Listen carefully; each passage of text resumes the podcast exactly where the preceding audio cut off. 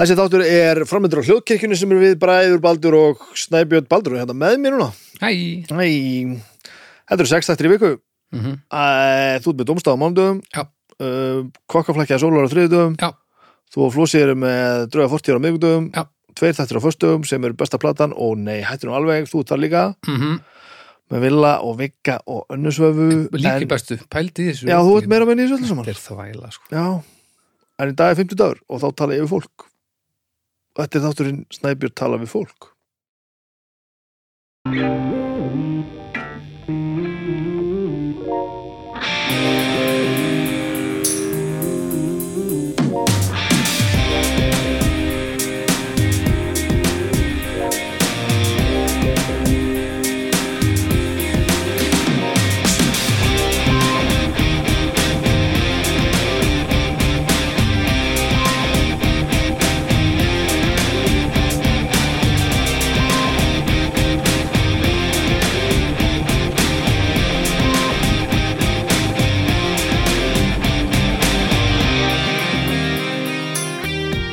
Komið sæl verið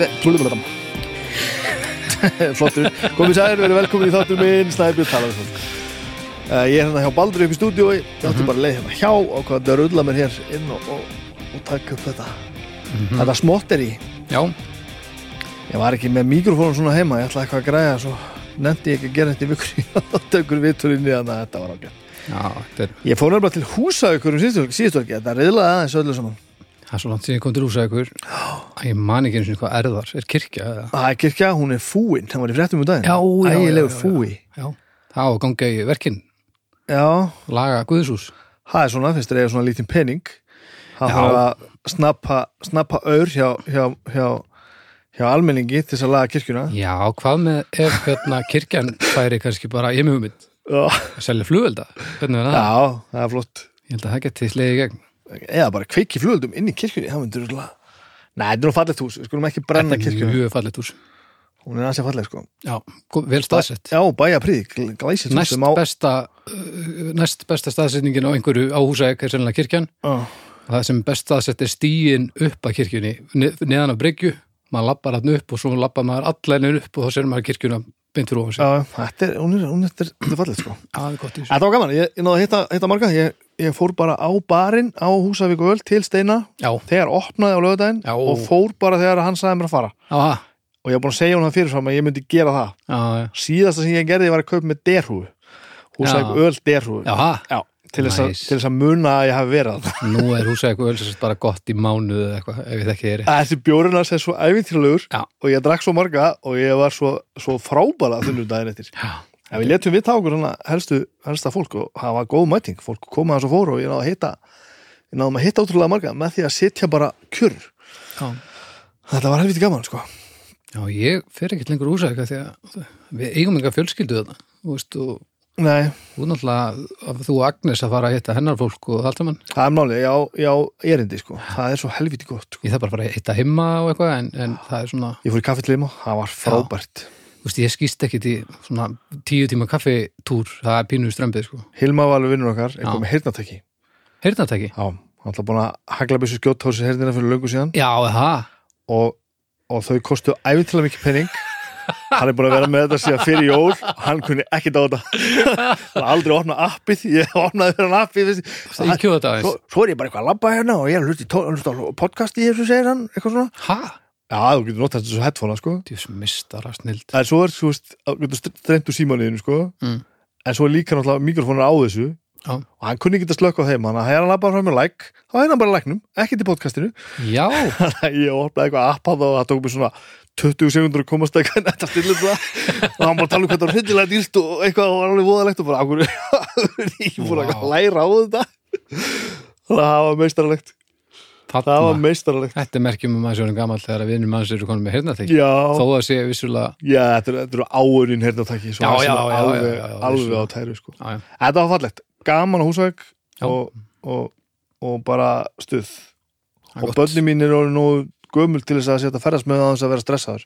Já, Þau, þetta var hafa mjög næst sko. Mm. Þannig að þetta, já, ég gerði góða ferð en, en fyrir viki er ég ekki búin að gera neitt. Það það er í lagi. E, ég þarf eitthvað, ég þarf að fyrir húsverkin við þurfum að tala um, um, um, um samstafsæðila já, það er, fyndið að því nú við sitt hér á nákvæmlega saman stað þegar við tökum bestu plötuna. Já. og, og ég hef lagt að ég var að koma með kaffi Reykjavík Rósterskaffi hérna. Já, alltaf á brúsa en tala aldrei um það hér. Nei, það er mjög veitur þannig að nú er ég að fara að tala um kaffi sem ég drekk venlega hérna núna og Já. er ekki að drekka hérna núna. Og koma ílur hundunum í þetta þegar ég sá ekki kaffibrúsan þegar þú varst komin já, og ég var bara svona, ég snögg reddist bara, já, bara nú, eh, ekkert kaffi í dag. Já. En þetta segir ímislegt að maður er farin að, farin að taka brúsan með sér sko. Já, þetta er þegar, helviti þegar gott, maður er að sko. fara í einhver sessjón eins og við tökum náttúrulega þrjá þetta í einu Mhm. þá þarf kaffið að vera gott sko. Já, það er helviti gott sko. það er nefnilega helvít gott. Mm. og, og, og svo er líka eitthvað við það það er eitthvað meira gaman við að vera búin að græja þetta og mæta svona, Já, það er eitthvað við að vera með hitabrúsa. Já hittabrúsi og, og kremkeks Þetta er og náttúrulega bara algjör sko.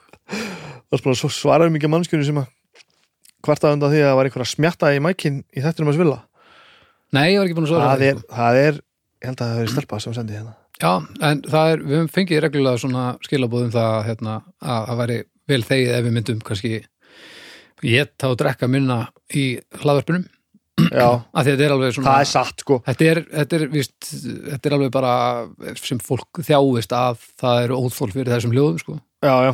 Og þetta er alltaf að vera, þegar þú ert með headphonea inn í haustum og það er einhver, einhver ókunnugur að smjatta inn í hausinu ógislegt sko. en svona eitt og eitt skipti eins og þegar ég verð kannski, við erum að taka hérna við erum að byrja að þriðja þætti hérna á bestu plötunni, já, þó maður að riðja nú í sig einu smá kre, krem. e, smá krefkeks Já. og maður sé ekki alveg kannski ekki hérna. En við getum við getum líka bara snúið vörn í sókn og farið bara að, að taka upp fermingaveislur og bara og bara, bla, og bara kompressa ægilega mikið. Það, bara auðluslega, við þurfum að gera það. Alveg auðluslega bara, þú ert ekki mamma mín?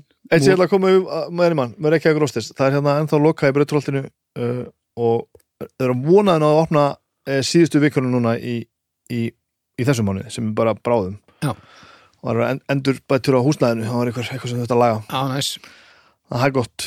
Gott, gott. Um, ég ég, ég, ég borðaði sómasamlíku á leiðinni heim. Borðaður? ég geri þetta alltaf. Já, Hver- er upp á sómasamlíku heim? rósbíf, hvernig Já, spyrir ég myndi alltaf að segja, ég kom hérna bara með rósbíf samlíku handaði núna. Nei, ég meina á, á æfin til að bara á ferðalögum mínum með leikunum Já. lottu það er ekkert ferðalag sem byrjar ekki á, á rósbíf framlökur og sóma, Nei, það er bara þannig.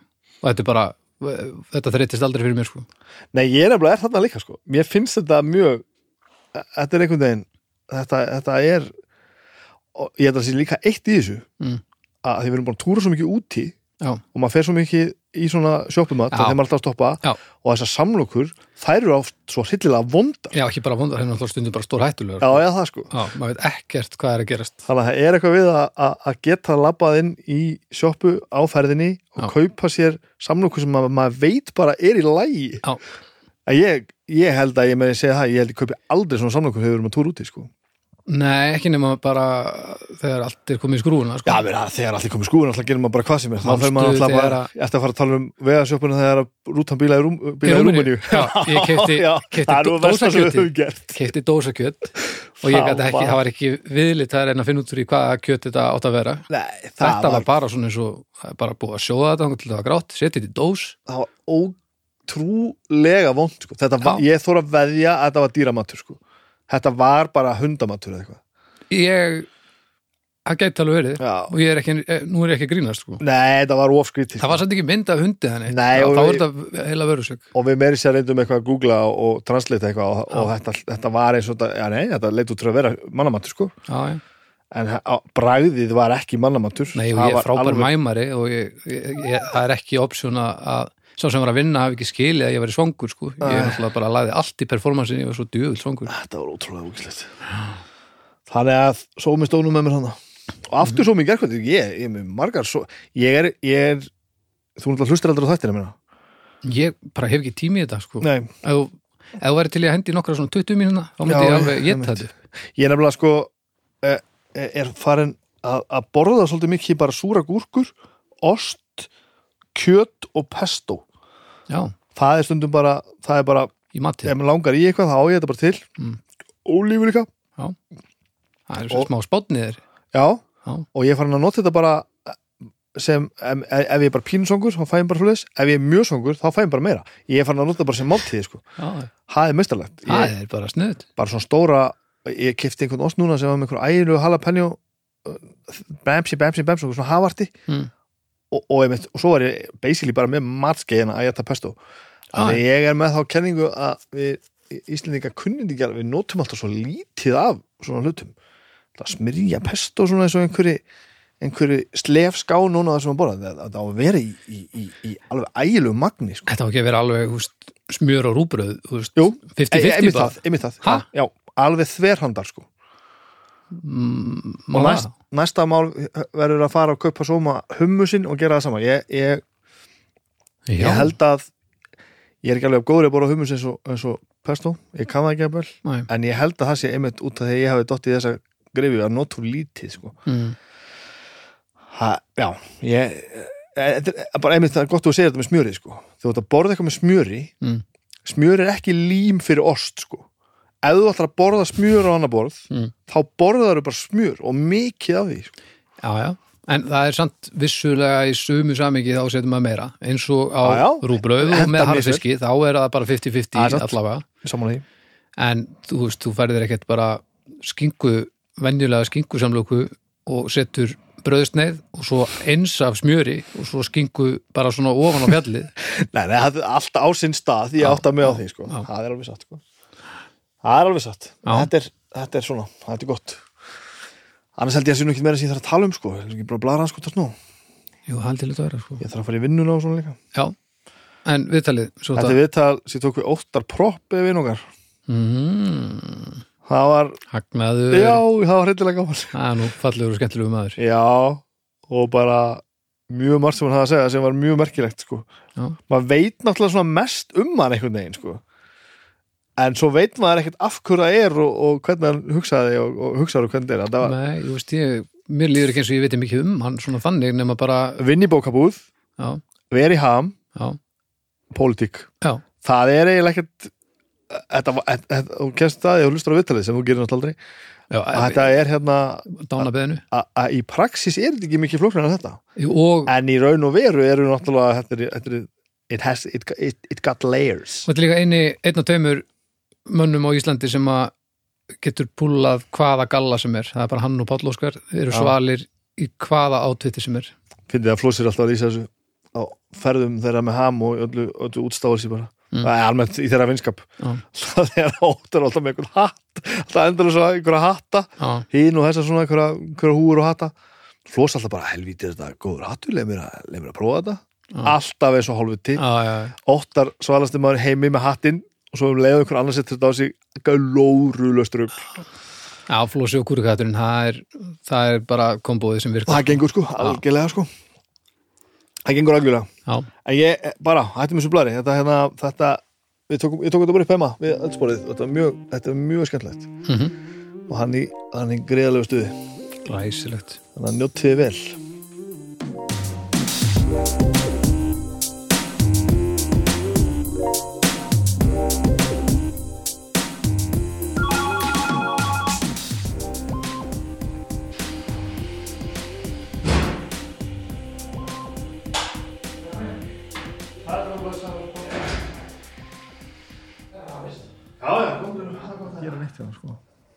er við, svo fluttum við hingað sérst fyrir sko jólin fyrir rúma ári síðan.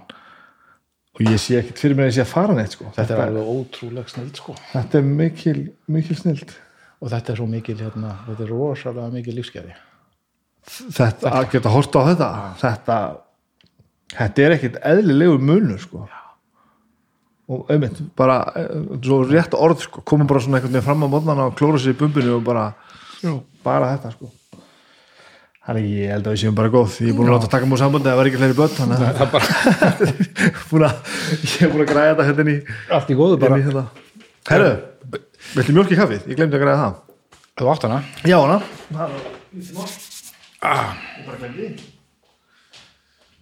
Og það munar um þessa hæð sko. Mjög áhugavert sko. Við vorum sko á efstu hæð á tíma á Lindargötunni. Já, Hérna. já, konum versmið húsnaði sem sagt bak við danska sendiráðið og horfðum svona eina yfir listaháskólan Já, náðu þá að horfa yfir skólan, alveg. Og út á bara eigarnar og, og sjó og svona. Og ég sé ekkert eftir íbúðin en rosalega sér maður eftir Já, útsýninu úr eldursklukanum sko. það er eitthvað sem gerist. Er líka sem fyndið að hafa búið á sama stað að því byggum minna niðri, sko. Já, að nákvæmlega á sama stað. Já, og lifta sér upp sko eins og við viljum förum miklu, miklu oftar niður í fjöru núna að því að þú sérða hana sko. já, að því að hún var, að því að hún var ekki í, í auksín Já. þá gerðist það miklu sjálfnar sko. Auðvitað er þetta krakkandi svo sem áttir eldri líka og eitthvað Nei, svona nei, en hún er bara þarna. En enga sér, bara svona horfur út bara, á, skella sér um að gera. Það- þannig að þetta er svo svona, þú veist að því að hann frá húsæk sko en samt ekki, inn, ekki innfættur ég er, bara, er svindl húsvíkingur. Það bjó bara er já, ég, ég náttúrulega bara fættur á landspítalum ég á enga ættinga fyrir norðan sko. Nei, en svo fluttu við á, á laugum sko því að var insás og þar bjók ég bjóð hérna á 12 ára. Og þar var ekki sjór. Nei, og húsvíkingarnir vini mínir alltaf að tala um sjóin sko, hvað eru alltaf að vera nálægt sjónum. Ég hef aldrei, aldrei þetta hefur aldrei verið svona stert í mig sko, fyrir eiginlega núna sko, Já. að núna því ég hef hann alltaf fyrir augunum þá svona er ég farin að, farin að finna þetta, gamans aldrei. Þetta er einhvern veginn Íslendingurinn í manni sko, að þurfa að hafa þurfa að vera með sjó sko. Já, er þetta ekki bara eitthvað snopp, erum við ekki bara að segja í, kannski sko, það sem maður er vanur sko. Já, en ég man eftir þegar ég var krakki sko, þá byggum við í, í hérna, miðríkjánum í Ameríku þegar fóröldar minni voru að læra. Í Illinois nála Chicago út á bara miðri sléttu já, bara þúsund kílómetrar í sjóin og marflatt ég man sko, það voru þúsund kílómetrar í sjóin eða 1500 kílómetrar í sjóin og 100 metra hækkun eða eitthvað svo leiðis vá, alla leiðina. Vá og það bara, þú horfir bara. Þú veist, út á sjóndöldarningin og mér fannst ég bara alltaf vera stöðar bara í einhverju gapi. Það var engin sjóur, engin fjöll Nei, nei, nei. það var mjög skrítin tilfinning sko. svona engin sjóndöldarhingur eða hvað eða hann var náttúrulega bara eins Já, og, veist, eins og út á sjó bara, bara einhver staðar hann einhver staðar langt í það, burtu sko. það er ekkert þarna við endan nei, nei. og þessi langi sko, það bara eins og að horfa út á sjó sko, maður horfir bara á veðrið fljúka framhjá maður finnur þetta samt eins og þegar maður er að ferðast hvað er miklu hvað, sko, munurinn einhvern veginn sem ég veit ekki takk hvað er sko. munurinn að vera lengst í landi eða nálægt sjó er, á loftið er öðruvísi og eitthvað mindsetið verður einhvern veginn öðruvísi. Svo eru, ég, við erum alltaf bara við erum alltaf bændur í okkur sko. Og þannig að maður svona það bara fer okkur betur að geta átt af okkur þú veist, geta hérna átt af okkur hvað er upp og niður, það fyrir eftir hvar fjallið er og hvar sjórin er sko. já, já, já, það er alveg satt það er rosalega skrítið að reyna að rata í borg sko, þar sem á veist ekki hvar ég, höf, hvar höfnin er, Ég- eins og einhver segir. Já, ég er skelvilega sko. Ég er bara ávaknaði nýri borg og ég veit ekkert. Svo eru sumir eins og að því auðvitað að tala um þetta þegar við erum að túra sumir eru bara vakna bara og finna bara í rútunni hvernig það snúa sko. Já, já, og það skil ég ekki, það hef ég aldrei verið. Já, ég get verið það sko. En það er annarkvort on eða off. Já, það er bara, það er ekkert næstu því. það eru sumir staðir sko sem að maður bara lærir aldrei á. Hérna, sko ég er nú ekki með ég er nú ekki með plan hér, frekara Nei. frekara venjulega. Uh, en við höfum auðvitað eitthvað um að tala sko, með það sem þú ert að segja. Já, já, við finnum eitthvað út af því. Það hérna fyrir mér náttúrulega sko fyrsta sem að ég veit af þér fyrir þetta núna þú segir mér að hafa búið í, í, í, í Illinois. Já, er bara þú veist þegar ég er að byrja að fylgjast, fylgjast með ham og þú ert, þú veist, óttarploppið með stuttahárið í gömlu vídjónum það Já. er eiginlega það fyrsta sem að ég veit af þér Já. fyrir síðar sko þú ert náttúrulega hringri en ég sko 78 sko ég er 68, þannig að Já. munar þessum 10 árum sko hérna já, hvað, hvað er að segja ég bara, Ah. byrja, á byrjunni. Hvað hva, hva er eftir nú fættur þú? Heyrðu, ég er fættur í, í hérna, í, á landsbítalunum eins eins og við flest. En sem sagt uh, fjörsketna bjó í Hafnafyrði Suðubænum í Hafnafyrði og hérna mjög innmúraðir hafnfinningar hérna báðar mínar ættir í raun og vera þannig að ég er alveg upp í Hafnafyrði en svo fyrst þegar ég er hvað, 5 eða 6 ára þá förum við til Ameríku þegar pappi fer í framhalsnám já, og hérna í uh, lítinn háskólabæði sem heitir Champaign Urbana sem er í miðju Illinois eins og ég segja á miðri gresjunni bara sléttunni. Svona beint, svona, uh, þetta er svona þryggja tíma kersla beint í suðu frá Chicago. Vá. Og bara Já, er svo- þetta er svolítið stórt maður. þetta er svo stórt þetta land sko. Bara þetta fylki held þessi þrísa sem stærri en Ísland sko. Vá. Sem að segja að það er svona stærri við, Bretland. Já, já, nákvæmlega. og hérna það var mjög mikil upplifun náttúrulega sko hvernig er þetta 75 sem að maður er svona rétt að komast til vitundar um, um umhverfið einhvern veginn sko hérna heima á Íslandi. Meðan að Ísland var einhvern veginn allt ennþá í svarkvítu og pínulítið bara svona næstu í sjóvara samfélag sko, maður segir þetta á gömlu myndum úr sjómarpinu hvað þetta er hvað þetta var allt saman einhvern veginn fortfálegt fyrir okkur í dag sko Þú er að gera þetta maður. Takka sér upp, hvað, Já. hvað er þið mörg? þau, við erum fimm sko og þau rífa sig upp Vá. og hérna og fara út sko með alla fjölskylduna og maður auðvitað á þessum aldrei það bara er allt eðlilegt sko Já, maður átt að sjá því aðeins núna og þegar maður er að tala við pappa mamma sko í dag Já. hvað þetta hefur verið stórt skref sko og, og þeim hefur fundist það sér. já, já, það er náttúrulega alveg brjálæðist að fara til Ameríku það var allir ættingarnir alveg bara hvað ætlaði að gera við börnin? Þau verið að passa ykkur á því að binda börnin við ykkur svo þessi ekki tekin á eitthvað svona sko. Var bara, þetta var svo þetta var eins og til tungsin sko. Og svo upplifum maður sko svo rosalegan mun. Og ég byrjaði þarna í skóla í Ameríku í þessum háskóla bæ þar sem að með helmingur bæjarbúa var annarkvort í háskólanum eða að vinna við hann Alþjóðlegt samfélag. mjög alþjóðlegt samfélag og hérna þetta var bara svona rosalega sko gróðuri vaksin svona hérna borg, háskóla borg eins og ég segi í miðri slettunni svo hjólaði maður bara út úr borginu þá varstu bara komin á agrana og svo bara agrar þar sem að Vá. í allar áttir sko og maður sér þetta alltaf á kortónum sko og þarna voru líberalarnir að, að kjósa demokratana sko meðan umkringtir af hilbilum sko. Þetta er mjög aðteklisvert en, en bara að vera í Ameríku á þessum tíma og sjá bara líta sjónvarp og heyra funkmusik og bara fyrir, þetta var svona smorgásport sko fyrir mann. Og við erum nú bara í stuttan tíma þarna í, í fyrraskiptið bara í eitt, eitt, eitt ár sko. En fyrir svo aftur þegar ég er 10 ára 78 Já, og við erum þá lengur. Og þá einhvern veginn tekum maður hansi mikið inn í sig. Á sama stað þá á sama stað. Já, og þegar maður kemur heim sko þá eru félagarnir sko úr, úr hérna bekknum í, Öld- í Hafnahöri þá eru þeir ennþá svona einhvern veginn Íslendingar og eru nýbúnir að sjá Star Wars sem að kom tveimur árum Já, setna sko já. til Íslands og, og rétt að svona að að, að sjá fyrstu músikvídeóinu eitthvað og maður kemur og maður er svo rosalega sildur þegar maður kemur svona utan og líka bara þetta að maður búin að taka enskuna inn einhvern veginn eins og móðumjólk þarna úti já, þannig að ok. maður maður er tvítingdur sko á einhvern hátt sem maður var ekki eðlilegt á þeim tíma Áhugavert. þessi jafnaldra mínir höfðu lítið sem ekkert verið í útlöndum og ekkert þurft að nota ensku eða, eða útlensku maður, hérna, maður notaði dönsku til þess að lesa andriðsblöðina því að þau voru ekki þýtt og búið eiginlega. Og hérna og ég held að þetta hafi litat aldrei mikið mig.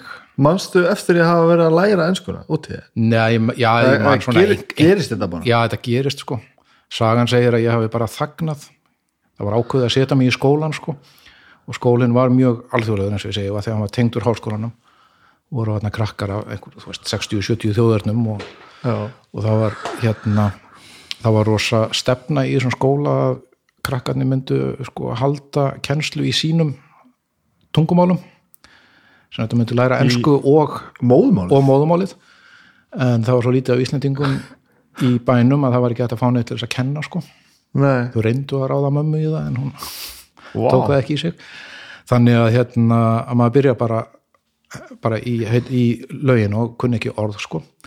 Og sagan segir að barnið hafi bara þagnað. Og ég sagði vist ekki orð í einhverja mánuði. Mm. bara korki heima á íslensku eða neitt sko. Ekki og, já, og ekki ekkert bara tala það er bara sett, svona, sett í brýtnar og bara mm, svona pældi í þessu. Og skólinn var farin að hafa áhyggjur og búin að hafa samband um mömmu það er eitthvað að barninu. Og þau eitthvað, neini barnið, hann, hann, hann er svo ánægð með skólan sem þú varst það já, svo bara einn dag þá byrjaði ég bara að tala sko. tókst þetta bara allt inn Og bara- það og, spýttir þessu brút? Já, svo bara kom það. Ég man alltaf eftir einu mómenti þegar ég var að þegar að samnefandi minn eða bekkjafélagi var að spyrja mig út í eitthvað hvenar er þetta búið eða hvað er, bíóm, hvað er þetta, þessi tími eða myndi sem við erum að fara að horfa á löng eða eitthvað svo leiðis og ég man eftir að hafa svarað honum að it's one clock time Mm. og, þegar, ég, ég, og ég man eftir að hafa fattað að þetta væri ránt Þegar þú sagði það? já, hann skilur ekki hvað clock time það er einhver villa þarna. En svona bara svo, svo man ég ekkert meira eftir þessu. Bara enskan er einhvern veginn svona. Og það hefur haft mikil áhrif á, á mig að því að bæði þetta maður hefur svona getað tekið inn, maður getað lesið hvað sem er þannig séð og svona kynst þessari þessari stærri menningu þannig og svo hitt að fyrir viki þá verðum maður þá lærum maður líka að vera utangáta Já, ég var alltaf aðeins á öðruvísi. Maður útlendingur einhvern veginn bæði heima og úti. Og það hefur hendað mér alveg að það, það sé kannski ef það er hægt að ímynda sér eitthvað svona sem að skilgrinir mann þá er það að það er svona aðeins öðru, já, er eitthvað skrítið við þennan gaur sko. Og mér líður alveg ágætlega þannig, mér líður alltaf eiginlega verst ef ég er svona einhvern veginn ef mér finnst ég verið orðin samdöna einhverju. Heldur þetta sé afleðinga einhver áfannstu nút? ég veit það ekki, en mér finnst það mjög líklegt. Að þú- meika sens, nema ég sé bara svona skrítin að upplæði sko. Ef það er eitthvað svona það er engar sögur af stóru undalegu litlu banni að það er fyrir út það er ekki þannig. Nei, nei, ekkert þannig sko. Ég skal alveg viðkynna ég bara, sko ég man ekkert svo náið sko, maður þekkir fólk sem maður man bara eftir því að hafa verið í vöggunni einhvern veginn. Já, ég er ekki þar. Næ, ég man svona glefsur og glefsur en ég, það valla þetta að segja mun eftir neinu frá því bara fyrir ferminguleiku við. Æ, er ekki nema kannski bara svona ákveðnum momentum og ég man alveg þú veist, ákveðin moment þegar að maður kom fyrst til Ameríku eða þú veist, Já, já, og hérna og uh, svoleiðis en það, sko, ef það er eitthvað sem ég man, ég man alltaf eftir að mér fannst alveg ábúslega leiðunett að vera bann ég bara þoldi ekki og sérstaklega því sem ég eldist. Mér fannst þetta svo leiðunett einhvern veginn og þetta er svo aflokað og maður kunni ekki neitt og maður mátti ekki neitt og Já, gati ekki já, neitt já. einhvern veginn. Og ég bara gati ekki beðið eftir því að þetta væri búið. Þetta er svona eins og að vera með eitthvað svona limited áskrift að einhverju. Já, daldið sko, og með þetta allt svona fyrir, fyrir, fyrir augunum sko. sérðu menju en það getur bara valið svona einn af hverjum tíu. Já, Það er bara ég, og ég alltaf að sko, vanda mig í samvændum með bönni mín sko, þegar ég, ég finn svo til með að mig ekki gera allt sko. ég er alveg, þetta er sillilegu með þetta ég hérna, ég, þetta einhvern veginn trublaði mig og ég líka, ég held að snemma hafi ég upplifað daldinn svona uh, skólaleiða sem er daldið aðstæðan þetta þegar ég raun og veru var mjög heppin ég bæði all- alltaf átt auðvelt með að læra svona bara óvart og ég held ég að verið mjög heppin með verið í mjög góðum skólum bæði úti og hérna heima. Mm. en kannski munurinn á þeim og þetta flakk fram og tilbaka hafið hrubnað mann líka. Já, þú veist og hérna þegar ég kom heim að utan þá hafði ég, var ég komin langt fram úr í hinn og þessu en kunni ekkert í íslenskri málfræði. Nei, nei, ég myndi á já. einhvern veginn. Þannig að hérna að það er samansaga, ég held að skólaleiðin hafi svona byrjað að snemma og þetta var svona, þetta var svona doing time upplifurinn, að maður væri svona einhvern veginn að afplána æskuna Vá. og skólaskilduna. Og svo í framaldi þá verður að fara í mentaskóla og afplána svo mentaskólan mm. en það hafði ég það ekkert af ég skulda en þá eftir því sem ég veist best veit átta einingar í Flensborg. Og hérna ég, ég er mjög meðvitaður um það sko. Heldur þú þetta ekki metið eða að ég bara veit ert ekki. CV ég er, ég er svo meðvitaður um að ég skulda þér en skoður hérna, að svona tekka á Já. þú séu til að meta eitthvað sem þau hefur gert er ágætt að eiga það inni sko. hvað hefða, hvernig sískina hópurinn, hvernig er við erum þrjú Aha. og ég er í miðjunni ég á svona Jón eldri bróður minn er, hann er tæpum sjö áram eldri en ég og hann var svona alveg ofbósleg og er svo sem alveg ofbósleg fyrirmynd Já. svona rosalegur ofviti og rosalega rótækur hérna með sítt hár og bók í jakkavasanum einhvern veginn 14 ára þegar ég er smákrakki og mann, Já, já. mann eftir hana fyrst sko Já, já. og, uh, og uh, hann er sem sagt, heimsbyggingur list, vinnur aðalega í listaheiminum að setja upp sýningar, skrifum, skrifum list og kenna um list mm. uh, og hann sko hann lendi í því að vera aðeins eldri en ég og við, við hulda systir sem að ég síðan við, það er tæpt tvö ára á milli okkar þannig að við vorum svona meiri tvítbörar ég og hulda. En Jón lendir í því að vera aðeins eldri þannig að þegar við förum út í setnaskipti þá verður hann eftir heima. Já, já, já. og svo kemur hann setna til þess að fara bara beint í háskólan þar og verður síðan eftir úti. Og uh, þegar ég er unglingur þá er hann bara svona eitthvað holy grail, gaur út í löndum sem að skrifa manni bref rosalega flip, þú veist, crazy bref og sendi kassettur með brjálæri músik þannig að hann á rosa mikið í manni með það bara hvað maður hefur verið að lesa og, og hlusta á er að fá, fá svona einhverja, einhverja vitaminsbrautur svona annar stað frá heldur en úr, svona meginströmm Já, á mentaskóla áraunum sko. þá var hann að senda manni sko kassettur með hérna, eins og senda náibáten og, já, og malaríu og, og black flag og alls konar dóti frá Ameríku sko. Og, uh, og svo sem sagt er, er Hulda sýsti sem er yngri en ég. Og við höfum alveg frá því að bara hún fættist verið algjörir tvíburar einhvern veginn. Og hérna svona uh, passaði upp á hvort annað og, og ég auðvitað aðeins sem eldri bróðir mjög possessífur á hana þegar hún var lítil og, og passa síðan þegar á úningsáranu þá var ég alveg örgla óþólandi sko því hún mátti náttúrulega ekki hlusta á lélega músík og hún mátti ekki deyta, fávita og ég veit ekki hvað og sem hvað er satt alveg rétt. Sem er þannig að og, og svo er hún svona síðan um það taldið að passa upp á mig síðan sko. Og hún er hérna mannfræðingur og er að vinna upp í háskóla og er reyndar að vinna bara í næsta húsi um mig núna í háskólanum þannig að við hittumst oft í kaffi. Já, og hérna þannig að í raun og veru þrátt fyrir sko hérna að þetta er svona óvenulegt að, að hafa búið á, á, á milli landa sérstaklega fyrir fólk að minni kynnslóð uh að þá er þetta mjög basic fjölskylda. Þrjú börn, foreldrar, pappa mamma eru ennþá gift. Það er rosalegt. Og hérna og bara svona þau eru bæði, voru bæði kennarar og pappi lengst af í kennararskólanum hvað, hvað brjálaðislega driftir þetta að fara, þetta fara út og, Já. og ég meina, eitthvað hafi nú þetta hefur verið flippað fólk sko. Já, eitthvað hafi nú líka sett inn í höfuð á börnunum sínum fyrst að já, já, algjörlega. fyrst að fara þessar leiðir í, og í lífinu? uh, þau eru náttúrulega mjög mjög magnað fólk sko fóruðar mínir. Hérna bæði eins og ég segi kennarar og rosalega aktív sko þegar pappi er að kenna með lítil börn og er að gera upp hús í Hafnarferði þá er hann líka að vinna í, í hérna barnavendamálum, hann er að kenna hérna, hann er ökukennari. Hann er uh, formaður hérna hjálpasveitarinnar og svo framvegis og svo framvegis sko. og svona passa upp á að samfélagi sér í lægi svona bara, Já, það var svona sagt, það var svona næstu í grínið heima sko að maður sæja nú sjaldan sko uppbyldisfræðingin en hérna en þú veist alltaf að og mamma í raun og veru líka kannski ekki alveg sko með titlana en hún var hún var óbáslega mikill listamaður í sér og mikill og listnegið einhvern veginn. Og uh, var nú lengst af síðan eftir hún hætti í kjenslu þá var hún fórstöðumæður Hafnaborgar hérna listamiðstöðurinn og, og Sapsens í Hafnafyrir og hún passaði alveg upp á þetta frá því að maður mann eftir sér eins og þarna út í löndum. Það var ekkert verið að þvælast með okkur í sko, í búðir eða eitthvað það var verið að þvælast með okkur um listasöfn. Já, bara menningar. Veist, það er mjög óglemanlegt þegar við, við glemdum, sko við vorum ofta að gleyma Huldu, sýstur, hún var svona aðeins meiri sveimhugi heldur en hinn hún gjarnan glemdist á bensinstöðum og svona, og ferðalögum. Og beið síðan bara róleg þegar við komum aftur.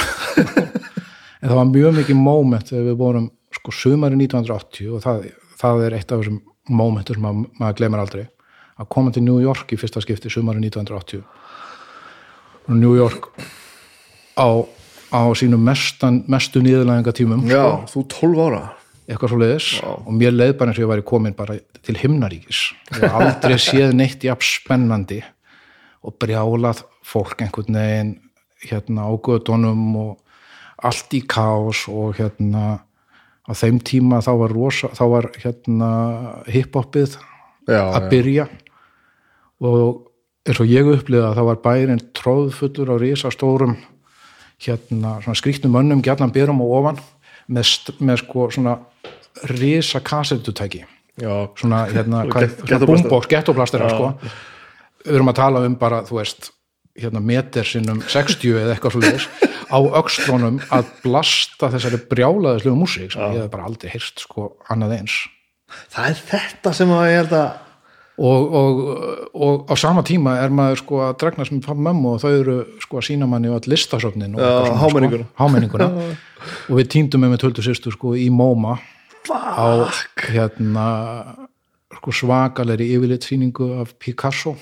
Wow. og bara einhvern tíma einhvern stærni miðju safnið og tróðfullt sko þá bara hvar er, hvar er batnið og en svo fannst hún bara út í garði sko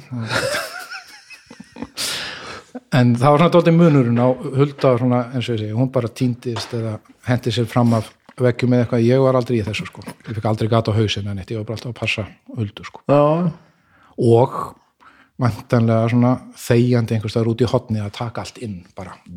Strax komin í þetta að ert alltaf mjög auðljóslega fyrir fólk sem kannast eitthvað við og svona, mjög svona, svona observing, hvað það var að segja þú ert alltaf svona miðut aðstæður þú, Já, ég er alveg, ég er bara, er, ég er forvitin, það er bara, það er mín blessun, sko. annars væri ég bara þunglindi sjúklingur út í eitt, sko. já, En ég bara, ég hef svo gaman af því að sjá og, og fatta einhvern veginn. Ég bara, og ég er svo fegin að vera ennþá þarna, sko. já, Ég finnst alveg ennþá gaman að koma jafnvel til New York og bara sjá eitthvað sem ég er búin að sjá tíu sem áður. Og sjá það aðeins öðruvísi eða eitthvað, eða bara sjá það úr, úr aðeins öðru sjónarhóttni, sko. já, einmitt. En, en ég veit ekki alveg hvað þetta kemur að því að, að því eins og segir sko samt á sama tíma kemur maður úr mjög stöðugu millisettar umhverfi bara hérna, hérna samheldinni fjölskyldu sem að einhvern veginn menningar fjölskyldu og, og menta fjölskyldu Það er það, náttúrulega- næ, það næði nú samt ekki til að íta manni til menta til dæmis. Og það er ekki fyrir bara nýlega sem ég fatt að ég hefði til dæmis geta orðið kennari ég held alltaf að það bara ég verð aldrei kennari skilur já, já, aldrei að búa í já og allt þetta sko. Allt þetta. Við eigum að gera þetta, fyrst eigum við að vera alveg brálu við mótróðum við allt og sætt okkur svo við að þau svona rátt fyrir okkur sko. en kannski akkurat líka af því að maður er sko og ég ég, ég held ég hef alltaf verið alltaf meðvitaður um hvað maður er mikill hvað maður er alveg miklum forréttindum sko. Hvað Já. maður er einhvern veginn hvað maður er búið bara að lifa hérna svona forréttinda lífi í raun og veru sko. Og hlut af því er náttúrulega að aðeins að rebela á mótið því sko og hérna reyna þá að gera það aðeins hættulega. Já, já, já, einmitt, já. Já, og hérna en, en hérna og það er kannski ákveð það er svona það er kannski dálítið ódýrt þegar maður veit sko að jú, þú getur alveg fokkað upp og verið í einhverju hljómsveitastúsi eða eitthvað en þú kemst alltaf heim. Það er náttúrulega svolítið þannig þegar baklandið er til staðar sko. það er dálítið mikil munur sko. Að þú hefur samt eitt framöfur næst í marga að þú ert allavega búin að sjá þú ert búin að sjá eitthvað annað snemma, þú veist að raunveruleikin er ekki bara ég held að það hafi haft áhrif sko. Og hérna og það að, að líka að upplifa það snemma að maður hafði séð eitthvað eins og þarna ég hafði komið til Ameríku og séð hvernig það var. Svo kom maður heim og uh, hérna á Íslandi þá var Ameríka bæði mjög framandi en fyrir mjög marga var hún líka mjög hættulega og neikvæður staður. Já, það var mjög mikil svona tregða við amerískri menningu og hræðsla við hana einhvern veginn og Ameríka væri bæði ömulugur og hættulegur staður eitthvað svona. Já, mikið fóni sko, mikið já, mikið fóni og ömulegt fólk og eitthvað svona. Hérna hvað maður segir hérna materialismin og kapitalismin einhvern veginn rýður öllu og þetta er allt saman söluvara og hvaða sko. Og svo situr maður, stættum maður kannski eitthvað 6-7 ára og maður bara veit betur. Já, já, nei, heyrðu, býtu, þú veist George Clinton og, og hérna og þetta funk, þetta er ekki bara eitthvað auglýsingarugl þetta er bara ógæslega skemmtilegt. Já, ég veit Skilurðu? það. Ég veit að, ég sé það. já, já, já. og hérna og það sko það þroska mann örgulega dálítið snemma að vera í þessari stöðu sko að átta sig á því að hlutinir eru eru hvað maður segir, eru afstæðir sko Mhm. það er líka hérna þú veist, það er aldrei eitthvað eitt rétt eða Nei. einhver ein eitthvað eitt, einhver ein afstæða sko við erum að sé slæm með þetta, maður finnur þetta á Íslendingum sko nú ætla best að tala ekki maður hættur út að segja þetta sko. Hljóð mikið eins og einhver, einhver fucking plebbi sko. en, en, en veist það er svo þægild að vera hérna og við erum bara einhverju eigi, og við höfum það svo drullu gott. Já, já, og okkur finnst því rosa töff þegar við kíkjum eitthvað aðeins til, til Sóluland og komum heim aftur sko, við vitum ekki neitt. Svo finnum maður að í svona stórum íventum sko eins og, eins og maður faraldur og þetta. Já, umræðan, hún verður fáránleg sko, af því að þú, það, það fólk fattar ekkert um hvað, um hvað ræðir sko, Já, já. stóra málið er svo miklu miklu stærra heldur en við sjáum sko. þetta er samt einhvern veginn þetta er líka ákveðin sjarmi sko. Þetta er ákveðin, ákveðin superpower sko. Auðvitað er frábært, þetta er margt gott við þetta ég veit það alveg. Að hérna já eins og með faraldunum sko þú ert minnist á hann sko það er, það er náttúrulega alveg magnað að sjá hvað við erum fljót sko, ég held að það sé nú bara algjörlega mannlegt eðli sko við erum svo fljót að átt okkur á þú veist hvað hendar okkur og finna réttlætingu fyrir því að það sé Já, eðlilegt sko. Já, já. þetta er alveg eðlilegt fyrir umheiminn að Íslendingar fái bóluefnið og undan öllum hinn það þá er kannski bara að, já, já, afsökun það með því að það geti verið rannsók en við einhvern veginn eigum spátt af því að við erum svo við erum först á þessi eigi og svo vant viður hjá okkur eða eitthvað, en það er ákveði líka superpower að sko að fyrir viki þá erum við líka náttúrulega við trúum að við getum allt. Sem gerir það verkum að við getum allt. Já, þú veist, og okkur bregður á hverju ári hérna þegar við vinnum ekki Eurovision. Já, fórlegt og hérna ég man eftir því sko þegar að hérna það er eitt af þessum fáum momentum sem ég man eftir þegar ég var krakki er þegar að hérna Abba unnu Eurovision. Já, og við sko Íslendinga fögnuðu alveg bara. Yes, við unnum Eurovision. Við Skandinavar unnum hérna Eurovision. Og svo byði allir í þrjár vikur eða hvað það var þannig að sín, keppmin er sínt sko, hún var náttúrulega ekki sínt beint sko. Já, og hérna þá voru allir svo spenntir sko. Við erum að sjá þetta lag sem við unnum með. Og svo líða tíu ár áður en að Íslandinga taka fyrst þátt sko. Og þá var þetta bara svona við getum ekkert, þú veist, við drífum ekkert þarna út, við eigum ekki, getum ekki hérna haldi keppnina, við getum ekki tekið þátt sko. Mhm. og svo náttúrulega þegar við ákveðum að taka þátt þá ætlum við að vinna strax sko. Og fórum á bömmir þegar við töpuðum. Já, skildum þetta í alvörunni. Og erum ennþá bara, þetta er óskiljanlegt.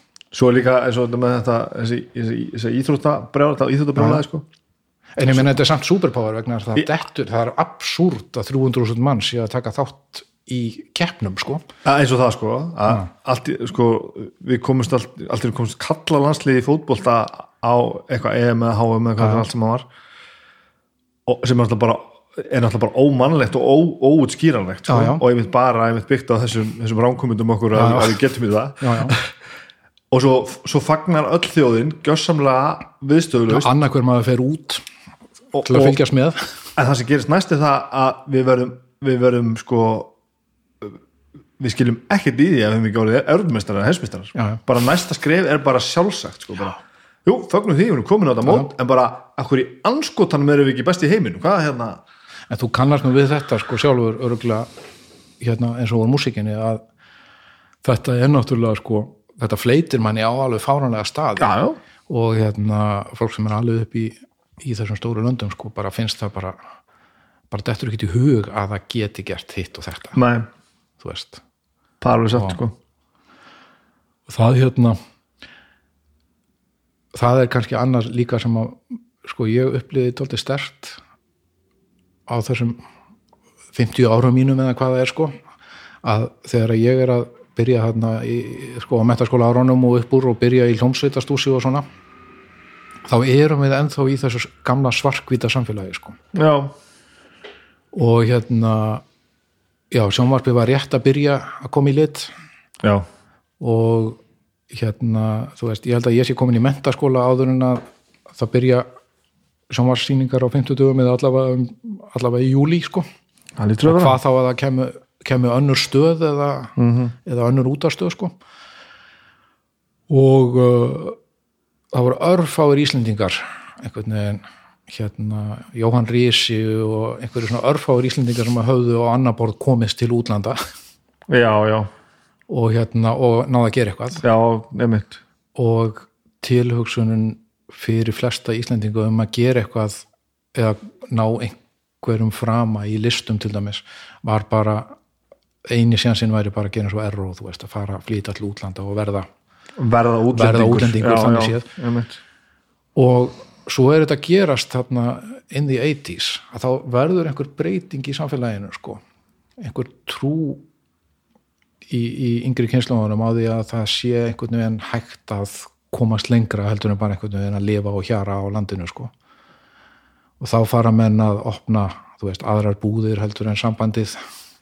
Já, já, og hérna og jafnvel að láta sér dreymum að þeim geti verið tvær útastöðar já, í þessu landi og að sé þetta verið hljómsveit og jafnvel bara þú veist, sem, spi- spila og sælja plötur í útlöndum og þegar að sko fyrst Messoforti sem að var það, það var rosa moment þegar að Messoforti einhvern veginn sló í gegn og komist á top of the pops og eitthvað.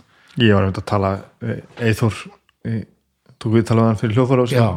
það var einmitt hann gerir nú óþálega lítur þessu sko, en Já, maður, maður skinniði í gegnum að segja bara stökkin sem þurft að taka sko.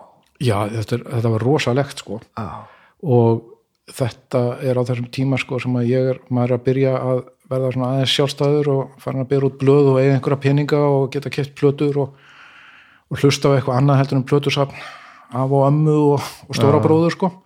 Maður svona alveg upp á á hérna Louis Armstrong og, og Slade og, og verða það nú verið. Ha, og hérna og síðan hérna einhverjum gamlum einsöng og eitthvað svona sko. Já, og hérna og byrja að fara á einhverja tónleika í Hafnafyrði og hérna og þá eru einmitt hérna með Soforti og þessi pöndir að spila sko. Og flest sem að maður sá var rosalega amatör og svo gleymi ég bara aldrei þegar að Messoforti komu heim eftir sigurinn. Já, já, já, já. og heldu stór tónleika í háskóla bíó með einhverju rosa hljóðkerfi og eitthvað. Og það var bara svo mikið maður bara svona ó, ó, ó, einhvern veginn upplýði sko að það maður bara komin þrjár deildir upp sko. Já.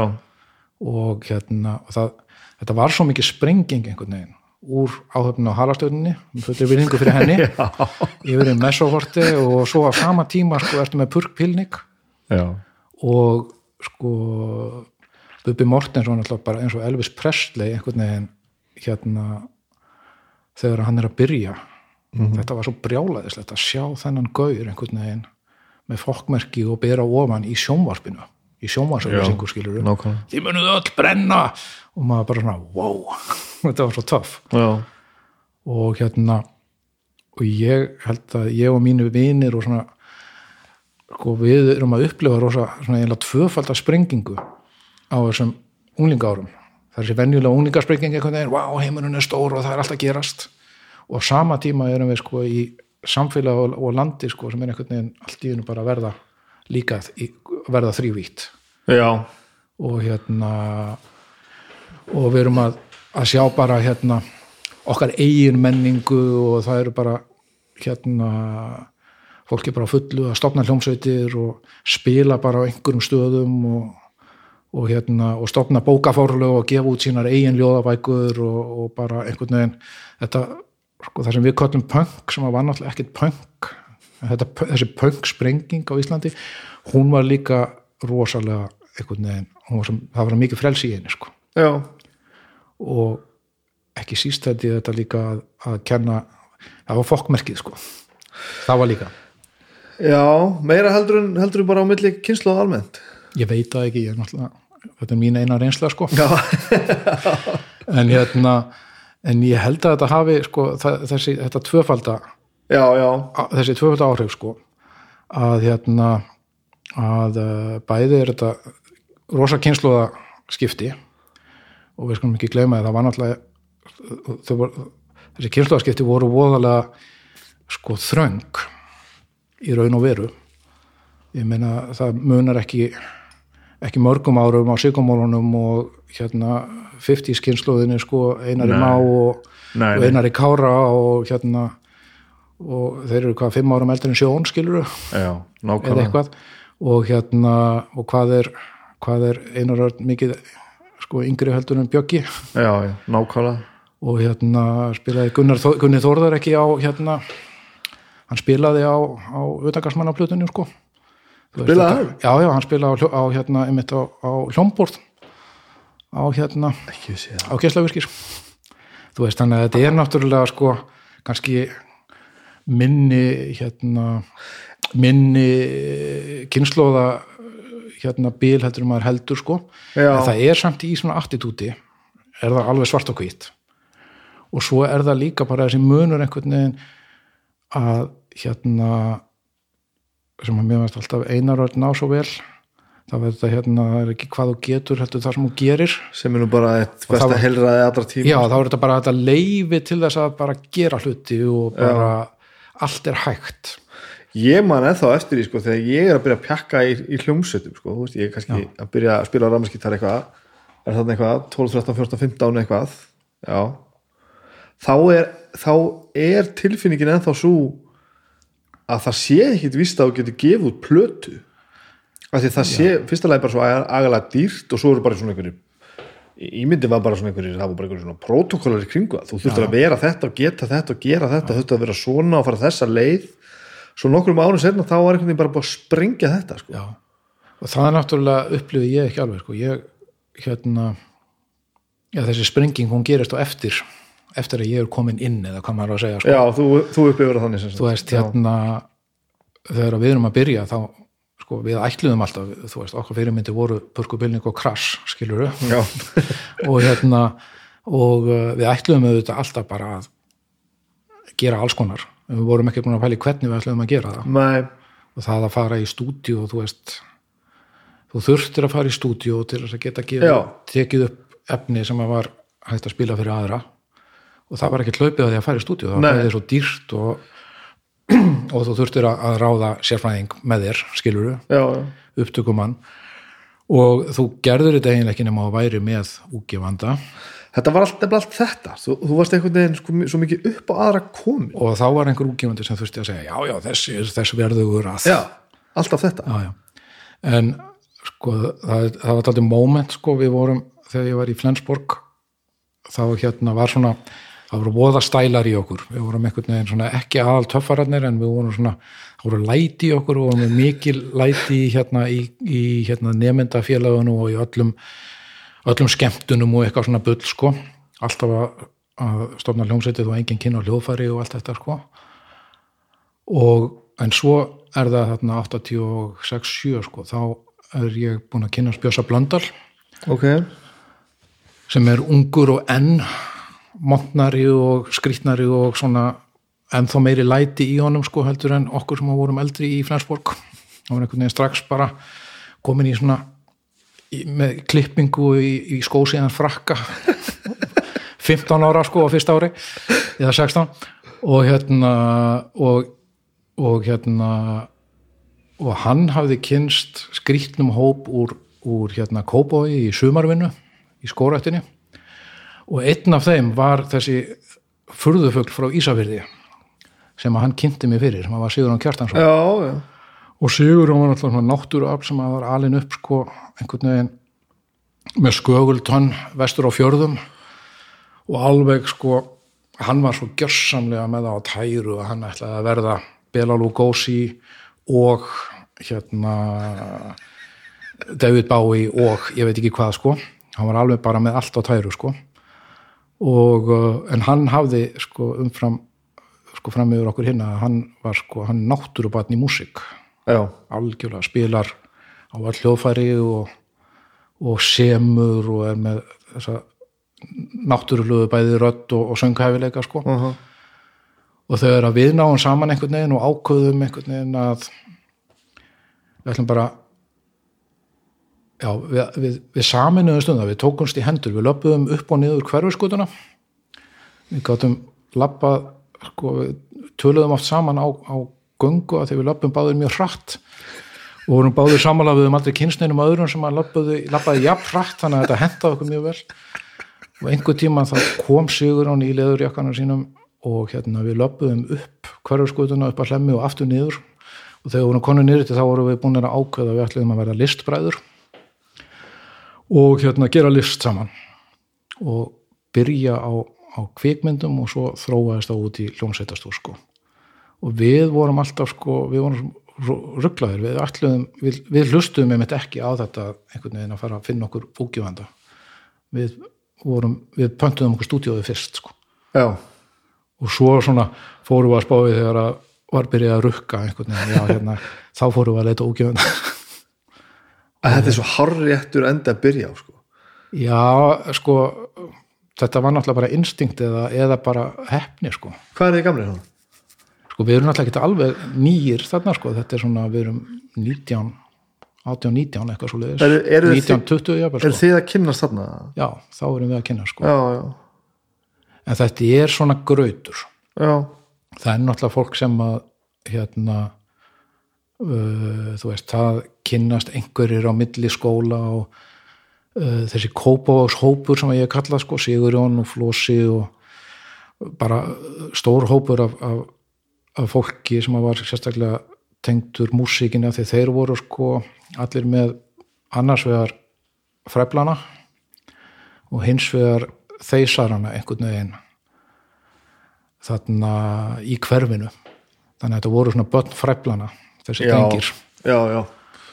og hérna og svo var Jón Gnar sem þá hérna bara Jón Gunnar hann hafði verið og hann og, og Birgitta Jóns þau hafði verið með, með bekkjafélag mínum sko á, á hérna heimasta skólanum að Núbi þar sem svona vandræðabötn voru send já, já.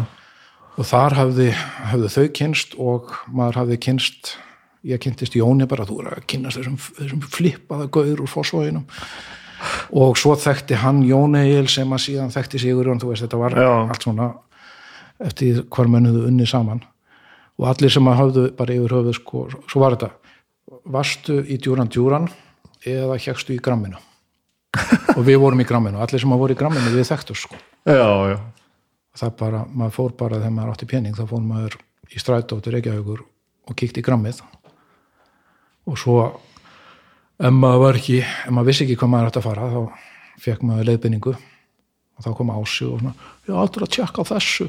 Og það var sko svo byrja, það, hann var svo mikill snillingur í þessu sko maður var kannski að leita einhverju gott því átti eitthvað sem er eins og Nick Cave. Og þá fekk maður sko hérna bara einhverja nýklassik eða eitthvað all annað. Já, já. og svo, fatta, svo ma ma ma var maður komin heim sko til hafnafæra sko. Og allt í hennu fann að hlusta á Linton Quincy Johnson. Og, og, þetta var svo en, en það var annarkvort eða.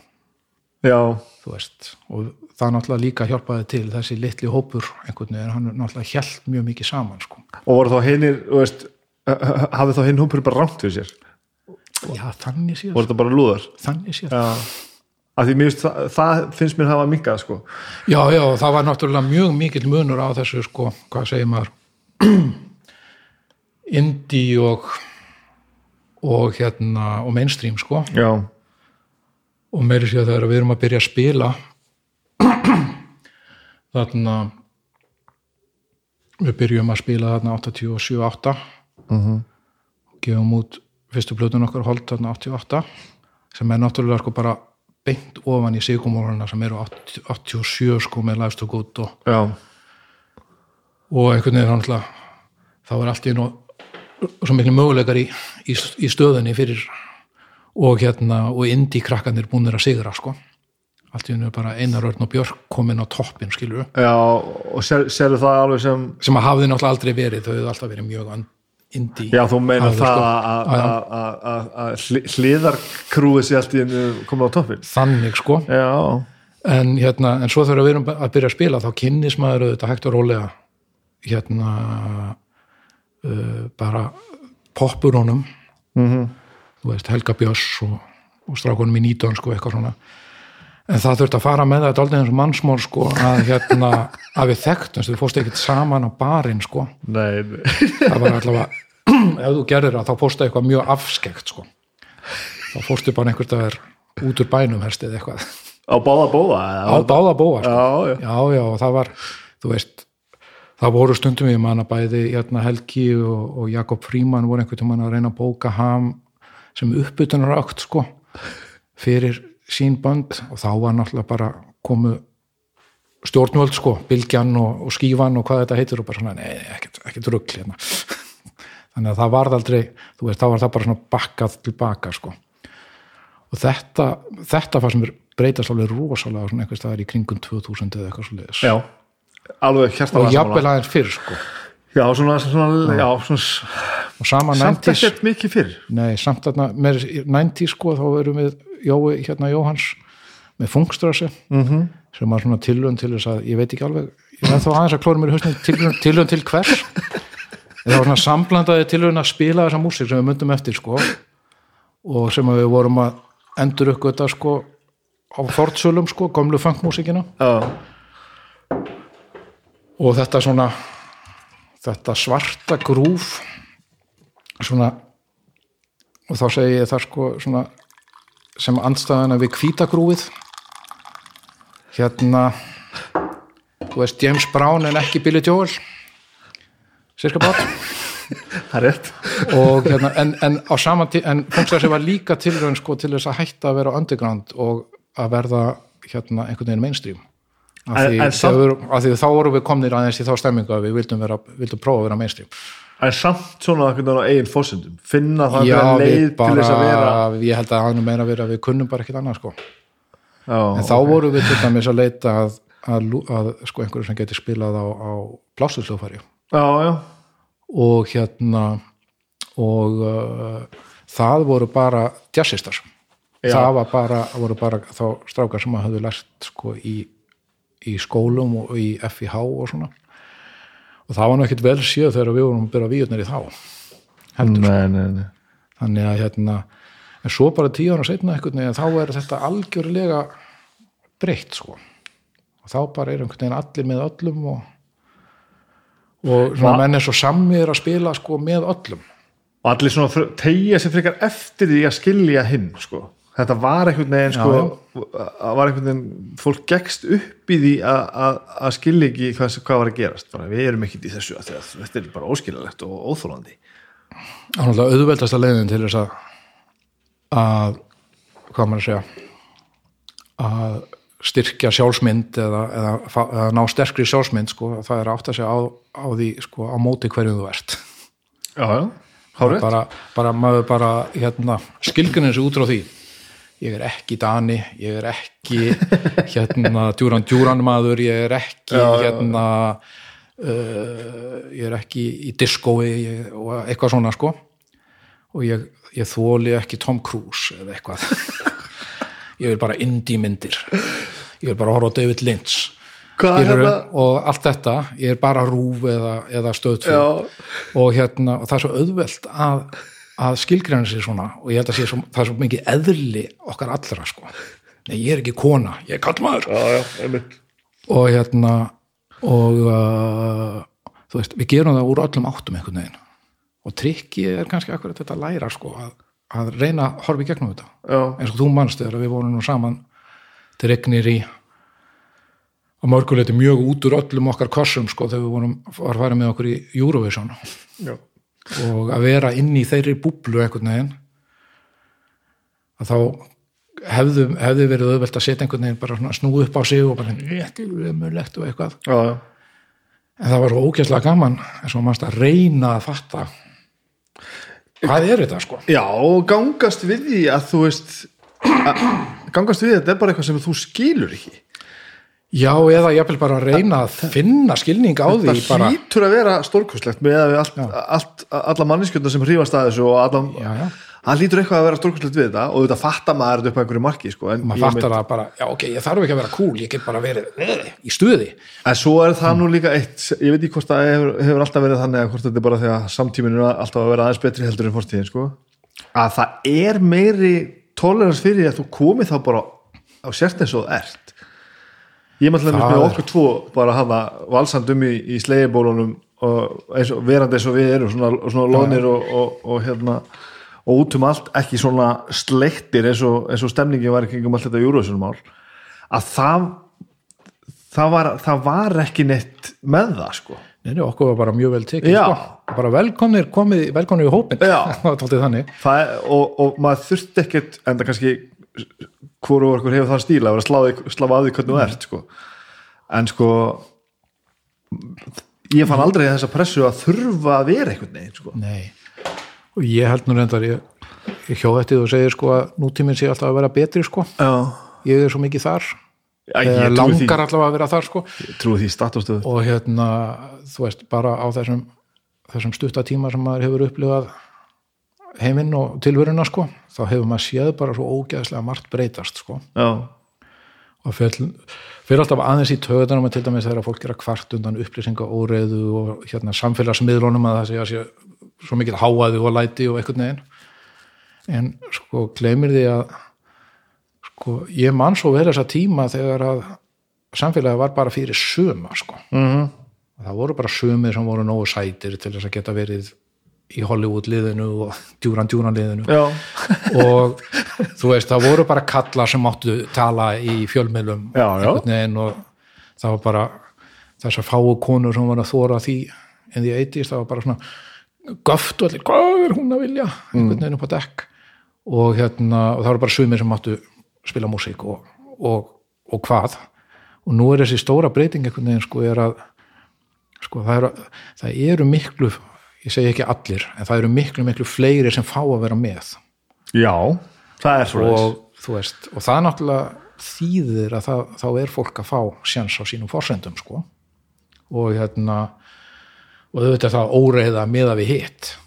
Að sjálfsögðu, þetta er alltaf komið út fyrir einhvern, einhvern, ski- einhvern skiplag sem var á öllu hinnu öll þessi kultúrpólitíkum að sko hlutinni voru þetta ásanniði þegar ég var ungur segir hvíti kallinn sem að réða öllu þegar hann var ungur. Já, er þetta ekki, ekki sirka eini sem eini Það hóp, hópur sem segir sko. það sko. Jó, ég upplifði þetta aldrei þannig sko. Uh, hérna en auðvitað er að líka ákveði sko svona mannlegt eðlið að sækja í það sem er örugt sko, eitthvað, eitthvað sem er þekkt. Já, já, það er sjálfsagt þannig sko. En hérna sko mér fannst þetta alltaf og ég, ég held sko að stælarnir í okkur þegar þarna þegar eins og við vorum að byrja í músikinni við, þú veist, okkur var alveg skýt sama hvort einhver fílaði það sem við gerðum. Við vildum bara að við fengjum viðbröð sko, við vildum helst móðga fólk já, eða hræða fólk með því að vera svona skrýtnir og háværir og whatever sko. Þarna samt já, ég kannast nú aðeins við þessa tilfinningu sko. Og hún er góð og gild og skemmtileg. Já. það er gaman að vilja ganga fram á fólki.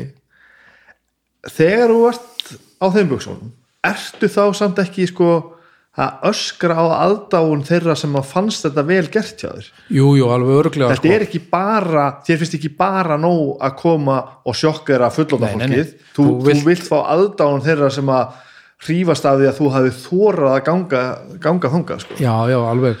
Og þú ert einhvern veginn að að reyna að brjótu upp ramma og stækka sko. Já. Og svo um leið og þessir fjórir sem koma eru hrifnir í því sem þú gerir þá ertu alveg bara svona ógæslega þakkláttu fyrir það sko, mitt fólk sko og ég skal fjölga þeim þegar verða átta næst. Sko. og bara þessi moment hérna þegar við erum að byrja með ham og við erum að, að sko djöflast í að halda tónleika hinga og þangað sko. Já. það var rosa moment þegar að komu 40 og svo þegar að komu 50 og þú veist, í fyrsta skipti sem borguðu sér 100 inn, það var rosa bara svona búin að meika það moment. Já. Og hérna en, en samt sko þessi stemming að vilja sko vera einhvern veginn, já, að brjóta reglunar Já. og vera hávær vera einhvern veginn klæða sig þannig að þú stæðir út úr. Þú veist, vera alltaf í svörtu. Það er mínar, sko mínir árgangar töff fólkið, Já. gram fólkið. Já. þú veist, það, þú gegst aldrei nema í svörtu. Nei, í besta falli dökk gráu sko. Þetta var þetta var ennþá hjá mér sko. Já, já, og hérna og svo þegar maður fór aðeins að uh, sko punkhópurinn fór aðeins að opnast yfir í metalhópin já, þetta metalhópinu var alveg sér á parti sko, sem var að lusta á Rainbow og, og hérna og Iron Maiden og svona sko. Og Flósi til dæmis hann var, hann var metalhaus já, fyrst. úr, hérna, úr kópáinum en af því hann bjóð þarna þú veist, inn á milli fræflana þá var hann líka punk sko, hann var, þannig að hann var svona dáltill hérna svona svona hérna leiðari þarna á milli. Og svo bara þegar við erum að spila hávara músík og svona þá fyrir einhvern veginn förum við að hlusta þungarokk og þungarokkur er að hlusta okkur og eitthvað. Við, við sko vorum ekki neinu tengslu þungarokk þegar við byrjuðum sko. Já, við ok. vorum algjörlega bara art sko, bara í, þú veist Swans og, og Birthday Party og Suicide og, og hérna og discharge og eitthvað svona punk. Já, og hérna sérstaklega þetta svona hvað maður að segja þungarokk, þungarokk þú veist, okkur fannst það bara hlægilegt, bara rugl. Já, sem er nú eiginlega satt líka. En svo fyrir að, þú veist, jú, mótorhett og þetta en, Alltaf. en mótorhett var ekki, ekki þungarokk. Það er alltaf þetta Já, mótorhett og svo voru náttúrulega Metallica og Guns N' Roses og alls konar sem að einhvern veginn flæða saman sko.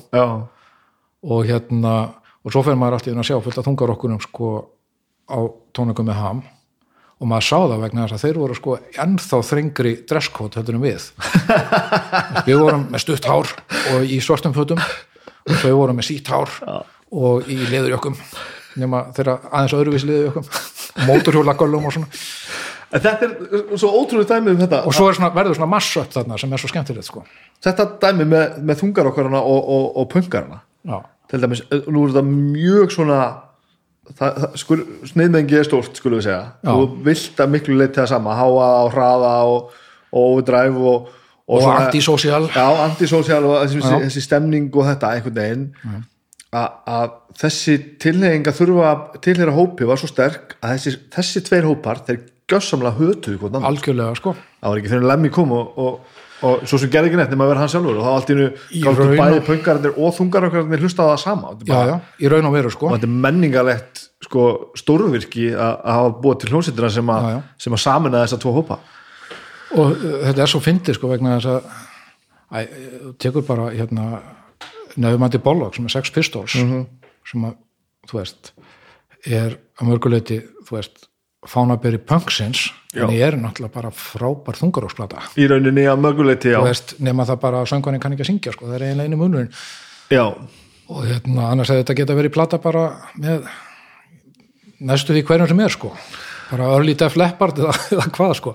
Já, hún er ekki þessi típiska punkplata sko, langt, langt í frá sko. Og hérna og þessi stemming veginn, það er aldrei gaman að vera á stað sko þar sem að þú ert að finna svona maður upplýði þetta, ég upplýði þetta alltaf aftur þarna nær já, árunum í kringum 90 já, að þá er sko þegar að hiphopið er að byrja að verða stórt sko. Það er náttúrulega Beastie Boys fyrst svona sem að tengja aðeins punk og, og eitthvað hiphop. Svo ertu með Public Enemy og Eric B. og Rakim og, og þetta dót. Og á sama tíma er, er svona þessi harða elektróniska dansmúsík að byrja sko í, í Englandi og reifin og svona sko. Og maður var að þegar maður var að upplifa að þetta tengjast saman einhvern veginn. Fyrstu industrial, þú veist hittin, já, þegar að hérna hvaða nú heitir Al Júrgensen og Ministry og þetta dót er er að hitta sko. Og allt einu verður þetta samtal sko. Þarna á milli hvítagrúsins og svartagrúsins sem er eitthvað svo töff. Já sérðu það þannig? Ég upplýði þetta aldrei mikið já, já, kannski upplýði það kannski einhverju leita vegna að ég upplýði þetta aldrei að hafa alist upp í Evrópu og Íslandi sem var rosalega hvít uh -huh. og og svo dýfði maður tánni í það að búa í Ameríku þar sem maður voru þú veist líka svartir krakkar í bekk með manni og maður var að horfa á sjónvarsefni þar sem maður var funkmúsík undir Já, og já, svona já. sko. Að þú hefur tengt þetta beint tónlist, já tónlistalega ég fann alltaf rosalega mikið mun. Já, auðvitað. Þegar maður var í Ameríku og hlustaði á lúðra þá var það sko Earth, Wind and Fire. Já, og þegar maður var í Hafnafyrði og þá var maður í lúðrasveit að spila massa sko. Já, já, já, auðvitað. Og hérna eldgamla Ísavolt og það, þú veist, það er alveg sikkurt grúfið sko. Ég, Merkilegt. hérna, hérna, ég vildi ég væri dansari sko, uh -huh. mér er alltaf, mér er alltaf dremt um það sko, ég held að það sé þarna mér langar svo mikið að vera í dansgrúfinu sko. en ég er það ekki, ég er bara þurs skilur, þú ert hvítur sko. Ég er mjög hvítur sko. Hva, hérna frá því þú kemur heim og þa þanga til að sé unglingsár hana já, ertu þá að þróast í þess átt? Er, ertu að verða þú veist verður aldrei nálægt því að, að fylgja bara meginströfnum og verða bara ég veit það ekki. verða bara einhver eðlileg mannska ég held ég hef alltaf verið aðeins einhvern veginn týndur sko. Já, ég var ára á undan í skóla, ég var alltaf pínu lítill ég var skrítinn sko.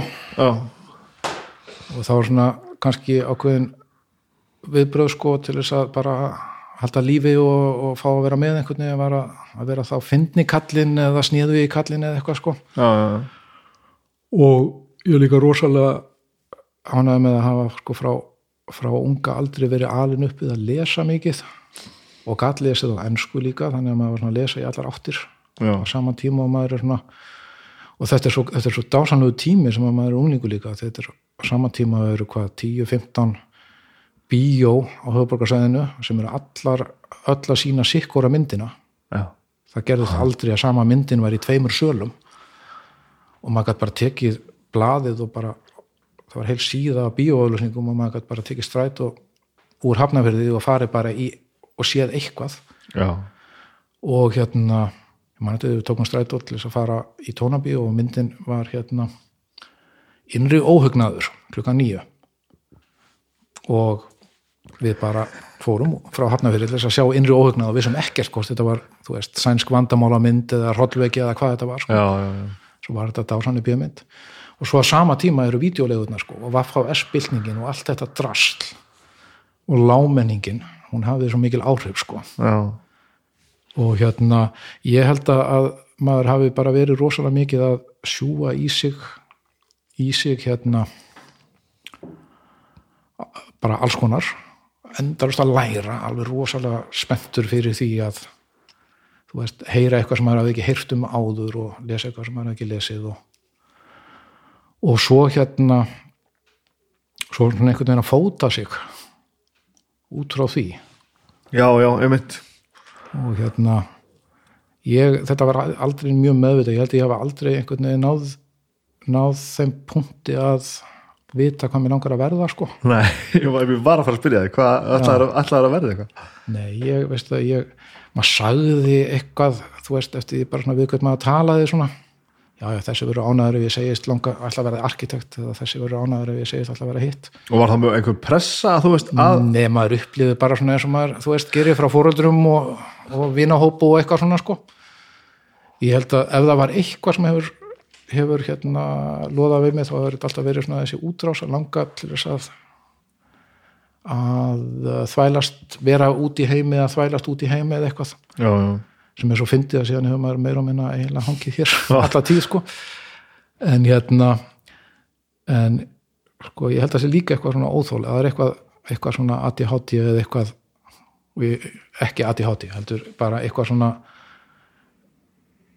svona hérna ég er ekki til í að komitta þú veist, mér er aldrei einhvern veginn dottið í huga mér langaði til þess að mér til þess að velja fag og eða mörgum árum í háskólanámi í einhverju einu fæi til þess að verða bara, hafa bara áhuga á sakfræði nei, ég skil ekki já, já, þú veist, af því ég vil bara pæli í einhverju öðru líka. Já, og hérna og uh, sko þetta er bæði svona plúsa þegar maður er opinn fyrir öllu og alltaf að pæla sko en það er náttúrulega líka alveg óþólandi þegar maður, það er ekkert það er engin, maður byggir ekkert upp sko. Og vera meðalgóður í rosalega mörgu. Já þannig sko. Veist, þetta lokar allavega mörgum brautum sem að maður, þú veist af því maður er ekki búin að að komitta og ákveða að maður ætla að vera sagfræðingur eða prestur eða, eða hvað sko. Að þá náttúrulega er maður ekki búin að leggja það inn sem maður þarf til þess að geta verið það. Ég get ekki farið og verið prestur á morgun sko. Nei, nei, og ég væri alveg til í það sko. Já, ég Ah. Og hérna það, þegar ég reyna að sjá fyrir mér þetta gerpi sem að ég var sko um tvítugt sem að sko verður alltaf aðeins skrítnara eftir því sem maður verður eldri að reyna átt að sagði hvernig anskot að maður var að pæla sko.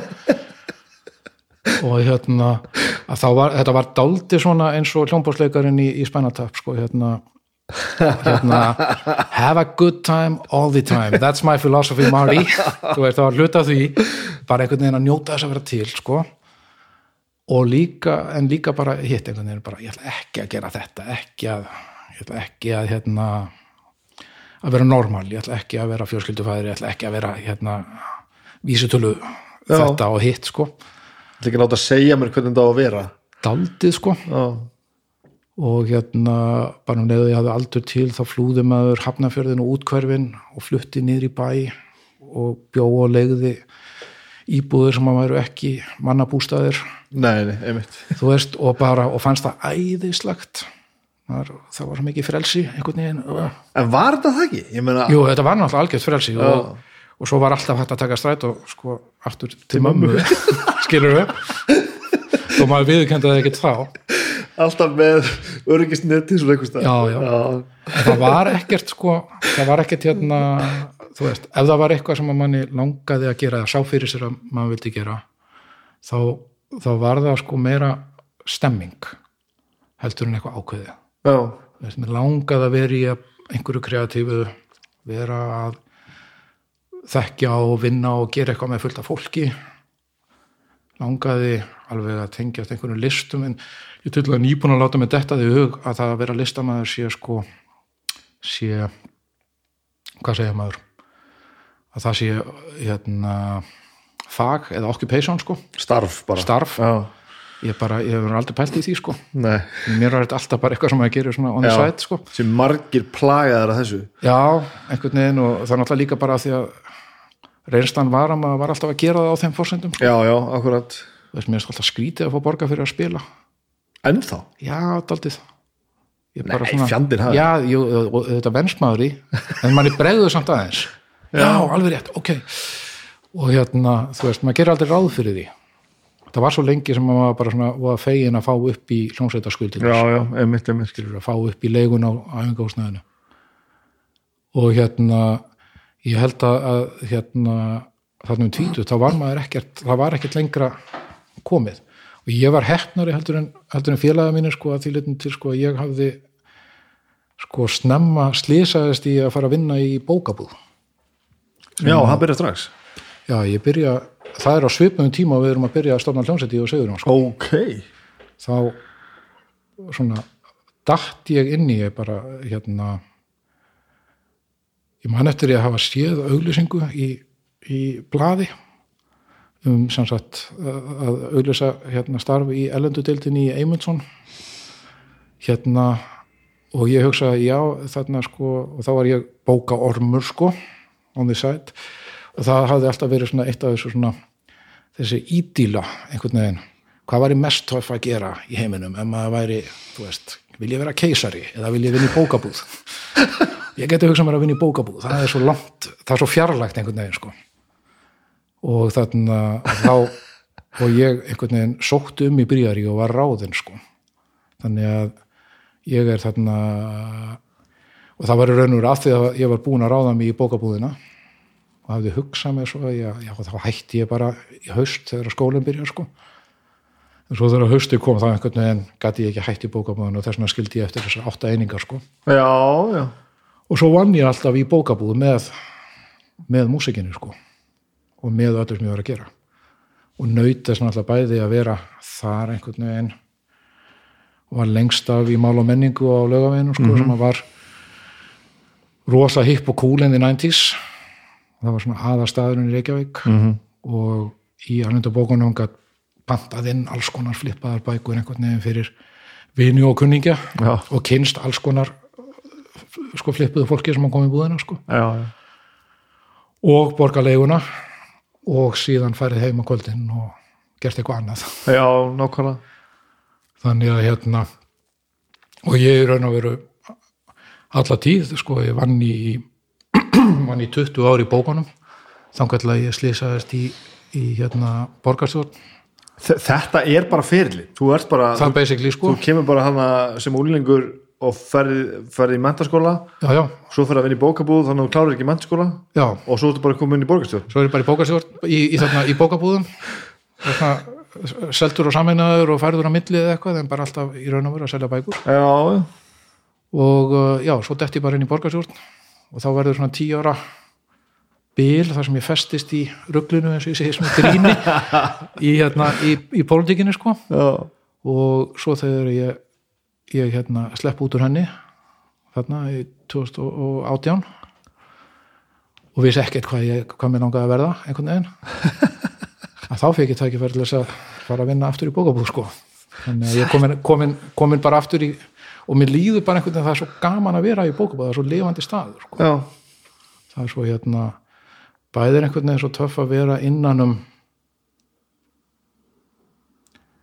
sko bækur sem er náttúrulega bara bæði menningar veist, þetta er- er svona bara þetta er svona hilki sem inniheldur menningu og upplýsingar og alls konar. Það er einhvern veginn bara sko, það er svo gaman að vera innan um þetta. Og, og það er alltaf eitthvað nýtt að gerast í bókabúð þú veist, það er alltaf nýjar bækur að koma. Þú ert aldrei að selja sömu bókina aftur og aftur. Nei, og svo er náttúrulega fólki sem stundar bókabúð er alveg dásanlegt sko. Þú veist, það eru allir pælararnir og furðufuglarnir og, og það er svo gaman að hafa verið í þessi aðstöðu að hitta alls konar fólk sko. Og ekki bara ekki bara þá sem eru eins og maður sjálfur sko. Nei, ég bara þú veist, maður er kynst fullt af fólki af þú veist sem er miklu, þú veist bara af öllum kynnslóðum allstaðar að úr samfélagin einhvern veginn og svona sko. Sem maður hefur kynst í gegnum þetta sem maður hefði ekkert kynst ef maður hefði verið að vinna í plötubúðu eða, eða þú veist verið einhverstaðar annar staðar. Þannig að mér finnst ennþá 30 years on, þá finnst mér ennþá alveg frábært að vera og, bara, og sama tilfinningin bara já, auðvitað er hún aðeins öðruvísi sko. Já, þetta er sömu, sama dræfið allavega þetta er þetta þannig sko. Og auðvitað já, einhverstaðar mynda mér í mál og menningu sko frá því þarna. Í kringu 90 sama tíma og, og hljómsveitin er og Hammer sko á fullu og við erum einhvern veginn hann var alltaf alveg að fara að meika það sko. Og við vorum alltaf rosa cool. Og þannig er ég með skeggtæjur einhvern veginn og sítt hár og hérna og í, í svona hálfsíðum svörtum leðurjakka en að afgreiði í bókabúðinu já, já, og ég alveg þegar ég skoða þessa mynd að vera ofta að pæla sko hvað voru hvað var fullorðna fólki sem að sem að, sem að hérna raki þessa búð að spá sko en hvernig var það? Meina, hvað var fólk að spá? já, þau, þau bara þau voru allavega til í að hafa mig þannig en er, er þetta ekki svolítið ástæð fyrir að bú, búin var eins góð hún var? Að- Jú, að- ég sennilega, að þetta var náttúrulega ákveðin, ákveðin glámskigni sko já, hérna, þetta var magnaðu tími sérstaklega sko á þessum árum á milli 90 og 2000 að þá er mál og menning sem er sko sjálfsegnastofnun já, þetta er runnið upp úr gamlu gamla kommunistaflokknum í raun og veru sko. Þetta er Já. gamla koma og vinstri intelligensian sko. Og þeir stopna mál og menningu sem sko bókafórlag fyrst bara úr, já, í kringu stríðið sko og eftir stríðið og svo búðina í, í beinum framaldi og höfðu alltaf verið rosalega harður í pólitíkinni en það hafði svona hægt og rólega breyst bara með tíðarandanum held ég. Og þetta var orðið miklu menningalega fyrirbæri. Og svo eftir 80 árunum á milli 80 og 90 þá verður þetta svona eitt aðal forlægið og aðal búðin það verður ofsalega stert fyrirbæri. Og tiltrúlega ungt fólk sem stjórnar. Já, og sem að læra það einhvern veginn að hvað maður er að draga draga starfseminna út úr út úr hotnunum einhvern veginn og hleypa bara fleirum að. Já, nákvæmlega þú veist, þeir eru bæði að gefa út kommuniska höfundaginn, þeir eru líka að elda upp í sjón og fá handlis að gefa út súrealisma og, já, og hérna uh, að þessum árum þá er Haldur Guðmundsson útgáfastjóri og hann er til dæmis með sko sett upp sér línu þar sem hann er að leita upp í unga höfunda. Já, já, akkurat. Sem voru þá, þú veist með þessi yngri en ég sko. Og upp úr því koma Andri Snær og Gerður Kristný og já, Auður Jóns og svo frammiði sko. Já, já, og á þessum tíma líka þá er sko svona menningarleg breyting í, í Reykjavík af því að kringlan er komin og útkverfin eru sko Reykjavík er að blása út. En miðbærin er einhvern veginn að verða sko og svo túrismin rétt að byrja. Já, og uh, það færist all, já, og túrismin að byrja og bjórin lefður og allt í nú komin sko veitingastafur og kaffiðus út um allan bæ sko. Já, og, að, hérna, og það var svo mikið breyting. Það var svo mikið stemming í bænum einhvern veginn sko. Og við mál og menning náði einhvern veginn að verða svona hluti af þessari stemmingu já, 86 hérna upphafið að sigumorunum þá var hérna þá var hérna höfðafundurinn hvað hann hétt hérna? Reik- Reykján Reykján og Gorbachev. Þá var ég nýkomið þá var ég búin að vera í Ameríku hérna í ár. Rosalega mikið að flippa.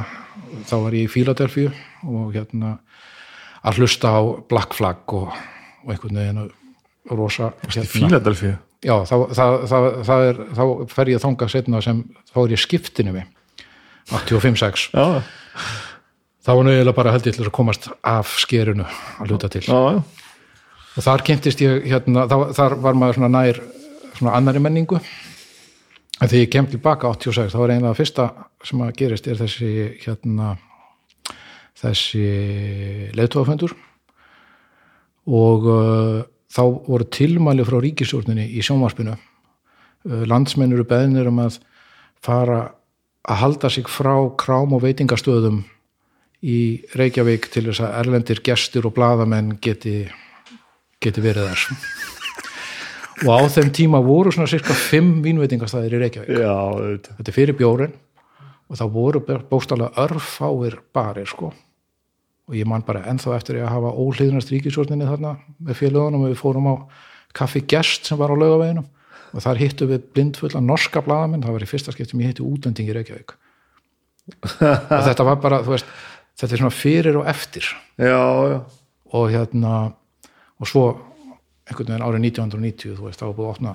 Já. Þú veist, 20 bari og það er alls konar nætulíf og, og hérna og svo er maður að vinna í mála menningu sem er í mið, miðjunni á þessu einhvern veginn.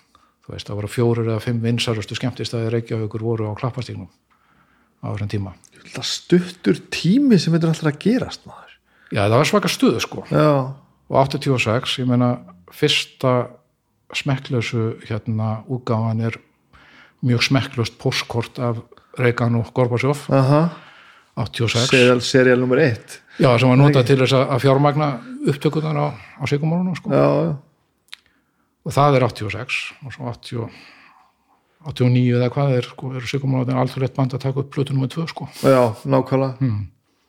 Þetta er ótrúlega hraður ferill maður bara það, veist, að því að maður, ég er bara ungur til þess að hafa sko skýtti að vera of ungur til þess að hafa verið hana en Já. hafa samt svona mikil áhuga á þessu þannig að maður er svona búin að, þú veist, maður þekkir öll ártölin sko, en ég hef aldrei sett þetta í þessa, þetta samhengi með þessa tímalínu sko. Þetta er, þetta er bara Þetta er mjög magnað sko, vegna þess að mín tímalinn er aðeins, ég var aðeins svo ungur fyrir 80 punkið. Já, þú veist, ég var ekki á tónleikonum sem eru í Rocky Reykjavík nei, nei. tveimur árum setna hefði ég verið það skilur já, en þá var bylgjan búin sko. Já, já. Já, maður var að nákvæmlega, vera að hlusta á, þú veist, Purkpilning og Tjóni Tjóni og Þeisara og allt þetta sko. Aftur í tíman þá? Aðalega aftur í tíman og svona að það voru tónleikar í Garðabæði að hafna fyrir skiluru já, já, maður sá flesta af þessum böndum ok. einhver staðar sem lítill svona hérna ekki út í hotni einhver staðar sko. En hérna en svo eftir Rocky Reykjavík og eftir að þú veist allar þessar hljónsveitir hætta þarna 83-4 er þetta strax einhvern veginn búið. Já, og þá hættir sko hérna það er eigin engin sena engin stemming fyrir, fyrir en þarna á sigmumláðurinn sko. Nei. Það er búið að vera til döiði í raun og veru, í músikinni sko. Bara svona mainstream Já, bara- já, þannig sé sko, já, það bara er ekki búlur fyrir bönd að spila og eitthvað svona og, og hérna uh, en ég, ég þar sem að ég á við sko, ég skilði svo vel með þetta þessa nostalgíu fyrir einhverju sem er nýliðið. Já, ég held að maður sé alltaf fastur í því sko. Já, já, já. Þannig ég teka ennþá mikið mark á þessari 80 senu en ég er fyrst og næst alveg óbúslega obsessed af 70s já, 70s músík og lúkki og tísku og hvaðina sko. Og hérna er svona listrænt að þá vildi ég helst lifa á árið 1972 það er bara þannig. Hvar? ég er alveg búin að reikna það út hvar myndur þú vilja vera? Sitt- ég vildi bara vera einhver staðar með plötutan sem voru gefnar út 72 og í fötum sem að þóttu töff 72 skilur og auðvitað helst í New York hugsa ég, já, það er verið gott já já, það var góðu tími þar sko. Að þú ert samt að tala um músík. Uh, og maður sér þið náttúrulega veist, sem, sem, sem tón, tónlistar mann eða sem svona, þú, þú kemur úr þeirri áttinni fyrir, fyrir flesta held ég. Mm. en en svo er það, eins og þú veist að segja þið- þú og Sigrun ákveðu sko fyrst að fara að gera bíómyndir. Þú veist, þú ert ekki svona default tónlistarmaður. Nei, ég er ekki sko, ég var í tónlistaskóla þú varst í tónlistaskóla Já, ég var það sko Bíddu Í við. Hafnafirði og hérna og alveg bara nokkuð duglegur á tíma sko að læra hvað? og spilaði nú aðla á, á hérna blásturslófari -hmm. á, á trompet og lengst af á eufonium Já. sem er svona stórt risahott svona, uh svona túpa og, uh, og bara mjög þú veist, ég er ennþá með magavöðvana einhvern veginn og þann fíling í tóninum sko en ég er ekki mjög tæknilegur músikant. Nei, mjög einhvern veginn ef þú myndir segja mér að syngja að þá er ég ekki við sem ég myndi ná því sko. Nei, nei. En ég get eins vegar sungið uh, melodíur sko bara á einhverju tilfinningu. Já, já, ég get lesið nótur en ég gera það helst ekki. Skiljiði, ég, ég er ekkert mikið fyrir að læra ekki einu sinni mín eigin lög sko. Á mér er þetta alltaf erfitt með einhvern veginn það að læra að læra lög að bara hafa þau eftir aftur. Já, og sérstaklega texta. En að ná fílingnum og geta einhvern veginn endur samið að lagst inn í þau sko. Ég, það, þú veist það kemur þetta 70s mál heima kannski saman sko, en ég upplifði mér einmitt ekki sem músikant því ég er tæknilega séð ekki músikant. Nei, ég, ég get ekki ég get ekki spila á gítar. Ég get rétt stauta mig fram á píanó einhvern veginn. Og ég er ekki útsetjari eða hvað sko. Og kannski hef ég alltaf verið með smá minnum að yfir því. Já, að, hérna, að vera ekki þar sko.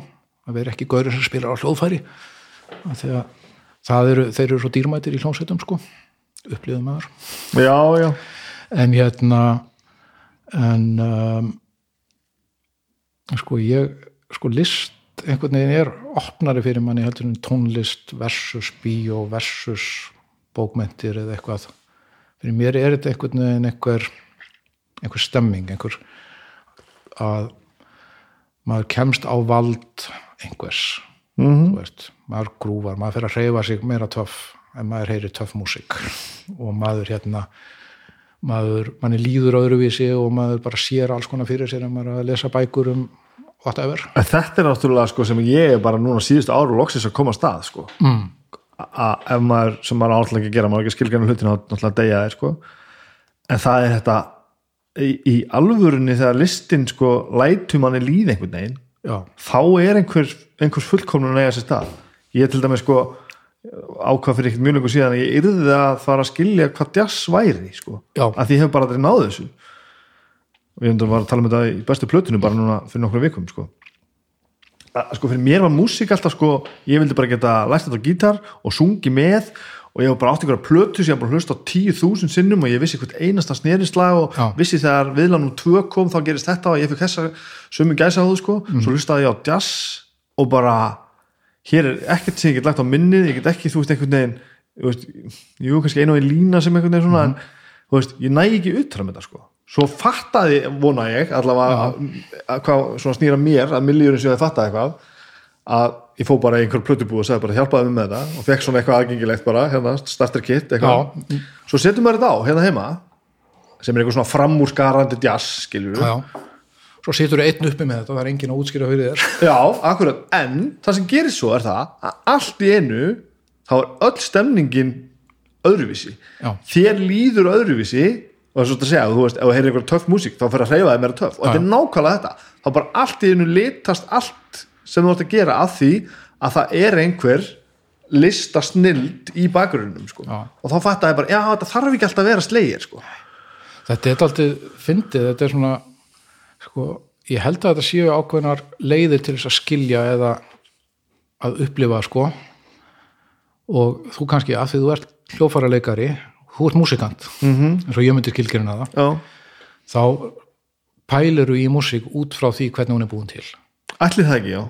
Eða svona, það er allavega eðlislegt Ég sko held að sé að og ég, ég finn það sko að það er eitthvað sem er kannski meira að koma upp í mér í seinni tíð eftir því sem að ég er meira í músík og skil meira hvað er að gerast. Og þetta velta struktúrnum meira fyrir þá þér. pæli ég meira í struktúrnum og, og bara sándi Ég pælt í því hvernig bassi sándar Nei, það bara einmitt. svona ég var hrifin á einhvernum bassa en ekki öðrum bassa ég pælti ekki í því að því að það var gott betra sánda á hann sko. nei, nei, og hérna á móti bara algjörlega tilfinningu einhvern veginn og hérna sko fyrsta tilfinning sem að maður einhvern veginn upplifir svo stert er þú veist hvað að eitthvað sé ókvæslega töff eða væmið eða eitthvað svona sko mm -hmm.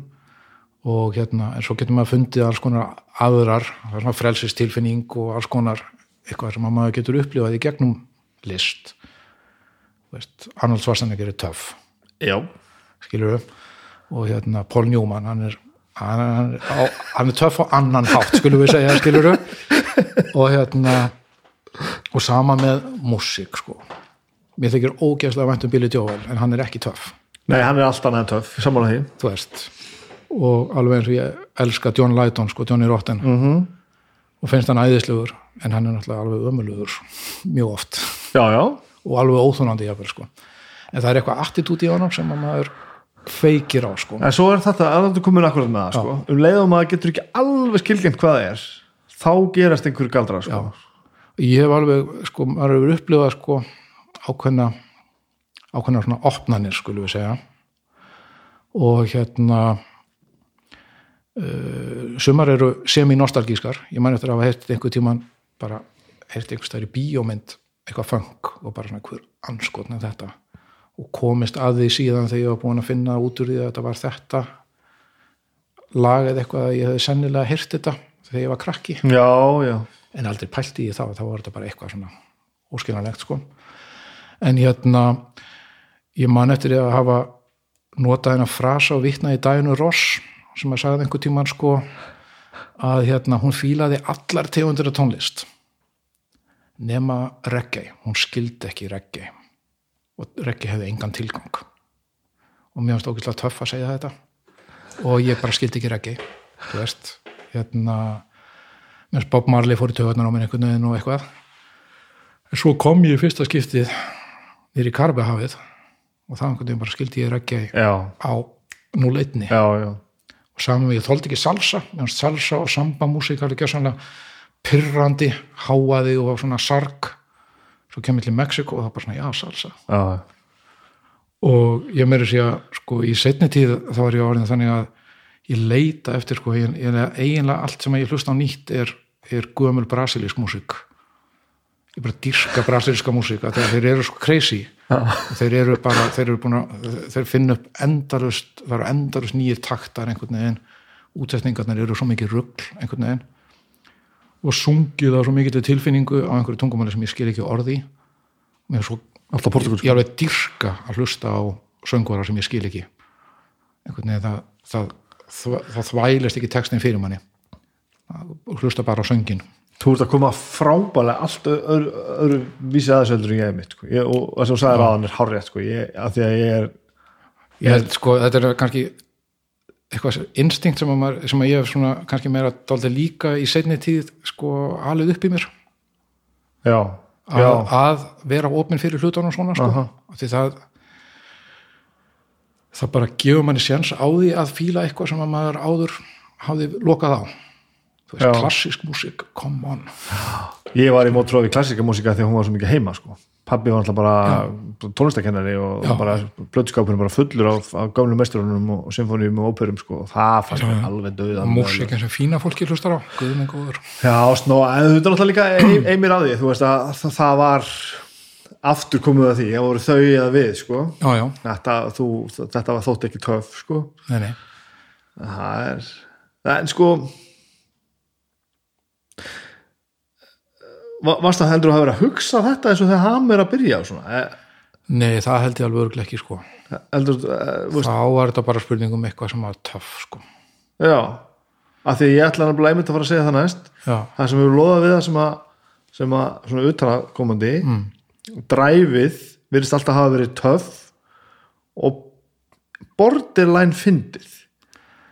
Já, ekki silly en það er ekki fullkomlega alvarlegt það sem að er að gerast. Já. Mannst eftir einhverju sem að hefur gert í samanlega tónlist sem að hefur verið fullkomlega alvarlegt? Ég, ég, það, ég veit það ekki sko. Ég veit það ekki alveg. Kannski helst þegar maður hefur verið að rembast sko. Já, í þessum hljónsveitum, það, það var sérstaklega þarna, það voru tímabil í ham og, og fungstrassið aldrei, það voru verið að rembast við að meika það. Það var verið að rembast við það að syngja á ensku til dæmis í ham Var að það meikmál? það var að, já, já, það var svona daldið að meika kannski ekki að meika það að verða þú veist, hérna stórstjarnar skiluru Nei.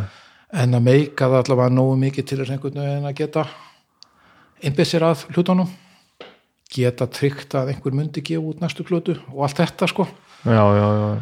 Og fungstar sér reynilega, já, já, einhverju leita meika að búa til hljómsveit sem geti komið fram einhvers staðar þar sem að fólk fengi borga fyrir að spila sko. Já, en hérna, og það er kannski helst þarna sem að maður, manni finnst maður hafa verið svona á augljósum villigutum og eitthvað. Þú sér það svo þannig? já, já, algjörlega sko. En ég held sko að þessi húmor sem vorst að tala um og maður eru heyrt marga að tala um þetta og ég held að þetta sé ég held að þetta sé ákveði lífsviðhor sko ég, það er afskaplega, ég veginn ég er alveg opinn fyrir því að finna húmor í nokkurn veginn næstum því öllu sko. Já, og þú veist, maður hefur verið svo heppinn að kynnast fólki, alls konar fólki í alls konar aðstæðum og eitthvað. Og þegar maður upplifir að fólk geti séð húmor í því sko, þá einhvern veginn er allt hægt sko, fullkomlega algjörlega sko. En hérna, en húmórin er meira held ég bara eitthvað svona sem var svona óumflýðanlegt Af því að- í þessari músík. Bara af því að það var bara svo mikill húmór í einhvern veginn, þú veist fyrsta reglan í ham var, þú veist, að banna að brosa á mynd. En sko þegar við erum saman þá er þetta bara svona eitt þá erum við svo fáið þetta, sko, við erum svo hálfa latti einhvern veginn, ég og Sigurðan, sko. Það bara endar og sér brandarar og eitthvað einhvern veginn, og snúið út úr öllu og allt einhvern veginn séð í einhverjum spjöspegli og svona, sko. Já, og líka auðvitað kaltaðni alla leið, sko. Já, lágum í Vaff.S upptökum af gömlum bíamyndum og svona því lélegra, því betra og því meira töff var það einhvern veginn sko. Og þetta er, þetta er náttúrulega kultúr sem er svona post-punk kultúr sérstaklega í Ameríku sem við erum alveg gagteknir af sko. Veist, það er Cramps og já, það, og svona Incredibly Strange Movies og allt þetta dæmi. Og hérna og uh, við erum rosalega mikið að pæla í þessu sko. ég held, sko, ég ef, ef ég upplifum mig einhvern veginn í listum þá upplifum ég mig miklu meira sem neytanda heldur en geranda ég, og ég held að sé eitt mikilvægt að hlutverk allra listamanna einhvern veginn er ekki bara búa til list heldur er að taka hana inn sko veist, að hlusta á plötur finnst mér miklu mikilvægur heldur en að æfa með að syngja sko Já, ég skilji. og það er því hlusta á plötur þegar ég heyri einhvern veginn hvað er hægt eða fæ hugmyndunum hvað er hægt eða eitthvað ekki einhvern veginn þegar ég er að taka þegar er einn einhvers staðar að taka skala sko. og hérna og við vorum auðvitað á kafi í þessu. Við vorum að draga inn veist, við vorum að taka punkið inn og við vorum líka rosa mikið að hlusta á svona 60s revival. Veist, þetta voru Swans og þetta voru Birthday Party en þetta var líka Nancy Sinatra. Já, Lee Hazelwood og, og svoleiðis bara Sonny og Cher og svona sko. Af hverju? Að þetta var skemmtilegt? að þetta var skemmtilegt og kannski einhverju þetta að þetta var orðið cheesy, Já, pínu silly, þetta svona. var orðið silly sko þetta var sko að horfa á gömlu Star Trek þættina einhvern veginn og, og fíla Abba við Já. Sigurandlum náðum alveg saman strax um að fíla Já. bæða því þau voru sko hápunktur hallarislega heitana en líka sko svo óbúslega vel smíðu músík og útpæld músík sko. Þarna komum við líka að því Og- að- við erum að tala um húmórinu og þetta. Þetta er alltaf gæði samt. Já, já, auðvitað er maður kannski alltaf að leita því sko, þar sem það virkar. Og hérna en líka að einhverju leiti þetta sem eru utangars Já, hérna þegar rástföður eina út af stöðin sem er að spila popmusík og þeir eru að spila bara endalöst Seasons in the Sun og, og svona ákveðina tegunda 70s músík og 60s músík að þá er þetta alltaf töff kannski og svona gramlegt já, að hlusta á einhverja aðra 60s og 70s músík sko. og hérna, en líka það sem er svona dramatíst og fríkað og spes já. hérna These Boots Are Made for Walking eða þetta Nancy Sinatra stöf sem var náttúrulega sko, jú, jú, þetta var pop og þetta var dóttir Frank Sinatra en þetta voru líka rosalega skrítin lög sem hoppuðu úr fjóru fjórðu í þrjá fjórðu og, og Some Velvet Morning þarna when, when You're In og þú veist, þetta svona, svona síra og bull. Aha. og hérna Já, ég, kannski ég hef alltaf verið mjög hrifin á bulli. Það, það er bara mjög bull einhvern veginn svo. Töff sko. Og hérna það er miklu meira basic. Hvernig bullið þá? bara alls konar, þú veist, bara rugl. Hvort sem það er svona alveg alvöru streit bara grín bull. Já, eða bara algjörlega absúrt. Ég þykir mjög vænt um setningar sem að make ekki sens einhvern veginn og lesa texta sem er bara svona ha? Komst einhvern tímann í bók sem að heitir hérna úr æfi smalans minni mig. Einhver gamall smali sem að var, var að skrifa æfimenningar sínar og uh, í þeirri bók eru svona kaplan eins og uppáhalds kindin mín og hérna sem er bara löng frásögn af einhverju kind að, og bara lýsing, hún var, hún var svona á hins einu og eitthvað. Og langur kapli sem heitir hérna eftirminnilegustu veðurdrömandir þar sem bara lýsir veðurdrömanum sínum. Dreymi með þá með vakni og horfa út fjörðin og sé þá fjögur skrýmsli fjólubláa lit koma þarna fljúandi inn fjörðin og suðu austri og þótti mér það vera allir merkis um að það erði útsynningu næstu þrjár vikur og svo varð. Og allt, allt þetta ég veist að þetta bara sko, þetta sprengir svo á mér hausin einhvern veginn. Og mér er svo gaman einhvern veginn að vera bara svona já, það moment. Og það mér veist að miklu, eða þú veist ekkert síður koma úr bulli heldur hún hattur og lagsneið skilur já, ég skilði já, já, já. Og það að tengja það aldrei saman sko og þó svo að, þú veist, hammer að reyna við erum að hamra einhverja músík og erum að reyna, það, það er alvarleg pæling í músíkinni, já, það er ekkit verið að viðlag, það er ekkit svoleiði sko, það, alveg, það verður alltaf að vera mjög cool og straight sko. Mhm. En svo þegar kemur að einhvern veginn textum og svona samhenginu þá verður þá, þá er svona það er ekkert svona, er ekki allir í stuði. Nei, nei, nei og maður upplifir með sér svona ákveðin svona súrealisma já, það er þetta bull sko. Já, bull er kannski bara ófýtna orðið við súrealisma, já, kannski. En, en, en þa þar kemur þessi þessi sem við erum að tala um aðan, svona þessi borderline green filter, það sem að vera að taka sko, að sem þú segja núna þetta með sko veðudraumar alltaf, sko. ég get alveg sé þetta fyrir mér sem texta í hamlægi, sko já, já, ég meina hérna, það sé búið að setja svona filter yfir einhvern veginn eitthvað töff. Hvað heitir náttúrulega rauðaplatan? Hérna, hérna svikar með döði sko. Já, þar eru nú textar sem eru svona, getur nú því sennast verið upp úr svona já einmitt. gömlum þjóðsögu bókum sko en að samt verður samt einhvern veginn á ótrúlega máta katsi, sko. Já, það er kannski bara því við, höfum einhverja tilfinningu fyrir hvað við erum með sko. Já, við erum, erum alltaf hamir ágætt dæmi um það að borga sig að hamra játnið sko já, við já, erum búin að vera að svona með einhverjum hljöfum en þú veist í 30 ár eða vinna saman í 30 ár og þessi kjarni og við erum einhvern veginn að verð, verðum alltaf aðeins betri já. og það einhvern veginn er aðeins við erum bara bæði þjættari við erum hérna það er meiri uh, hvað er telepatía á mill okkar Mhm. Veist, við þurfum ekki að ræða það hvað er gott eða slæmt við bara finnum það. Ég er alveg gjörsanlega hættur að þurfa eitthvað að líta aftur Já, tónleikum til þess að nikka til alla trommara. Þú veist, við tölum bara saman. Ég í gegnum bakið skilur og hann veit alveg nákvæða hvað ég er að fara að gera og öfugt, ég finna bara á mér hvert hann er að fara sko. og hérna og við erum bara svona hægturulega búin að fína sér að þetta. Þannig þá líka við erum þá, þá er líka plást til þess að reyna eitthvað nýtt sko. Mhm.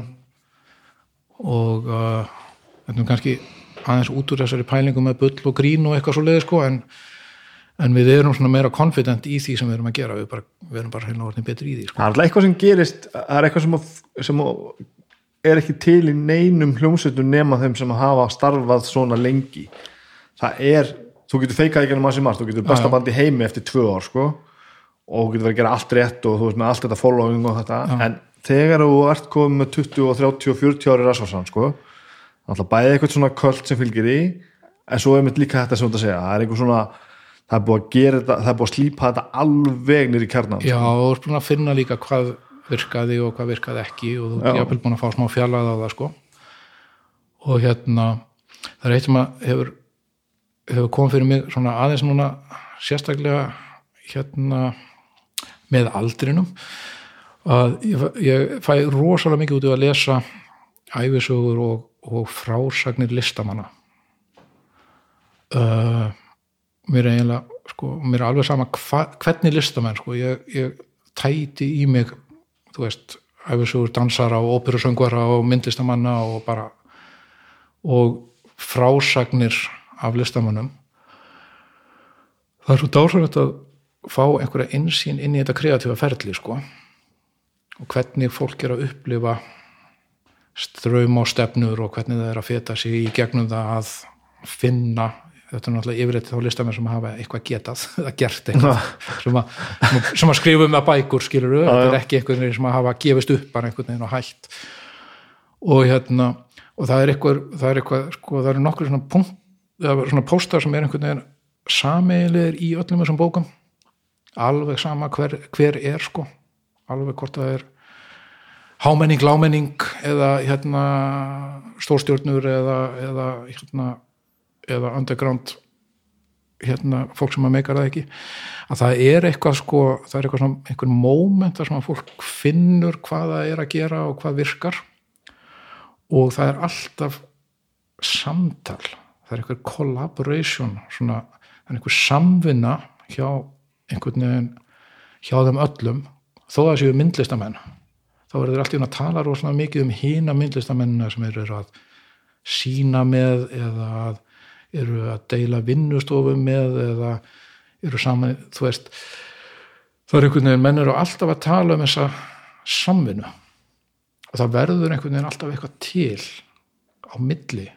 Og ég held sko, þetta er heima, mjög heimasmiðu kenning og kannski hendar bara vel á því að ég, ég hef ekki sko nennu til þess að vinna neitt einn. En hérna en að það gerist eitthvað á milli manna sem er annað og meira heldur en menn gera í tóminu sko. Mm -hmm. og hérna sama ég, ég, ég, ég get ekki einhvern veginn þróað músík og öðruvís en með sko í einhver samtali við við hérna hlustendur ég hérna ég, ég, mann hefur lært svo sem að díla við það að búa eitthvað til í stúdíu en helst vil ég geta vera búin að slípa það eða finna það upp helst á sviði. Ok. Og finna viðbröðin frá Í- í- krátinu og bara í einhverju í einhverju hérna á stemmingu í salnum eða eitthvað sko. Í þá bara einhvern spuna eða Já, eitthvað sem kemur með helst svona, sko.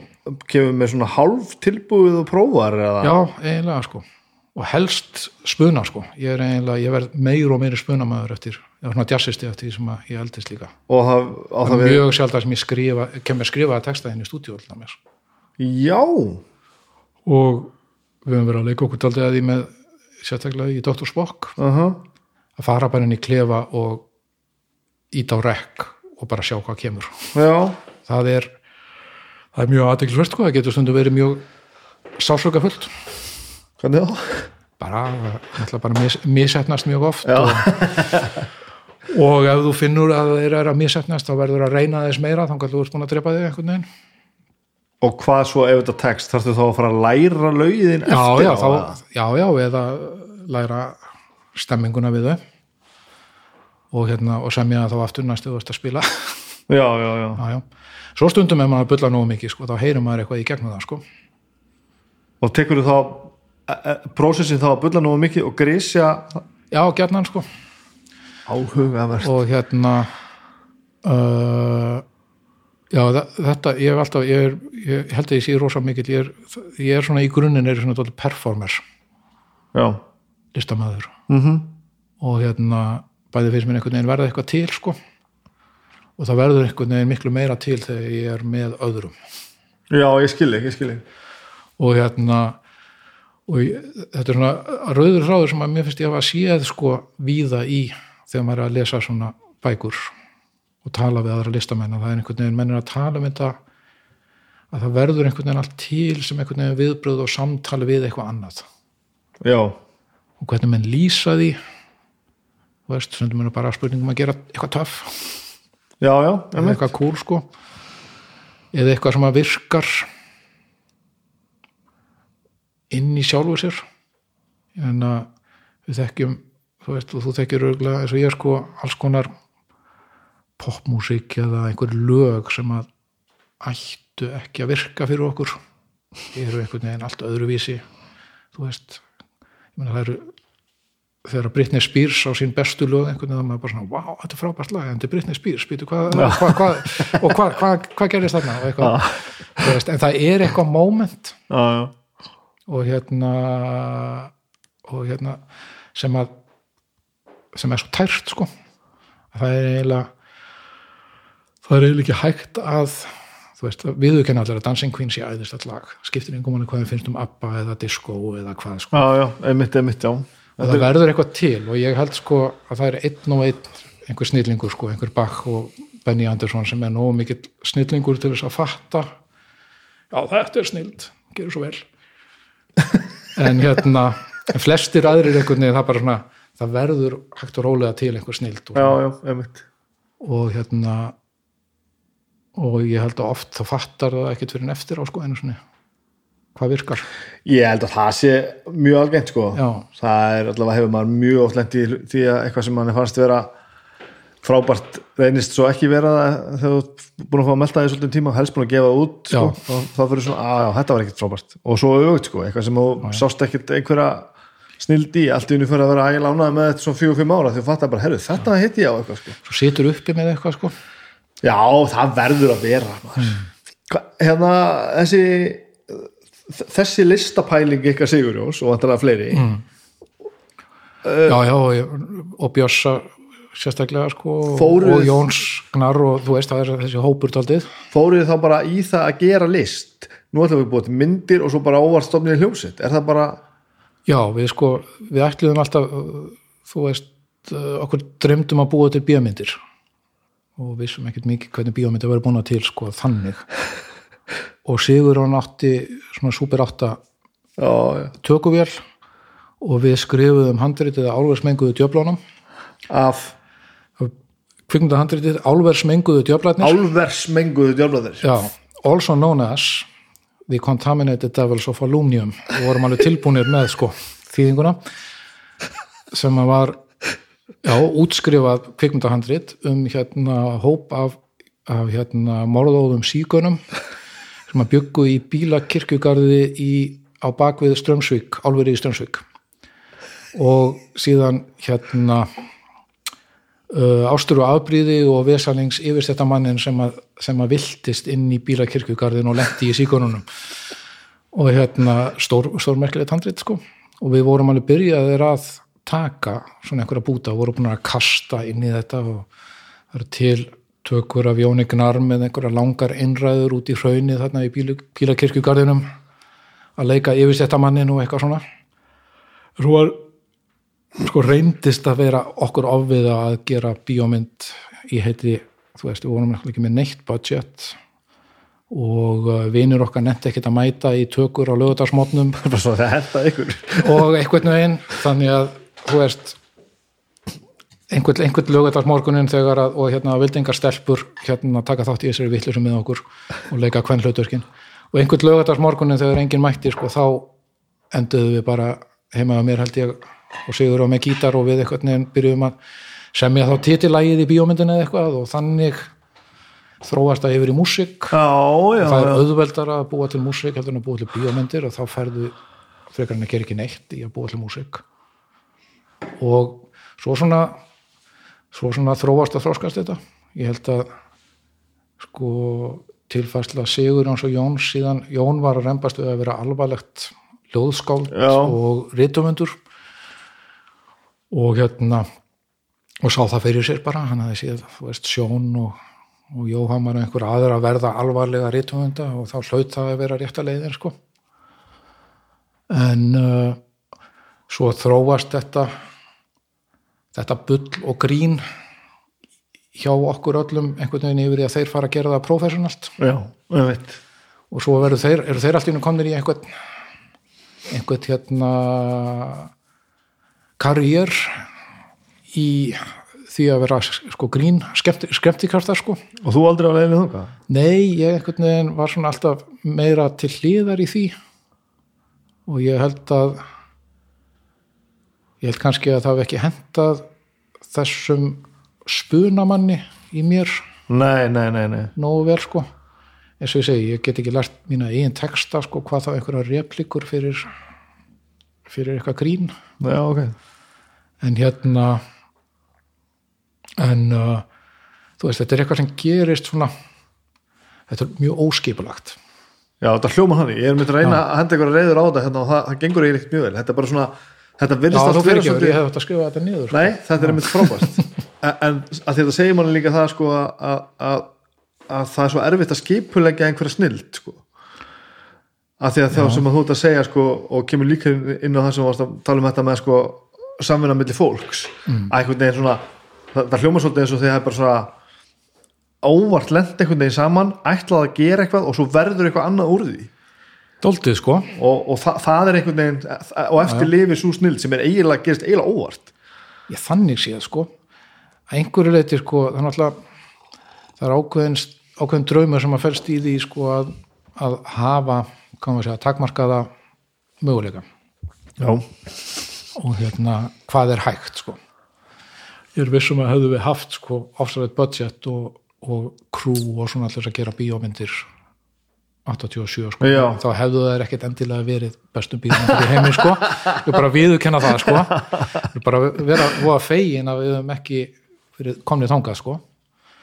Og hérna þannig að, að, að, að það er ákveðin ákveðin draumur að þú veist, að hafa, hafa þessar takmarkanir sko um hvert þú getur Já, já. komist og það bara hvert þekkiru og við til dæmis hafðum kynst hérna Jóa Jóhans -hmm. í gegnum Decil Puppy Farm og orðið vinir bara því að hann var, þú veist, Decil Puppy þetta voru, þetta voru 5-6 hljómsveitir í hérna á, í Reykjavík sem að sko voru spilandi og voru gáttu mögulega spilað ákveðanar tegunda giggum og hit, fengið að hita upp fyrir S.A. Draum og, og Sigumólana og eitthvað svo liður og það var bara Daisy var einn og við vorum og þú veist og þá kynntust við og síðan risaður hans og þriði einhvern veginn. Svo verða, verður vinskapur og, og það fara allir að skiptast á blondi plötum eða abba plötum eða, eða Nancy Sinatra skilur og hérna og svo er Jói sá eini sem við þekkjum sem, að getur, kann á hljómborð. Já, og þá allt í hennu byrjar eitthvað samtal þar já, og ég er svo einu sem að Jói þekkir sem að var eitthvað byrjaður að pæla í gamla fenginu og þannig förum við að vinna saman. Og þú veist, það var alls konar svona. Einmitt. en ef við höfum verið einhvern veginn í stóri borg þar sem hefði verið 5 miljón manns einhvern veginn og allir og 50 eða 500 hérna hérna hljómbólsleikara sem hlust á feng þá er ekkert líklegt endilega að við höfum náð saman sko. Nei, þarna kemur þú að einu sem að ég er mikil, mikil búin að velta fyrir mig síðustu ár sérstaklega. Það er munurinn á því að hvernig á ég að koma sér orð það er svo, það er svo erfitt og ég held að það sé svo hættulegt að ætla, að einskorða sig við hugmyndina sem þú ert með. Að þú fær fyrst hugmynd og ætla svo að uppfylla hana einhvern veginn tölum um eins og hljómsveit sko. þú er bara alltaf að gera svona hljómsveit. og svo byrjar að leita mannskapnum með að leita að einhverju og þú finnur það ekki alveg og fer þá að vera hund óanaði með það sko. Já. í staðan fyrir að vera kannski, jú, kannski með einhverja grunn hugmynd en svo gerist eitthvað, það kemur einhver sem allt í hennu kann og bara, þú veist, reisastóran lúður eða hvað hva, hva, fjandar sem það er sko, svo finnur þetta, þetta að virka að, að hlaupa með þá hugmynd sko. Að því að þegar þú ert alltaf að auglýsa eftir sko gítarleikarunum sem að þú veist hvernig á að vera og hann er vantar ekki til að þú ert með svo ákveðnar hugmyndur um hvernig hann á að vera að þá held ég að, að hlutinni degi stundum. Já, að segja. Það eru auðvitað dæmum hitt sko. Það er alveg til dæmum einhvern veginn, einhverja stórkostlega snill sem er skipuluð og pælt frá upp að við sko til enda. Já, já, en hérna, já, að sjálfsögur þetta til, ég er ekki að segja veist og hérna en það er kannski ekki öllum gefið að vera þeir, þau séni skiluru, það nei, þú veist prins þurfti engan til þess að gefa fyrstu taka upp fyrstu plötinu sína sko. náttúrulega, þú veist, að því hann bara var bara einhvern veginn þannig. En hann hafði samt vit á því að hætta síðan að spila sjálfur á alljófæðurinn og koma sér upp hljómsveit. Já, já. Og svo þegar hún voru nóg góð að reka þá alla og fá nýja hljómsveit skiluru og hérna En það er svo út að segja sem með þig og Jóa sko. Já. að þið einhvern veginn bara svona, heru, þetta er eitthvað sniðust ef að gera eitthvað, veist, það er vantalega gest í þeirri röðunni já þannig séð þú bara, þú veist, já og svo verður fólk verður fólk vinir fyrst skilur og svo finna þær eitthvað út úr því. Og hérna það er kannski hlutaði líka þetta að vera uh, vera ekki mjög meðvitað að ákveða það að þú sért listamaður eða ætlir að vera listamaður for life eða eitthvað. Já, já, hérna uh, ég veit að það er misjátt með, þú veist, þar sem að maður hefur verið að vinna með sumir hafa verið, en Sigurinn hefur alltaf verið miklu ákveðnar í því að vera listamaður heldur en ég, sko. Uh, ég, eins og ég segi, mér bara dattaði ekki alveg í hug, sko. Það hefur örugglega verið erfiðar að byrja að dútla eitthvað með þeim eða, með, þú veist, með honum eða með Jóa ef það hefði verið meðvitað að það ætti að verða eitthvað. Já nákvæmlega. Og hérna það er alveg pæling sko. Já. en allavega eins og þú segir sko það verður eitthvað til tristaði sem verður til sko. og þarf, já, það, það er hlaupa með það sko. Og stundum situm maður uppi með eitthvað eitthvað hryllir eftir rugl sko. Já, já, já, já, já, já. og til dæmis Ham sem ég er búin að sitja uppi og við erum búin að sitja uppi með núna í 30 ár heitir Ham af því að loksins þegar við erum búin að væla okkur inn í að fá að hitta upp fyrir bleiku bastana minni mig fyrstu tónleikarnir einhvern veginn að þá þurftum við að vita hvað við áttum að heita á plakatið. Og það er bara góð og það voru búinir að, að flengjast um alls konar fáitaleg hugmyndir um nöfn og það dettur upp um einhverjum já en hérna í ham, hérna ham eitthvað og þá já já hendur því bara við og svo sittum við upp með það nafn sko Já, já. en það er eins gott að sé að við höfum sloppið og það sé að þú veist ekki, ekki fáitalegast að nafn einmitt, skilur einmitt. og hérna og stundum situm maður uppi með það að hafa farið á villugötur sko Já. Við hefum ennþá smá erfitt með það í Dr. Spock sko að hafa gert lag sem að okkur finnst ekkit sérstaklega skemmtilegt sem við settum fórum með í hérna undakefni Eurovision. Já, það var gert svona kvöldi áður en að þetta skilaði af sér bara búið til einhvern, einhvern veginn lag. Virkar þetta ekki, já þetta er allir lagi. Einhvern veginn. Og svo vorum við ennþá í keppninni þegar við vorum svona "Að, þetta er ekki, þetta er ekki besta lagi heimi. Og við höfum ekki spilað það síðan já, sko. ok. Eða þú veist, eða valla. Og hérna það er bara hluta ferlinu líka. Maður verður að gera þessi mistök sko.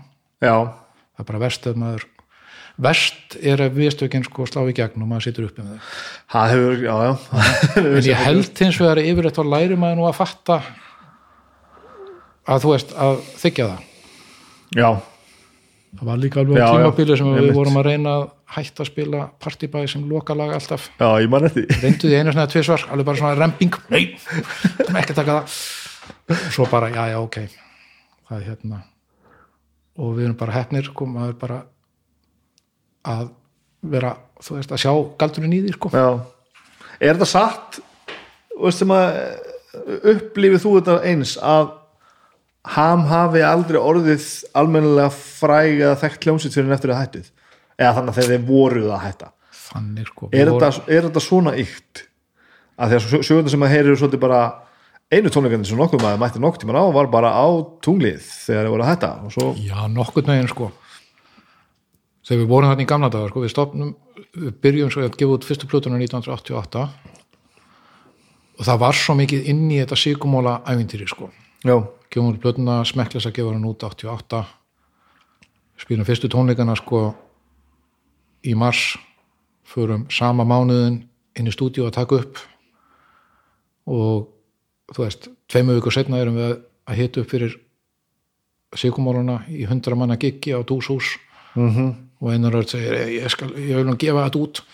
Svo kemur platan út í júli og um hausti erum við farin sko til, til Þískarnas að hita upp fyrir síkumóluna á túr sko. Já, þetta gerir svona hratt. Og hérna að spila fyrir 1500 manns einhvern veginn í Hamburg og hérna og svo er bara að fara beint í stúdíu já þá erum við byrjaðir í stúdíu með næstu blötu skilur og uh, en á sama tíma erum við bara að spila fyrir 40 manns á dúshúsi og, og spila síðan upp í skuldir og flugmiða sko með því að fá gegg upp í FB fyrir 20 manns og eitthvað svona.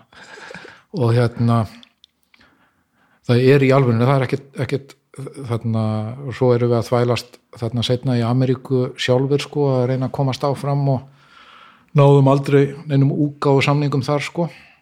En vorum að að hanga þar og spila og koma svo heim og vinna fyrir skuldunum. Já, já, og spila í MH til þess að fá nokkra 5.000 kall til að borga í skuldir. Og dræfið er?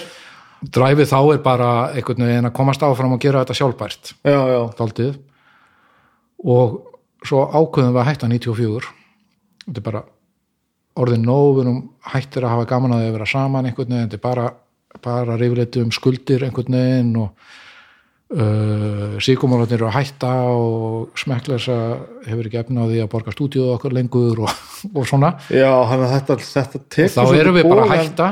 bogann með smekklis þannig, já þú veist, það hefur áhrif. Já, og hérna og uh, þá ákvæmum við að hætta með svona bang á tunglinu sálugu og höldum tónleika erum með forsölu og gerum, þú veist, notum notum notum allt sem við áttum inni hjá öllum til þess að fá viðtöl og gera hitt og þetta til þess að vekja aðtekla á og það mættu 300 manns eða eitthvað svo það var í fyrsta skiptið í ferdi þeirra hljómsveitar sem við borguðum okkur laun.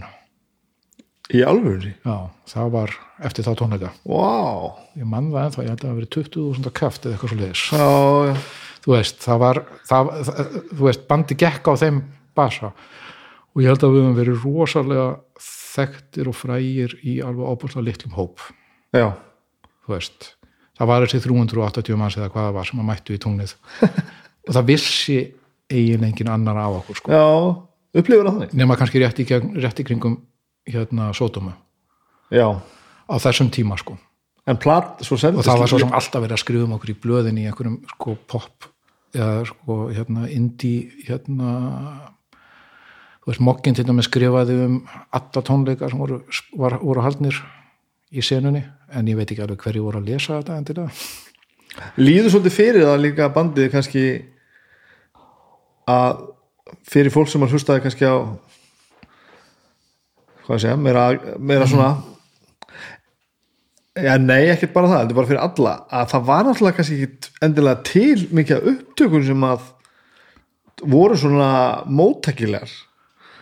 Nei, við náttúrulega í raun og veru sko vorum alltaf alltaf mikið á, á milli vita sko. Plötunar hljóma náttúrulega ekki móttækilegar, aðgengilegar ætla ég að segja. þetta hljómar ekki aðgengilegt stöf. Þetta er svona það var náttúrulega viljandi gert sko, Já, þannig að það er ekki fyrir að lengi lifi kannski kemur út svona, jú, eitthvað aðeins Já, undan það er svona allt, öllu er sullað saman sko. það sem mann svona heyrir eitthvað sem svona hljómar ekki of krefjandi fyrir nýjan hl- hlustanda sko, sem að er ekki virk, virkilega svona bara að bera sig eftir því að vilja fíla þetta. Já, kannski kannski bara höfum við ekkit meira þú veist, við, við vorum alltaf að gera eins, þú veist, það besta sem við gátum sko Það Já, ég er ekkert- það. ég er ekkert að um en, endilega, hérna, sko, en við vorum kannski bara stoltið ómeð, eða þú veist, ómótaðir með að vita hvað það væri sem við verum að Já, að það gera hefur sko. verið með, með, og mikið út um allt. Já, og á þessum tíma sko, það verða auðvitað til frábær lög eins og til mér partibæður og, og animali og múskulus og fleira sko endalast á lögum sko. en sko við vorum í raun og voru hrifnastir af fyrstu blöðunni Já, af hold þar sem við erum kannski svona tærast í þessum svona, svona art. Art, no wave háaða einhvern veginn. Og hérna og þar fannst við einhvern veginn að, að þar fannst okkur að við varum að valda sándinu Já, við vorum ekki ánæði með sándið á neinu eiginlega öðru sem við vorum að gera. Og uh, það er líka uh, kannski eina platan á þessu tímabilið þar sem að við erum undirbúnir förum inn í stúdíu og tökum bara upp það sem við ætluðum að gera já, en erum ekki að fara inn í stúdíu af því að það voru lausir tímar sem að einhver annar átti í lokkátti einhver staðar hlaupandi með teipin úr einu stúdíu yfir í annað og vinna með hinnum og þessum einhvern veginn og þetta er eiginlega allt saman þarna á milli er þetta allt saman einhvers konar safnplötur af alls konar upptökum og alls konar dóti sko. já, já, já. og um, svo erum við svo hefnir í kringum sko sódómu. Þá hérna verður til budget til þess að taka upp bæði sko soundtrackmusik og einhver, einhver lög í myndina. Og hljómsveitin svona undir dulnefni er skrifuð inn í myndina Já, já. hjá honum hérna skara. Og hérna uh, þá fengum við hann Róli Mósumar sem hafði verið trommarinn í Já, mikil já. fyrirmynd fengum við hann til að koma og pródúsera. Og það var aldrei svona upplifum fyrir okkur sko, þessi beintenging við þennan stóra alvöru töff heim þarna úti sko. Já, en um leið voru við náttúrulega daldi svona litlu strákarnir í, í hlóðrita í Hafnafyrði einhvern veginn aðeins að reyna að fatta hvernig við næðum sándin úr, úr þessum marsölum sko. ennþá þarna? Já, þannig sko. Já, þannig að hérna fyndi hvað upplifunin er misjöf sko. Já, já. á þessum tíma veist, eru þið náttúrulega bara já, sko, við náttúrulega ætluðum líka eitthvað allt annað heldur en við vorum sko það er allir málið og við erum þarna sérstaklega undir lokin þá erum við farin að semja og spila alls konar músík sem er einhvern veginn sko uh, ekki jafn tær sko pæling á bakvið mm. Þessi síðustu lög sko þau, þá erum við að hlusta bara allt og mikið á kvín og eitthvað já svona dót meira, sko. meira pop-oriented þarna. Já og reyna einhvern veginn að finna eitthvað svoleiði sko. Mm og uh, en, en ekki það, það verður það urðu líka til frábær lög úr því sko inn á milli. En þetta var, var svona einhvern veginn að þetta í sundur. Já, og ég held í alvörunni að það hafi verið sko, það hafi taldi bjargað okkur að því leitin til að þetta var, það var sko, svo voru menn svona á mismunni staði líka bara í, í sko tjamminu og í því hvernig þeir upplýðu sjálfa sig sem, þú veist um leið og þó að sé ekki nema 30 manns fara að líta á þessum popstjórn eða eitthvað, þá er mjög auðvelt að fara að spegla sig í því. Já, einmitt. Og þannig að sko þessi svona, þetta bræðralag var svona aðeins farið að tvístrast já, sérstaklega eftir, eftir sko það var þarna sömari 93 sem við erum í New York, búum allir saman í einu herbyrgi einhvern veginn algjörlega skítplankir einhvern veginn og lifðum á, á svona stöku pítsusneiðum og, og hérna með græjurnar á bakinu að spila í kjallurum fyrir örfáa sko og CBTBs og eitthvað svona. Þá hérna þetta var orðið ágætt. Já, já, skilur, menn voru alveg ágætlega til í að koma aftur heim þú veist, til mömmu, þannig séð og hérna og það bara, og það bara bjargaði eiginlega því að hætta sko. Já, gáttu við að hætta, gáttu bara gert upp þessar skuldir einhvern veginn og klára þetta. Og hérna og bara farið að, að hérna, gera eitthvað annað. Þannig að það var engin, engin svona eftirsjá þá að, að þessu var þetta bara Nei, alls ekki sko. Já, og já, það var í raun og algjört frelsi núna loksins að fá að gera eitthvað annað sko. Áhört Sigurjón fyrir að gera þarna Ólympíu mm -hmm. sem er sólostöf þó að sé tón hérna hljómsveitastöf en þú veist þegar að Olympía fór sko og spilaði á balli vestur og fjörðum sko þá fór ég með sem ljósamaður. Já, já, þó ég hef ekki kunnan eitt á ljósin. Nei og, að hérna, og ég fór með þegar Olympía fór að spila í London þá fór ég með bara sem svona allmúlig eitthvað. Já, ég var ekkert að gera með þeim, ég var bara að hanga með þeim sko. og Sigur hann söng bakrættirinn á öll funkstrassil og ég einskilur já, og, nákvæmlega, nákvæmlega. og hérna mjög fljótlega stopnuðu við einhverja úgáfa pönkljósetni rass sem var eiginlega bara afsökum fyrir því að gera eitthvað með flosa. Já, og ég held í gegnum tíðina þá hafi nú sko öruglega einhver tíma næstum því allir í hafa verið á sviðunum með rass á sama tíma sko. Já, ok. Þannig að hérna þú veist gangið fór fór ekkert í sund eða, þú veist, já, ég held að það hefur bjargað ganginu í raun og veru að við hættum. Já, ég skilji og fengum tækifæri kannski einmitt til að gera, gera eitthvað annað. Af því að hann var náttúrulega orðið mjög skilgrend í hugum sérstaklega þessara áhor, aðdáfanda sem við áttum. Já, þetta þetta var, sko, að ég man eftir þessu þarna áður en það hættir sko. Og þá er þetta komið á einhvern svona kvöldstað sko. Já, það verður dálítið þar. Það er mjög, eins og vel orðað sko, þetta er orðið svona einhvern veginn þetta er orðið svona þetta sitt eigið þing sko sem að Já, já, og, alveg á mjög stuttum tíma orðið mjög úrkynjað kvöld Já. um sjálf sig einhvern veginn sko sem að um leið einhvern veginn sko þrengir að sko.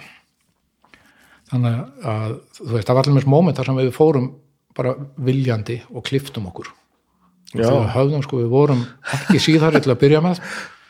Svo urðum við síðhæri og fórum að daðra við þungarokkið. Og hérna urðum alveg veikir þegar að döðarokk senan byrjaði hérna á Íslandi og fengum all döðarokksbandin til þess að hita upp fyrir okkur. Og þeir voru allir 14 ára og þetta voru eini sénsinn þeirra sko til þess að spila inn á skemmtustöðum var það rosett og það svo Rórisett og þessi band sko stríðarskotnir. Já, og það var alveg þú veist svona alvarlegir punkarar og svona postpunkarar sem að fannst þetta nú já, þetta er lélegt sko. Alltaf, ennþá aftur bara Þá- já, já, og svo þarna eftir 90s og sérstaklega djöfell leið okkur illa þegar Nirvana meikuðu það einhvern veginn. Svo margir sem segja þessar sömu sögur hryllilegt sko, maður var búin að lifa sko í þessari, þessari heimsmynd að maður væri svo töff að þegar maður fílaði þetta punk Já. og þetta grófa stöf og þetta antisocial stöf svo verður það allt í einu mainstream. Og á þessu lægi þarna með þessu gullkabla gítar gullkabla. Og hérna guðmingur en allavega sko um það leiti þá, þá er líka svona ákveðin kannski held ég ómeðveitu hérna svona mótróðaröskun í gangi hjá okkur að við förum allir og klippum okkur. Já, og það var heldur ekkit auðvelt fyrir aðdáðundunar sko. Nei, nei, nei, nei. Að hérna hafa allt í einu kliftir og eitthvað svona sko. En mér finnst þetta daldið gaman einhvern veginn, maður þarf líka sko einhvern veginn aðeins að fokka í sjálfur sér sko. Já, klálega. Hérna, það þarf svona uh, bara um leiðu að hlutin eru orðnir þægilegir þá er eitthvað að. Mm. og ég, ég gerum mig mjög mikið grein fyrir því að þetta er bæði galli og styrkleiki sko, já, já, þú veist alveg klálega það er bara sem með prins og þetta rekka bandið það er alveg gott sko, Já, það er pínu þannig sko. Maður fær alveg stundum til ég hef alltaf, ég hef alltaf verið í þessu svo, að stíga allir baka og einhvern veginn og breyta til og, og líða ekkert of vel ef hlutin eru að ganga vel. Hva, hvað er þú að gera hann fjandinn hafið það ekki nóg að tala bara um þessa- um þessa bókabúð? Ég meina og svo nefndir á hann, óregluna og allt saman, þú náttúrulega, ég man nú eftir spilandi á húsa já, já, maður maður varð óreglunni að bráð. Já, bæði viljandi og óviljandi held ég. Framan að mjög viljandi. Já, og hérna og bara svona misti ég alveg hérna mjög vandlega stjórn á því einhvern veginn, á drikkjunni á drikkjunni sko.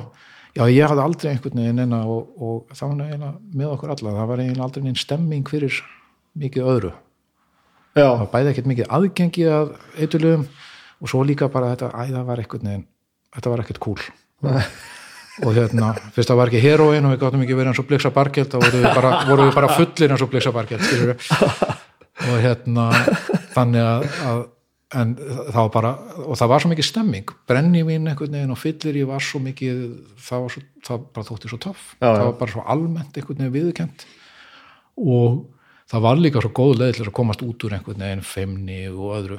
Já, já.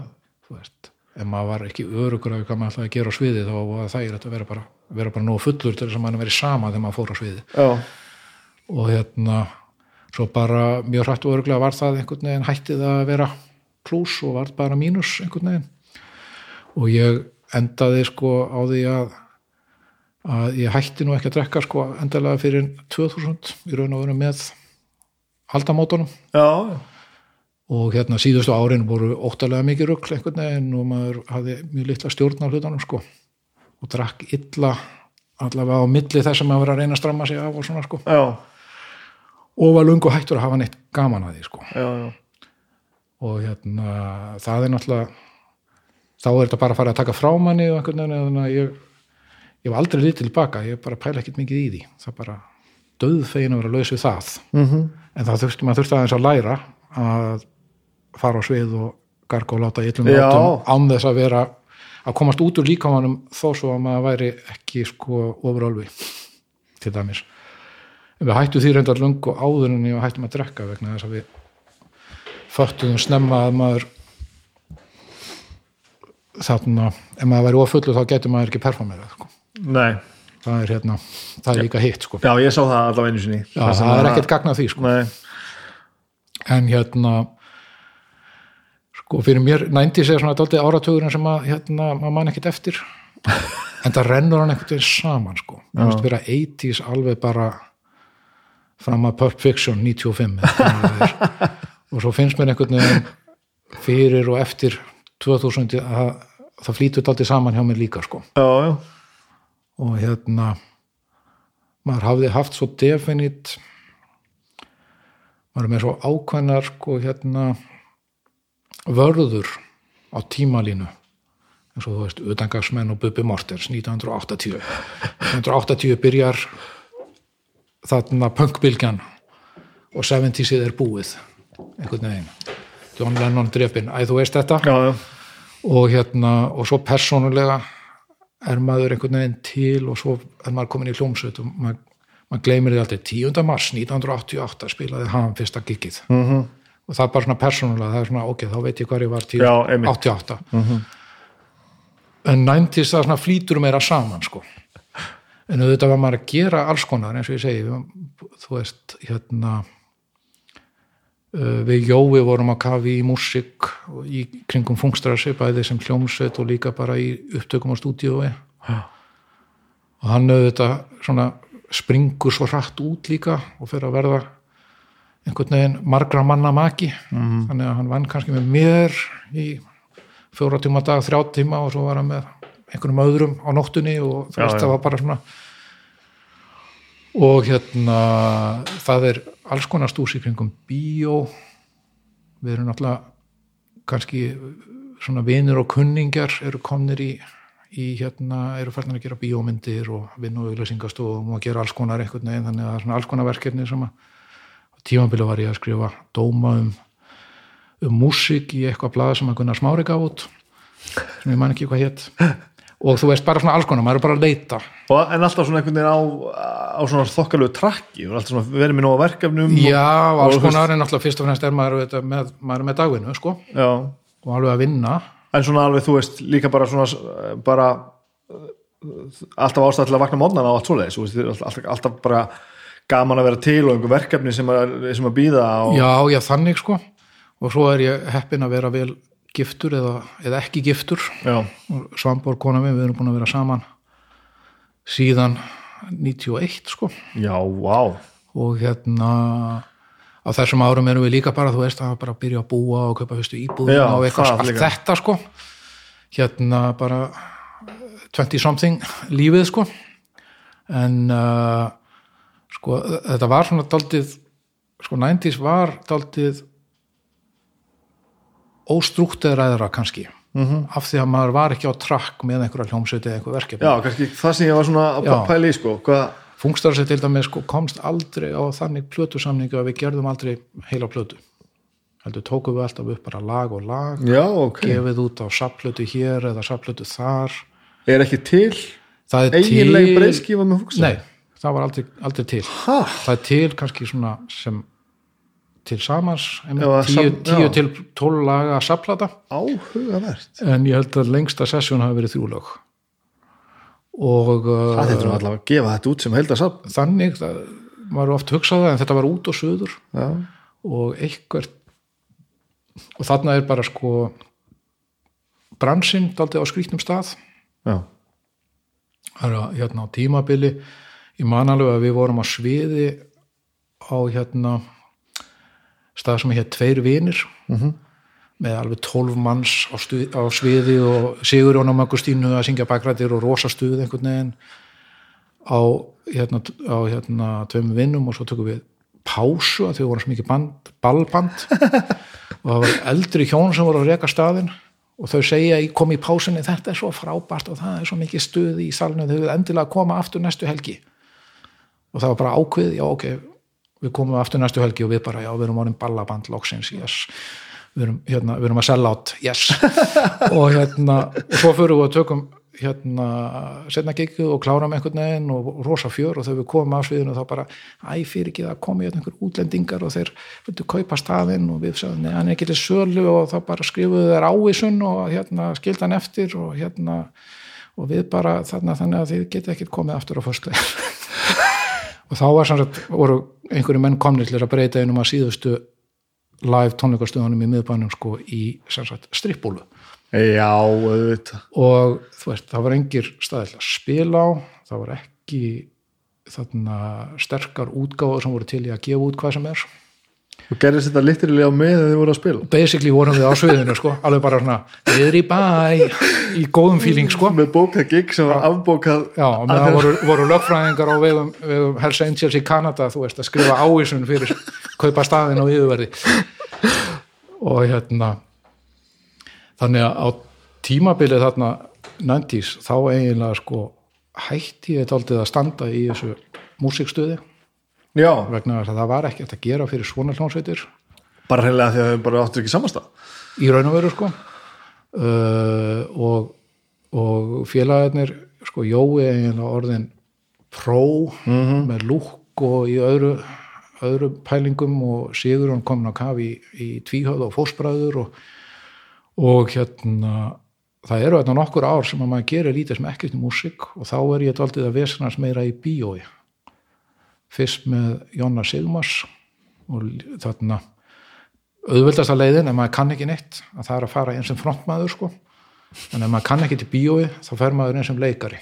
Þannig að ég hérna leik aðal hlutverk í, í alvöru bíamind sem að Jón Sigmarsson gerði sko. Hérna sem að hétt Óskapöld þjóðarinnar já, sem að var algjör algjört ævintýri pródúksjónin sko.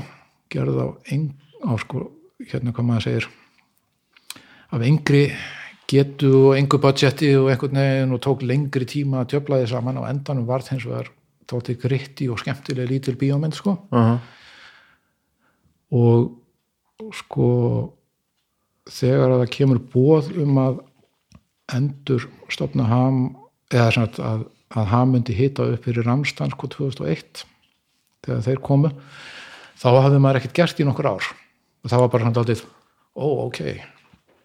Ég, ég var upptekinu við annað einhvern veginn.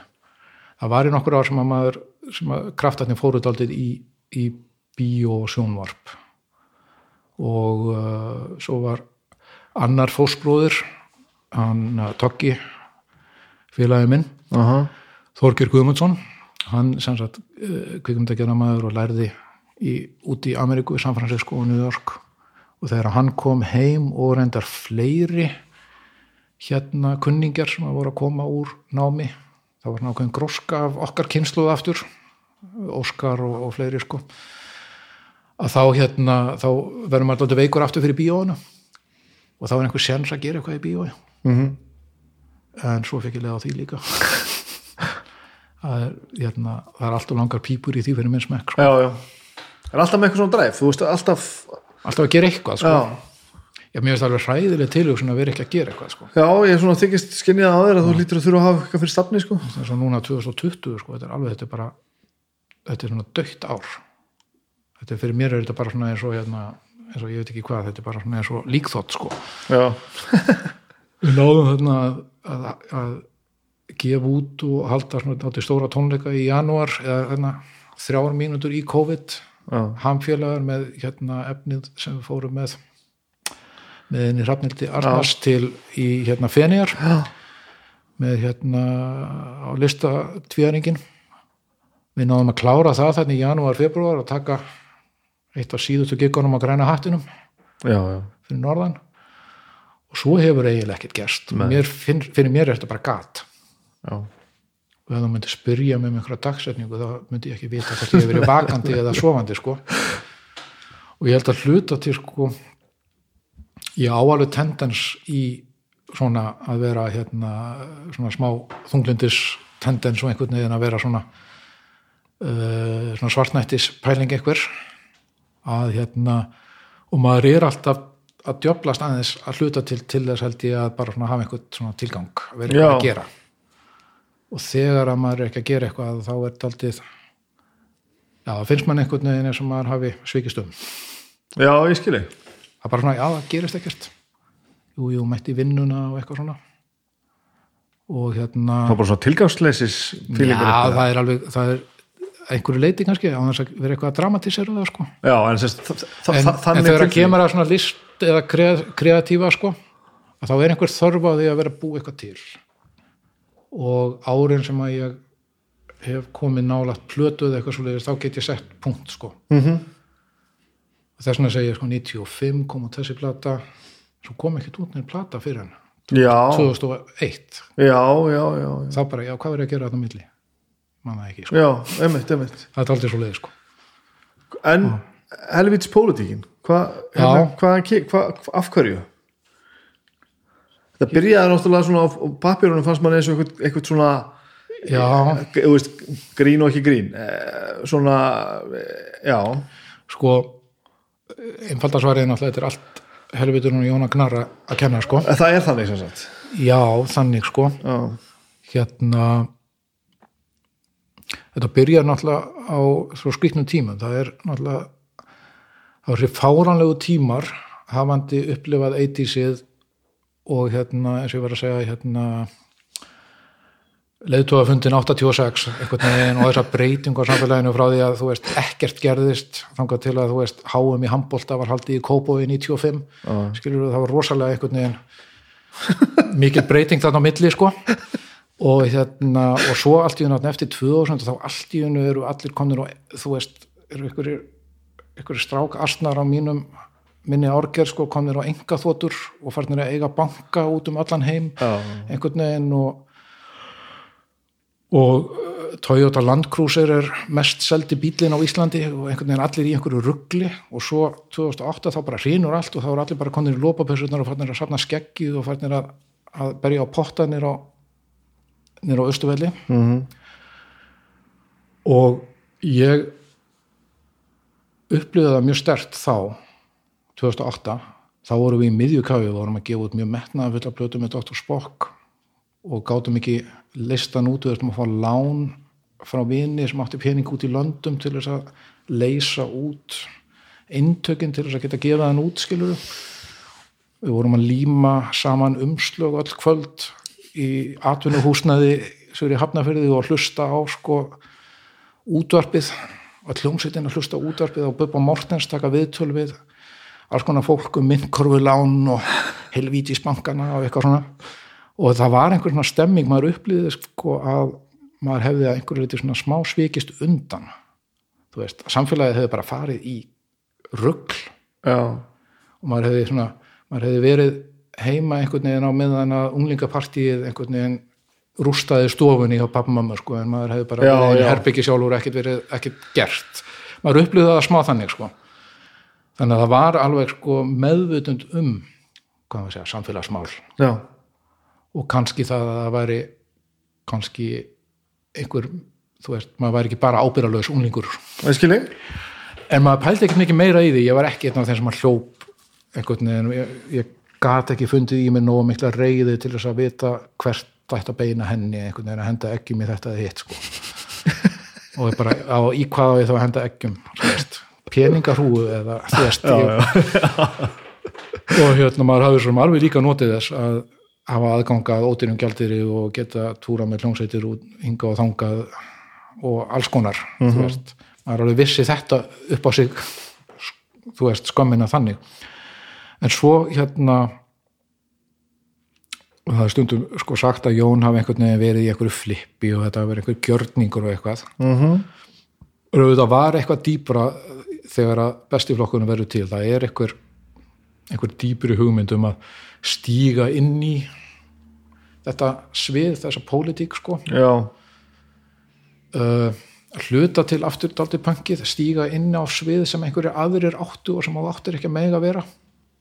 Þú veist. Já það kemur möstur klálega já, já, það er alveg, þú veist, það var alveg punk í því. Já, og þú veist, það var alveg sérstakt punk í því þarna framan af einhvern veginn bara svona að segja alls konar hluti sem að yngum hefur dottið í hug og einhvern veginn skjóta sig í fótinn í beinni og, og Jón einhvern veginn bara svona að, að breyta alvarlegum viðtölum í, í gríngjörninga og eitthvað svona sko. En það var einhver smá dýft á baku það sko. Og þegar Jón ringir í mig og sko, eitthvað kvöldu og segir mér langar til að stofna stjórnmar á flokk og bjóða mig fram og eitthvað og ertu til í að vera með að þá alveg instinkti mitt var bara svona Jón, þú veist þetta er svona alvarlegi tímar er þetta, er þetta nokkuð alveg bara grín hjá þér? Mm. ef eitthvað verður úr því, gerum við ekki eitthvað úr því eða eitthvað svona. Þannig að ég held að allir að við vorum allir meðvituð um það svona við ætluðum að standa við það að reyna að gera eitthvað. Og reyna einhvern veginn að standa það við að ef það myndi gerast eða? já, eða bara þú veist, að reyna að taka ábyrð á því sem við vorum að gera. Já, ok. Og hérna að reyna kannski aðeins að standa fyrir þá sem að voru kannski eins og ég segi, ég hafði ekki fengið að vera með. Mm og standa fyrir svona stemmingu og attitúti sem að hafði ekki fengið að vera með. Og það aldrei að leiður þetta kjaftaði sko, já, af því að þetta var svo mikið kjaftaði úr öllum áttum. Og hvað sem hver segir þá var einhvern veginn öll pólið, allt samfélagi var svo meðvirt í þessu einhvern veginn sko. veist, það var ekki bara þessi flokkur eða bara hinn eða eitthvað og ég held að hann verið næstu því tilvílun að borgar borgarstjórn varð fyrir valina bara að það voru kostningarnar sem voru í gangi. Já, já, ok. Þannig séð. Og svo er þetta bara þetta fárana moment þessir tveir mánuðir einhvern veginn þar sem að við færumst sko frá því að vera eiginlega grín mm með, með tveggja prósta fylgi í skoðanakonunum en Jón fekk sko sjónvarsviðtal bara vegna þess að hann var svo fyndin já, og, og, og fréttamennir vissu að það væri komin svo mikið leiði á alvarlega þannig að þeir eru að fá eitthvað svona. Og svo er þetta moment einhvern tímann um páskan eða hvað. Það sem að uh, að uh, við mælumst sko bara með hreinan meira hluta í borginni. Og við þurftum að skipta því á mill okkar nokkurir að ringja í hina sem að höfðu verið platað til þess að vera á, bók, á listanum. Já, til þess að minna þá á að þeir væru á listanum og hérna þeir væru samkvæmt einhverju skoðan að konum kannski að verða borgarfulltrúar. Og bara, ha, hvað segir þau og hérna og einhverjir vildu þá bara svona hætta við skiluru og bara, já, nú er nú er þetta og gríni búið gríni búið og eitthvað. En þá kom líka þessi pæling að býtu hverjir í óskopanum eru að styðja styðja við, við þetta frambóð veist, hvað eru þeir að vilja og ætlum að hætta við og, og bara hérna skilja þá bara eftir En þetta var í umræður, ég man það þetta var alveg svona já, já, ég held að það hafa nú líka verið mikil óskikja sko hjá, ef að segja hinni pólitíkinni, -hmm. að þetta vesen væri bara búið. Já, og hvort það væri ekki hægt að losna bara við það já, ég held að það hafa nú líka verið alltaf stert sko hjá svona, hvað maður að segja þú veist, það er náttúrulega, þú ert alltaf með ákveðið svona powers that be eða svona ríkjandi vald eða whatever. Hvort það heitir í, í fjölmennum eða í pólitík eða whatever. Og þú ert að trubla það. Já, og þú veist, auðvitað er það ógeðslega gaman en það er líka, getur við ógeðslega það, er líka mikið niður yfir sko. Og já, já það er ekki allt niður yfir jákvætt sérstaklega ekki fyrir þá sem verið er að rífa niður sko. Nei, en hérna við allavega niðurstaðan var að við klárum þetta og þá einhvern veginn er bara líka moment og trúð bæði held ég allir hafi gert sig grein fyrir því að sko, hérðan af ertu búin að skýra hljónsveitina og þú situr uppi með nafnið sko. já, og hérna og það er ekkert að, hægt að fara tilbaka einhvern veginn og það er hægt að flippa með þetta í einhverju rugli eða það er bara taka ábyrð og bara gera, reyna að finna eitthvað nýtt gera það hljóttu að það þurfti að endur struktúra eitthvað já, já, vorum alltaf að því sko. Veist, að því að vorum með endalösa neyðarfundi einhvern veginn bara Já. svona, heyrðu þið, við þurfum að við þurfum að finna fólki 90 nefndir. Ha, hvað er það? ég þekki, þekki, þekkir einhver 90 manns. Æ, þú veist þetta. og bara hvað þýðir, hvað er þetta? Er þetta, þú veist er þetta, undir borgina eða, eða þú veist er mentamálar á þeirra í borgarstjórn og eitthvað svona. Já, já, já, bara pælingar, það voru mjög skemmtilegt svona, sérstaklega í baksinni speklinu sko. En ég sko hafði alltaf verið alveg, ég hafði alltaf fylgst með pólitík svona eins og spectator sport sko. Ég var ógeðslega róttækur eins og bara maður á að vera sem unglingur. Og náttúrulega Jón bróði minn var hann var sko harður hestuð anstæðingur og kommunisti og, og svona en maður var alveg og þú veist, allt pönkið í Ameríku var mjög social conscious og, og svona rótækt maður tók það alveg maður var alveg þar. Og ég hef alltaf fylst með sérstaklega bandarskum fórsetakostningum og, og svona. En alltaf sem eitthvað svona bara eins og maður fylgist með NBA fyrir mér er og mér finnst alveg íslensk pólitík er bara alveg eins og, eins og hérna hvað heitir ólístöldin eða hvað það er, sko. þannig sko þannig að maður var alveg búin að maður viss, maður kunni ímislegt inn á þetta já. og svo bara byrjaði þetta þú veist það er hérna eitthvað rosa fáránlegt partí hérna á kostninganótt og svo bara daginn eftir þá bara er lappað inn í ráðusuð og læst á eftir okkur einhvern veginn og bara jæja, nú verður þið bara að gera þetta og, og hérna og fyrsta ári var mjög töff já. þú veist, allir að læra hvað var að gera og taka á náttúrulega mjög alvarlegum málum og pólitík er náttúrulega spes að því að hún er bæði sko algjört púff bara reykur og rugl. En hún er líka einhvern veginn ábyrð á mjög alvarlegum hlutum í rekstri samfélagsins. Einmitt, einmitt. Skilurðu? já, og áður en maður veit af þá var maður alltaf einu komin sko orðin varaformaður mentamála ráðs með ábyrð á öllum leikskólum og grunnskólum í Reykjavík. Já, og það bara, já, ok. Og svo kemur einhver og segir, já, þau verða að skera niður vegna að það er tekjufall. Og ok hvernig ger ég, þú veist já, og þá situr maður bara uppi með það og það er bara, það var mjög mjög hérna humbling líka. Að svona að þurfa að læra þetta upp á nýtt og vera einhvern veginn bara allt í hennu komin í einhverja allt aðra stöðu í lífinu. Já, og með ábyrð svona út af við og vitandi það að það, það var ekkert að fara að fela sig. Og var- hætt, og það var ekkert að hætti og, varstu til í það? Ég var mjög hikandi sko. Ég var, ég aftur mjög erfitt með þetta sko. Og hérna áeiginlega tóldi erfitt með þetta ennþá sko. Ég, mér finnst þetta mjög óeiginlegt mér einhvern veginn.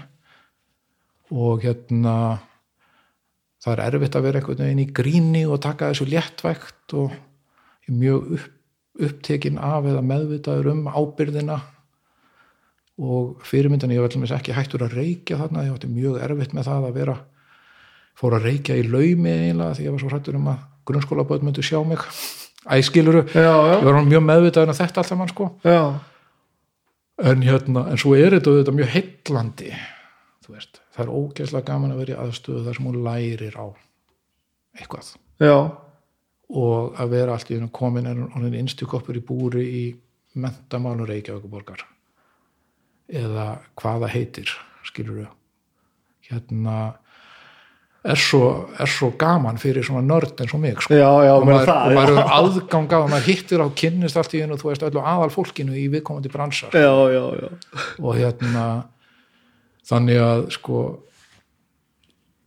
fyrsta ári var mjög erfitt einhvern veginn að komast í gegnum þetta og halda hópnum saman og einhvern veginn bara taka erfiðar ákvarðanir og þetta var rosalega töff allt saman í kringum sérstaklega orkuveituna og svona sko en uh, svo lifðum við þetta fyrsta ár af og þá fór þetta að verða meira gaman af því að líka þetta var hópurinn í bestaflokknu var þetta í gang.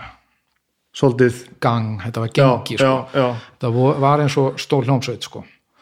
þetta var fólk sem að þekktist eða var svona þetta var voða mikið fólk sem að þekkti einhvern úr hópnum. Já, og var, þetta var fólk sem að hafði verið svona eins og ég og við erum að tala um sko, verið listrænt og aðeins út úr bóksinu skulum við segja og svona þurft að redda sér yfir eitt fólk sem hafði búið sér til sin eigin karriér einhvern veginn úr engu og hérna og það einhvern veginn að vera á bakvið þessa týr inn í þessu ráðhúsi einhvern veginn meðan allir voru ógæslega reyðir hérna úti náttúrulega þjappaði okkur líka saman. Já, já, já, þannig að þetta var ógæslega gaman og svo var ákveðið meðbyr sem að hægt og rólega byggðist svona í samfélaginu með að við værum ekki algjöru vittlisingar og það væri svona ímislegt kannski sem að væri tólti sniðut sem að væri verið að gera og eitthvað svona. Mhm.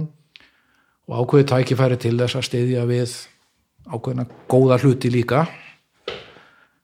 Og hérna svo er ég daldi bara aftur í þessu ábyrðarleysi að veit ekki hvað ég vil vera sko, þá lendi ég daldi í því að segja bara já. Og það er daldi motto hjá mér. Ég hérna, þú veist, ég segi eiginlega alltaf já einu sinni sko. Og, eða þú veist, og jafnvel tvisar og það er ég er ennþá að lendi í því að segja óvart já við því að vera til dæmis já, sem ég get ekki verið, ég bara, það er eitthvað hlutar sem ég kann ekki, Nei. það er bara eins og eins og hópfimleikar, ég bara geta það ekki. En ég lendi í því að því einhver heldur að ég geti það skilur Aha. og þá segi ég já og svo floppar það, crash and burn sko. Og þá yfirleitt hef ég vitað að segja ekki já aftur sko. Aha. en ég held að hlut, að, já, ég held að minn pólitíski fyrirl hafi enginnst af þessu. Ég sagði já við Jón af því að það var bara gaman að vera með Jóni og eitthvað. Og svo sagðum við bara já ok, höldum þessu til streitu af því einhvern veginn hvað, hvað er það versta sem við geti gerst? Aha. og svo erum við allt í unum bara komnir inn og þá bara já ok þetta er bara og svo heyrðu nú ætlaðu að stofna nýjan flokk og hérna bjóða fram til alþingis. Er þú til að vera að lista? Já ok, er til að hafa mig nóða niðarlega til ég fara ekki inn. Var það svoleiðis? já, daldið svo æ, við þurftum að hækka þau upp, æ, eða eitthvað. Og svo allt í hennu, æ, nú ertu bara komin á alþingi. Og hérna það var daldið svona annað af þessum mómentu þar sem maður upplýður svona, æ, þarna þarna gerði ég, þarna skýrði ég hljómsveitina lélugu nafni. Það var allt í hennu komin úr genginu sko. Komin úr því að vera í, í, í gengi sem að vera vinir manns og voru, að, voru í góðum fíling og við hittumst alltaf á föstags eftirmiðdögum og drukkum espresso inn á skrifstofunni hjá Jóni borgarstúra skrifstofunni Já. og sáðum brandara og, og hlóðum að því sem það er gest í vikunni eða eitthvað svona. Og svo allt í hennu afsækja er maður komin í eitthvað nýjan flokk með fullt af fólki sem maður þekkti ekki í bjastur framtíð. Og fullt af fólki sem var svona alls konar fólk sko. Og allt hennu komin inn á alþingi sem er nú ekki alveg allavega ekki veist, og ekki með gengi. Mm -hmm. og staður sem er ekki beinlinni staður fyrir gengi. Nei, nei, nei. Og alþingi er einhvern veginn rosa miskunarlega svo svona skrítin vinnustöður fyrir Ok. okay. minn smekk. Og svona allir að plotta og svona aðeins að búa til einhvern veginn finna allir að sko vinnan fælst í því að búa til fá stuðning við. Mm. eða stuðning búa til hóp á móti einhverju eða eitthvað. Og já bara, já já. Hérna svo kom ég ljósa ég, þú veist, ég kann þetta, ég get þetta alveg. Mm -hmm. en þetta er, ekki, þetta er mér ekki eiginlegt. En Og svo að- segir maður bara já og svo segir maður aftur já. Og svo maður, áður maður veit að maður er alltaf komin orðin að ráð þeirra í einhverju ríkistúr og hérna þú veist, var, ég upplöði þetta daldið þannig allavega núna. Og alltaf var maður auðvitað, þú veist, maður er alltaf að reyna að vinna að gera, gera eitthvað gott, sko. Og ertu, veist. ertu er, þá, er þá, þú veist e- efins með það mál að það hefur eða?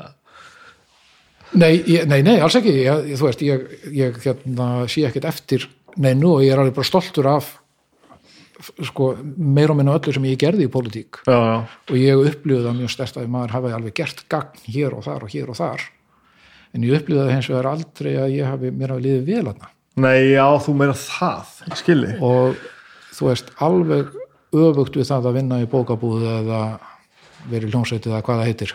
Já, þú veist, þá var þetta alltaf einhvern veginn maður alltaf að rembast í einhverju hlutverki sko. Já, ég skilji. Áhugavert. Og hérna, það er alltaf óþægilegur staður, einhvern veginn óþægilegt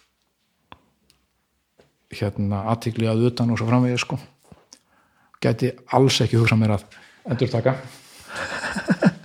Endurtaka þann leik. Og langa, þú langa ekki að halda áfram með þessu nei, ég, auðvitað var maður náttúrulega bara komin, maður mála sig út í hot sko, þú veist ég var einhvern veginn búin að taka að mér að vera í forsvari fyrir, fyrir flokk sem að var verið að reyna að búa til sem eitthvað nýtt afli í íslensku stjórnmálum sko. Já, já, og reyna að vera í fórsvari fyrir því að gera hlutin einhvern veginn aðeins öðruvísi. Og svo allt í nú komin með öðrum í fórsvari fyrir einhverja ríkistjórn sem var til af því að niðurstöðu kostninga voru einhvern veginn. Já. Og hérna og þá var maður allt í nú komin í fórsvari fyrir helbriðismál landsmanna sem að eru rosalega mikilvæg og þá bara eins gott að standa sig vel í því Hvern, Hvernig er að vakna til dæmis morgunin eftir að maður e- eftir að það er gengið í gegn? Allt í eftir þetta komið á þína könnu Já, ég held að það er bara tekið hérna, það er meira erfiðar að hugsa um það eftir á sko held ég. Já, það ég er alltaf, ég á svona almennt þú veist nema kannski bara þegar maður var í einhverju svona fyllirisugli og vaknaði upp einhvern veginn að bömmur en fyrir utan eitthvað svoleiðis eða þú veist að maður hafi hérna einhvern veginn hérna rústað tónleikum eða, eða eitthvað. Já, en almennt þá hérna þegar maður er komin í einhverja situasjón hvað sem hún er absúlt þá einhvern veginn þá er ég daldið í essinu mínu sko. Já, já, já, já. ég er alveg svona daldið djúpulögar maður sko. Og ef ég fæ ekki að hoppa í einhverja djúpalög sko það, það er kannski eins og ég var að tala um gati með 2020 já. þú veist maður gerði ekkert maður setti, fór aldrei inn einan djúpalög sko. Þannig að þið líður best þegar þú ert að augra sjálfum þér og helst bara svolítið mikið já eiginlega sko. Og hérna það er kannski einhver, hérna, einhver sjálfstortuminga kvöld líka en þú veist, ég er alveg til í að crash and burn sko ef það er eitthvað nógu mikið undir sko. og hérna þannig að þú veist, eins og það að vakna upp og vera honin hilbriðisræður það var bara svona jæja, nú erum við að gera eitthvað þessu skilur og þá bara er eins gott að, að læra allt um það mjög hratt Já. skilur og koma niður hlaupandi og hérna átta sig á bara ok, á hverju ber ég hérna ábyrð og hvernig á ég að einhvern veginn að fara vel með það það var bara, það var rosalega gaman í raun og veru þegar maður hugsaði um það eftir á.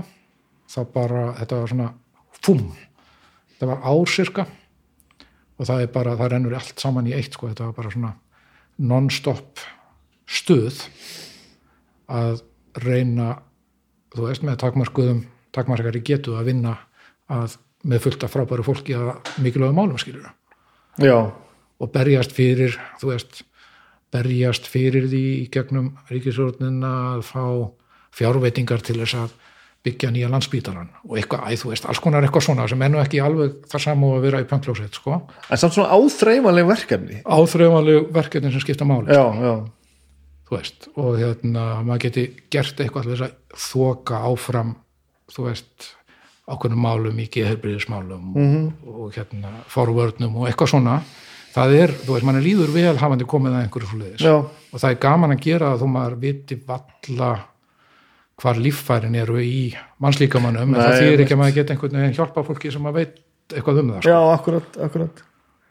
Hvað heldur þetta að skilja eftir sig? Veist, og fyrir mig sem að fylgist nú bara allt og lítið með politík bestiflokkurinn Björn framtíð, hvert fór þetta og hva, hverju breytti þetta? Veit það ekki.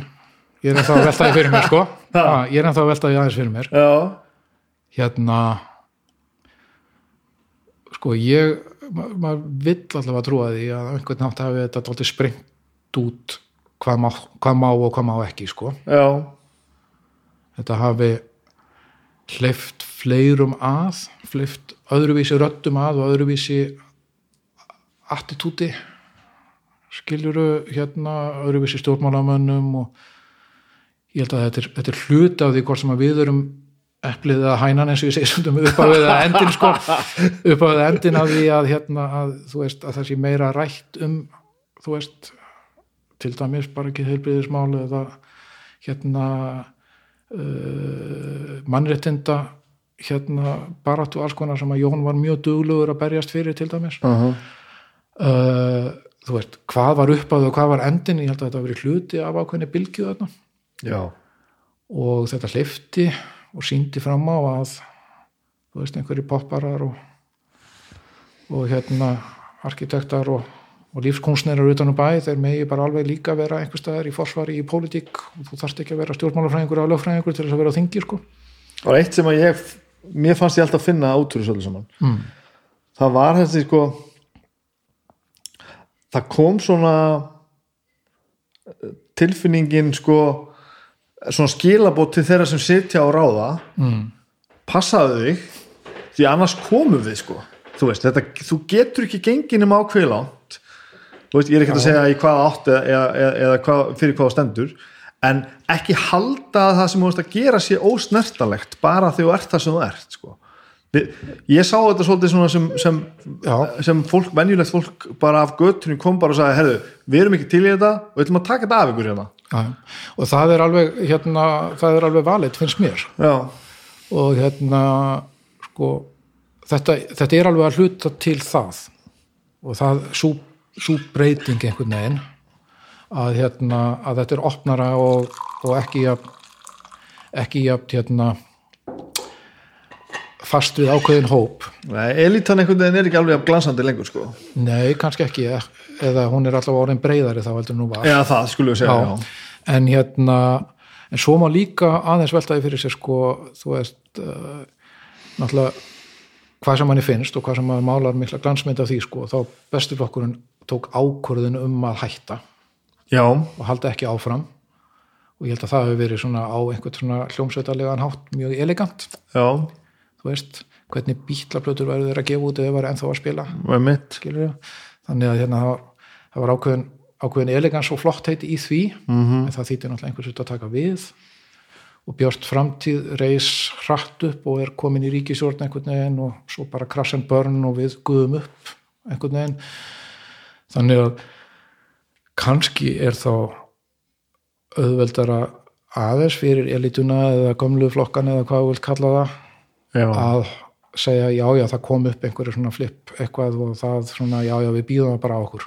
Já, og það hverfur og hérna og það er ákveðin ég, ég hef ákveðnar ákveðnar efasendur gangvart í sko að pólitík fælst í meiri hlutamyndun þetta er ekki bara spurning um að hafa skoðun heldur eða þú ætlar að koma einhverju komast til einhverja áhrifa þá þarftu að fá meiri hluta fyrir því. Hvort sem er meiri hluta á þingi eða það þurfa, þú ert að fá fleiri með þér í það og til þess að þú veist, mynda ríkisjórn eða skipa borgarstjóra eða hvað það heitir þá þarftu að hafa helming eða þú veist, meiri hluta atkvæða á bakvið þig. Og uh, maður hefur smá áhyggjur af því að kannski hafi, já, flokkonum sem fyrir eru þeir hafi daldi lært af þessu að það sé það þurfi að mynda skjálborg á móti þessum nýju já, öflum. bara strategist að halda sig, úti. maður spyr sig er eitthvað líkur til þess að þú veist, með fullur í virðingu fyrir pírötum og ég vil segja að píratar séu hluti af þessari bylgju. Hérna en maður finnur líka víða í samfélaginu er mikið svona vantröst gagvart þeim einhvern veginn píratar eru svo skrýtnir þeir eru svo eitthvað bla, bla, bla. og hérna og þá, þú veist, þannig að maður velti stundum fyrir sér hvort að hérna og það var kannski það sem við vorum að reyna í bestu framtíð, það var einhvern veginn að verða meira establiseruð, já, en um leið það er ekki þú veist, alvöru, af alvöru kerfisflokkur. Og það kannski bara, já, það er svona kannski komið ljós að það var tóldi erfitt að velja ekki og hafna, sko. það sem til dæmis náði mér held ég mest með þetta sko, auðvitað náttúrulega kannski bara því að veist, ég er nú pökkar í eðlinu og mér skaman að hafa verið að pökkast og, þú veist, og ég, ég var mjög ánæði með að vera að, þú veist, að sparka mútið kerfinu og allt saman sko. Eh, það var eh, samt þetta og, og, og öllum viðtölum líka þegar þú veist, þegar þú veist komin að þinga þetta að hérna, mann er leiðlóksins eins og að væri ykkur að tala við mann bara á einhverju mannamáli að því að ég, ég er orðin 43 ára og ég, ég get ekki ennþá fylgst með stjórnmannum að því að ég horfa eitt viðtal og ég er bara svona hvaða orðið er hann að nota? Ég heitir orð sem eru aldrei notuð sko. Er þetta einhver lögmál? Af hverju er ekki hægt að tala eðlilega um hlutina? Sko, ég, já, ég, ég hérna tengi mjög vel við þetta, þetta var mjög meðvitað hjá okkur líka, þetta var ekki, ekki bara vanþekking, en hluta til vanþekking, sko, við kunnum bara ekki lingóið, Já, ok. hluta til, svo lærir maður og það er kannski vandin líka, maður lærir lingóið, maður lærir alls konar hugtök Mm úr einhverju mjög flóknum málaflokkum eða eitthvað, þú veist, útlendingalöggjöfin sem ég tók þátt í að endur skoða -hmm. ég meina það er ekki svona óskilanlegu texti og því lögfræðin á baku þetta er með alls konar endalus hugtök og svo framvið sem að þú þarft bara hreinlega að læra til þess að geta Og er ekki hægt að skrifa þetta á mannamáli? Margt af því er það flókið einhvern veginn og sértækt að það er þetta erfitt að gera það sko. Já, ok. en, uh, en auðvitað þá ekki að bera það fram á borð öðruvísi samt sko. Nei, heldur en á mannamáli.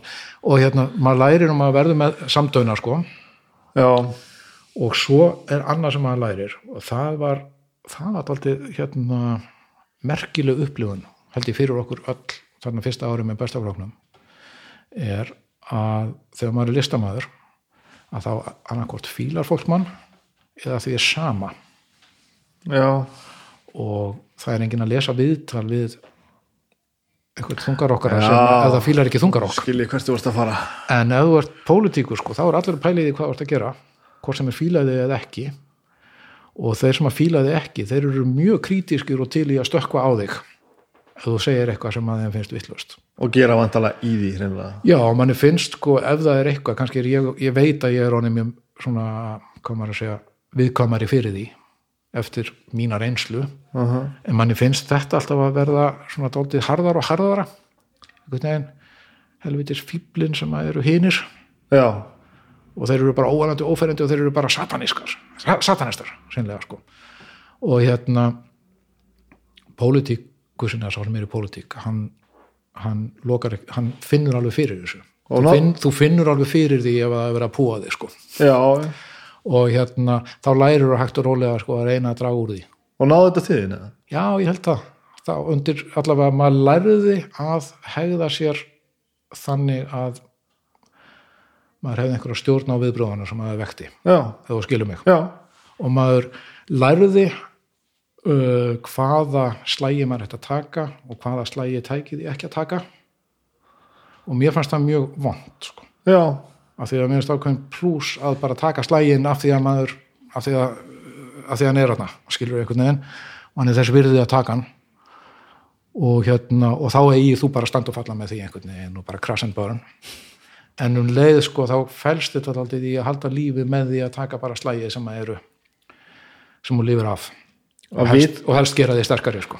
Vita bara hversu langt þú þér er stætt á að ganga í rauninni. Þannig séð sko. Já, og maður lærir þetta, alveg eins og maður lærir það sko í, á sviði sko hvenær lægið er orðið aðeins svo langt. Já, og hérna, já já ok, þetta er orðið ágætt. Eða öfugt já, sko. Og það er að, að því ég skil líka mjög vel þessa pælingu sko að til þess að hafa áhrif í pólitík þá þarftu að vera í pólitík. Já, þú þarftu að endast. Já, og þú veist, ég hef engin áhrif á heilbyðismál verandi bara að vinna í bókabúð út í bæ sko.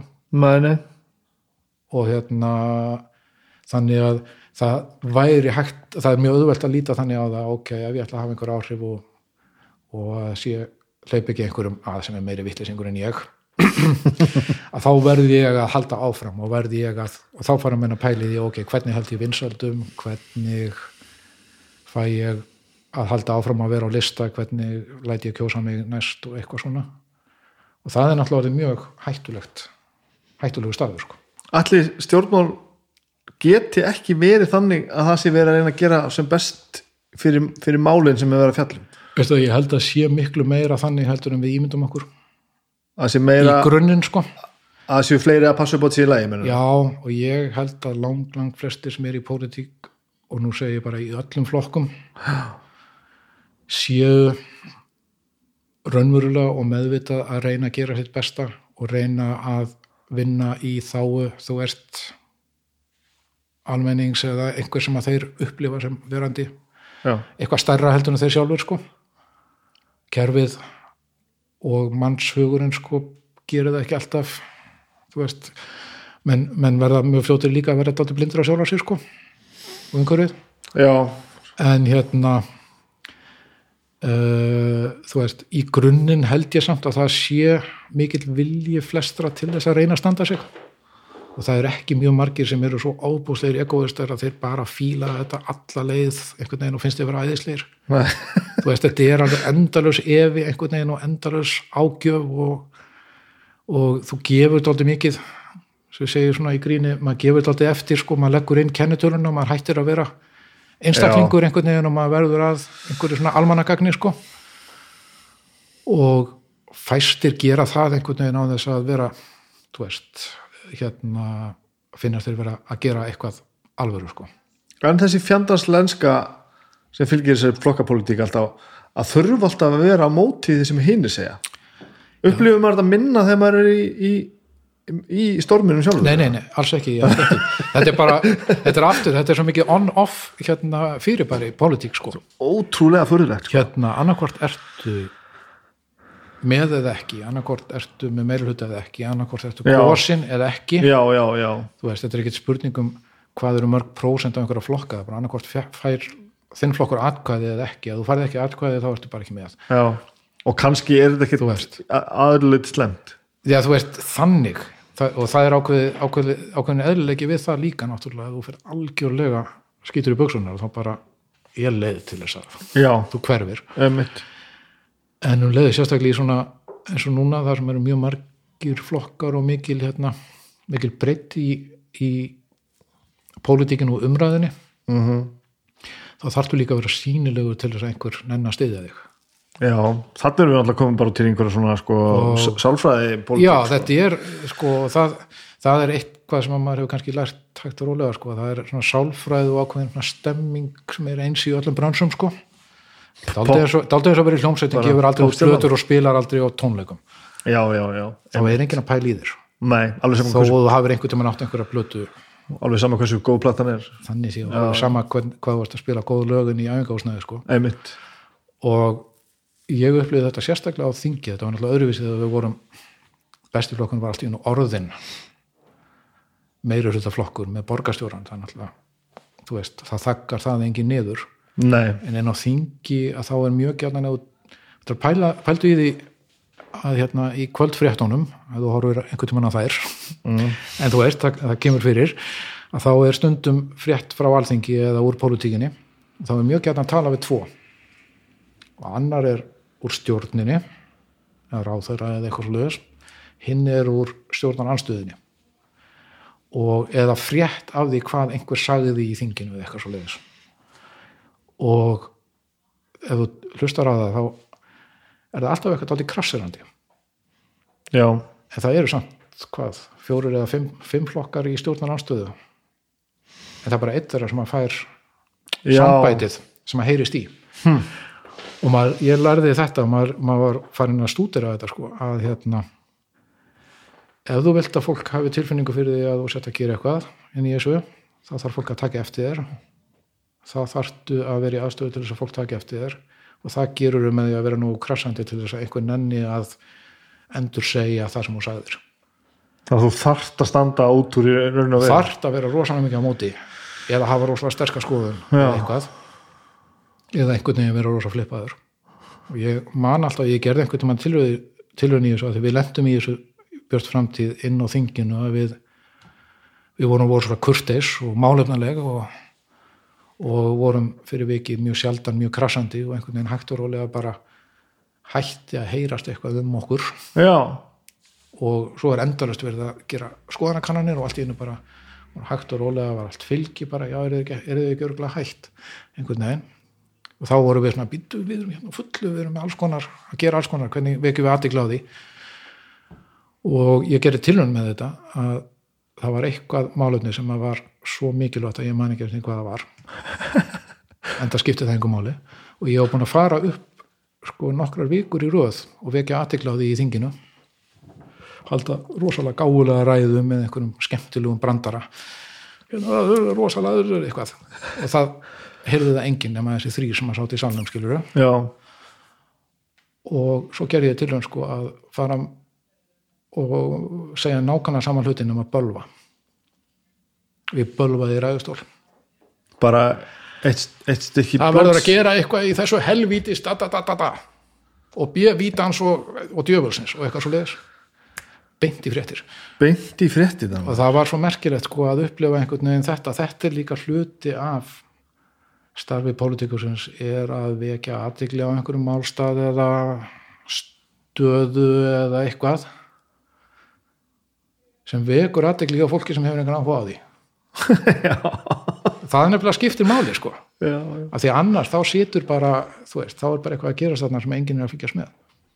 Það er aldrei hættan sko. Þetta er stólmerkilegt og þetta er einhver pæling sem var bara aðeins og djúp til þess að mér liði í þessu ef það segir alveg svo ég get skilið þetta en ég er ekki alveg að fíla þetta. Mann finnst þetta allavega maður það kannski bara drullast er að sætta sig við þetta sé svona af því að vantanlega hlýtur þetta á sum, suman hátt að þurfa að vera svona. En, en í fullkomum heimi finnst manni að það væri ætti bara að hægt að taka bara máli sem umræðir Já. og tala bara um það. En það virðist ekkert vera þannig. Já, það er náttúrulega bara vandin er kannski að það er ekkit allir sammála um hvað skiptir mestu máli sko. Nei, og hérna og svo eru, þú veist, fólk getur bara haft ákveðna skoðun á því hvort gangu gata sér góð eða vond eða, eða hvort ég lengi eða stýtta fæðingálofi eða alls konar, það er að hafa bara mjög, ég bara raukstuta skoðanir í báður áttir á flest mál sko. Já, og staðurendin er að á endanu þá ef þú ert klár og einhvern veginn narð meiri hluta fyrir því að þín leið verði ofan á Mhm. Þá eru ennþá einhverjir hérna eftir sem eru ósamálaður ekki sáttir við það. Og þeir deyja ekkert og þú hafi fengið meiri hluta sko. Nei, þeir hverfa ekkert. Nei.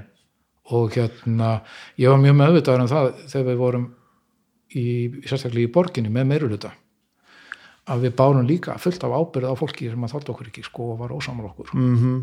af því að þrátt fyrir allt þá vorum við ennþá að stýra skólakjörinu sem að þau voru með börnin sín í sko. Já, og hérna það er kannski dálítið það sem er erfitt við þetta. Eða erfitt við þetta, það er bara þarf að finna leið til þess að láta það virka.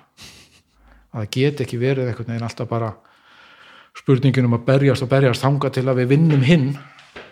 Og þá einhvern veginn ímynda okkur að hann bara hverfi og við getum bara ráðið haft þetta bara sko okkur finnst best. Nei, akkurat, já. Vá, maður. Það er gaman að pæli þessu sérstaklega þegar maður er ekki með neina ábyrð Já, akkurat. Hmm. Ertu, ertu ánæðar að hafa gert þetta? Stak, Já, stak, já, stakka ég- þetta spek, spektrum með þér? algjörlega sko. Ekki spurning sko. Ég, þetta var rosalegur skóla þetta breytti mér held ég. Þetta þetta var rosa mikil hérna rosa mikil uh, já mikil skóli, mikil reynsla. Og þetta gerði mig held ég að bæði klárari og bara umburðalendari manni ég er miklu meðvitaður um það hvernig ég eyði mínum kröftum einhvern veginn. Ég til dæmis sko ef orðið hérna og bara mjög stoltur að því að verða að, að gera meira í sko að reyna að beita mínum kröftum fyrir málefnu í sjálfbúðalega starfi og alls konar einhverju svona vegna þess að ég bara séð að þú veist það er ekki nóg bara að hafa áhyggjur á málefnu heimilislösa heldur það kannski reyna að gera eitthvað í því Já, já. skilur En þú ert kannski þá með insýn í það að eitthvað geti breyst eða sé hægt að hafa áhrif. Já, maður hefur auðvitað séð líka inn á kannski hluti sem er ekki endilega í manns eigin fjölskyldu eða þú veist, eitthvað staðir í kringum hann. Og ég bara til dæmis að ég myndist á sko, heimilislösa þá hefur verið að vinna núna daldið með verkefni sem Rauðikrossinu með sem byggir á raun og veru þjónustu við fyrst og fremst sprautusúklinga og þá sem eru heimilislausir og það er svona hugmyndafræði um skadamingun sem segir sem sagt að það eru einhverjir hérna úti sem að, já, eru að, að sprauta sig eða hvað, eru í eru í neyð, skiluru en það þýðir ekki að þeir með ekki fá heilbjörnstjónustu Nei, Skilurðu? einmitt, einmitt. og finna einhverja leið til þess að hérna að já, koma þá í veg fyrir að þú veist, að menn fái lúnabólgu eða eitthvað, Já. skilur eitthvað annað og ég er ekkit vissum þó maður hafa alveg haft sömu tilfinningu fyrir því, þú veist, já þetta ætti að vera svona áður en maður var í pólitík en núna einhvern veginn líður maður, já þetta ætti að vera svona og það þarf að gera eitthvað í því Já. og kannski vil ég eins og segi, ég upplifa að ég hafi ég hafi svona sem perso, eða persónulega stækkað og kannski einhvern veginn átta mig líka á því að að jafnvel svona lítill vitlendingur eins og ég skilur að geti einhvern veginn haft eitthvað smá gagn einhvers staðar. Já, og hérna en ég er um leið sko, ég er líka alveg döð, döð fegin að vera laus úr þessari pólitík. Ég, sko, þú heyrir það kannski á mér að ég einhvern veginn gæti ekki ég, ég myndi ekki vilja vakna upp aftur á morgun og standa í, vera í þessari þessum samskiptum og þessu umhverfi sko. Það er einhvern veginn andstætt. Líður eins og hafi tikkað í eitthvað svona box, ég er ekki að segja að það hafi stemt á að vera ráðþöra en þú veist, auðvitað, já, allt sem að maður hefur upplifað gerir það. Og ég meina það eru mjög fáir sem að ná að vera ráðherrar í, í ríkjustjórn heimalandsins. Já, já, þannig séð sko. Upp, upplifur það sem bara svona ok, wow, Já, ég, er mjög- með þetta um það. Ég, þú veist, ég er eini úr vinnahópnum eða hljómsveitinu sem hefur verið þeirra skilur og hérna þannig séð skilur og hérna en ég upplifa það daldið eins og ég upplifa það ég líka eini, þú veist úr hópnum sem hefur farið í Eurovision. Já, þú veist, maður, og ég er voðalega sko andast að vera einhvern veginn gammalt kall og vera að gera sig upp að það er svona alls konar, maður hefur tikkað í alls konar box, maður hefur fengið alls konar upplifanir og verið, sko, fengið að njóta þess að þú veist, koma á, á alls konar staði og, og gera alls konar hluti sem er kannski ekkit sjálfsagt, sko þá er eins gott að maður taki eitthvað með sér líka að gera eitthvað fyrir mann, sko já þannig ég er alveg þar mm en á sama tíma er svona smá líka sko, þegar maður er búin að gera eitthvað svona þá bara hvað er næst sko. hafa, ef, nú vartla ég að fara að Ah. koma því hvernig er að hafa verið, veist, að vinna í bókabúð og verið, veist, frontarinn í ham Mm. fara svo í borgarstjórn að því maður upplifir þetta pínu svona í, í, hérna, í, línulega þú veist, að já, segja já. að hafa eitthvað gestan á milli svo allt innu verður ekki lengur óttar í ham, heldur allt innu verður pólitíkusinn, það er svona já. næsta sem við sjáum af þér. Og svo verður bara, þú veist, borgarstjórn og svo bara, hérna, alþingi og, og, og, og ráðherra. Og nú er þetta svo aftur orðin bara óttar í ham sem vinnur í bókabúð. Já, já. Hva, hvað gerist þá næst? Eða þarf kannski ekki að gerast nýtt næst? Nei, nei, ekki þannig sko. Ég er líka alveg það topp á ágætlega, ágætlega þakkláttu fyrir það sko. Nei, ég er nefnilega líti ekki á þetta svona línulega sko. Nei, já, jú, kannski línulega er rétt orðið en ekki einhvern veginn sem einhverja kurvu þú þátt ekki að enda efst eða Og efst, hérna- hvað sem það nú er. Nei, og svo kannski líka upplifum maður það sko að ok, það þó maður hafi verið ráð þeirra þá var maður kannski ekkit merkilegri heldur en Nei, einhver annar. Og það er kannski ekkit endilega merkilegasta gig sem að við höfum gert þegar við vorum saman í Eurovision skiluru veist, við höfum alveg spilað miklu merkilegri gig sko bara í einhverjum búlum norður í landi. Já, það er hárið en hérna en uh, sko maður upplifur kannski hvað maður að segja? Maður upplifur auðvitað í hverskið sem maður gerir eitthvað þá kemst maður að því að maður hafi getað það. Já, og því stærra gig sem maður gerir eða því flóknara gig eða eitthvað svo liðis því auðveldara er að ég myndi að sér að maður gerir þá eitthvað annað stórt eða flóki gig sko. Mm en ég sko ég líður mjög vel með að vera alveg laus við það að hafa einhvern metnað og hérna þú veist, ég er alveg, ég segi þetta bara innlagt ég hef svona mjög takmarkaðan persónulega metnað gagvart í að verða eitthvað eða að fá einhverja titla eða að vera eitthvað svona. En ég var alveg til í að semja þú veist, betri texta eða gera eitthvað þú veist, ég get ekki beðið eftir að gera betra gig en síðast. En er þetta ekki, eða að læra inn á eitthvað nýtt sko, sem ég kunni ekki á áður. Er þetta ekki samt eitt af því sem er auðvelt að segja þegar þú búin að tikka í bóksi? Njá, jú, jú, örgla, örgla og kannski sko líka kannski mikilvægt að kynnast merkilegu fólki sko. Mm -hmm.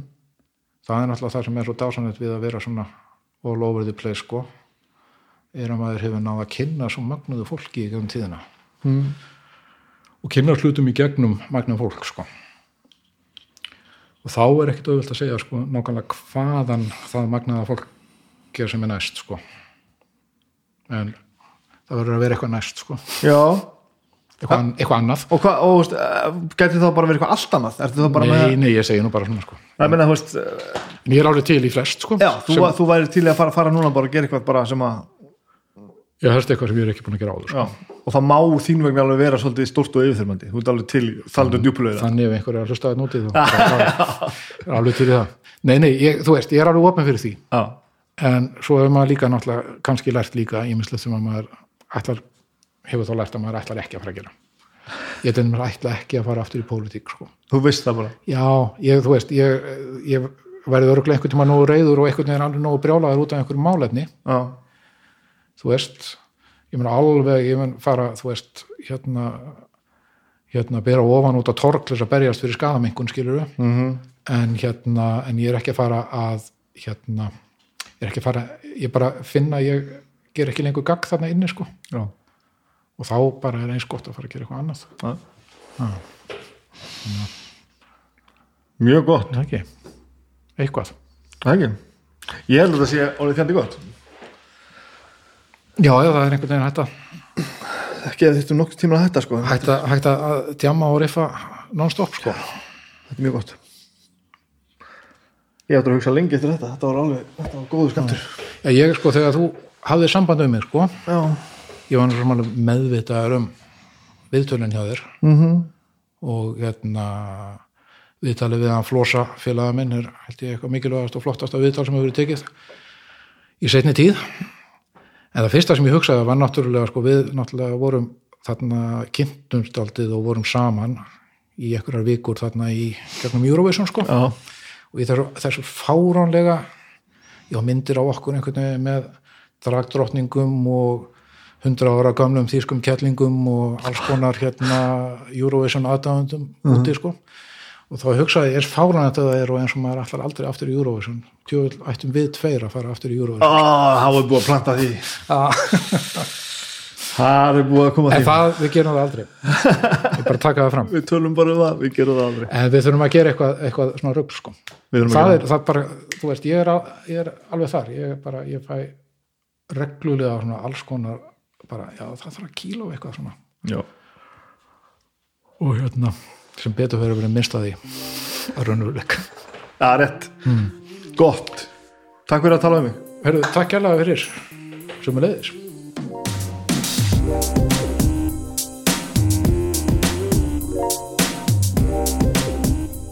Ég er nú bara hérna þá sko.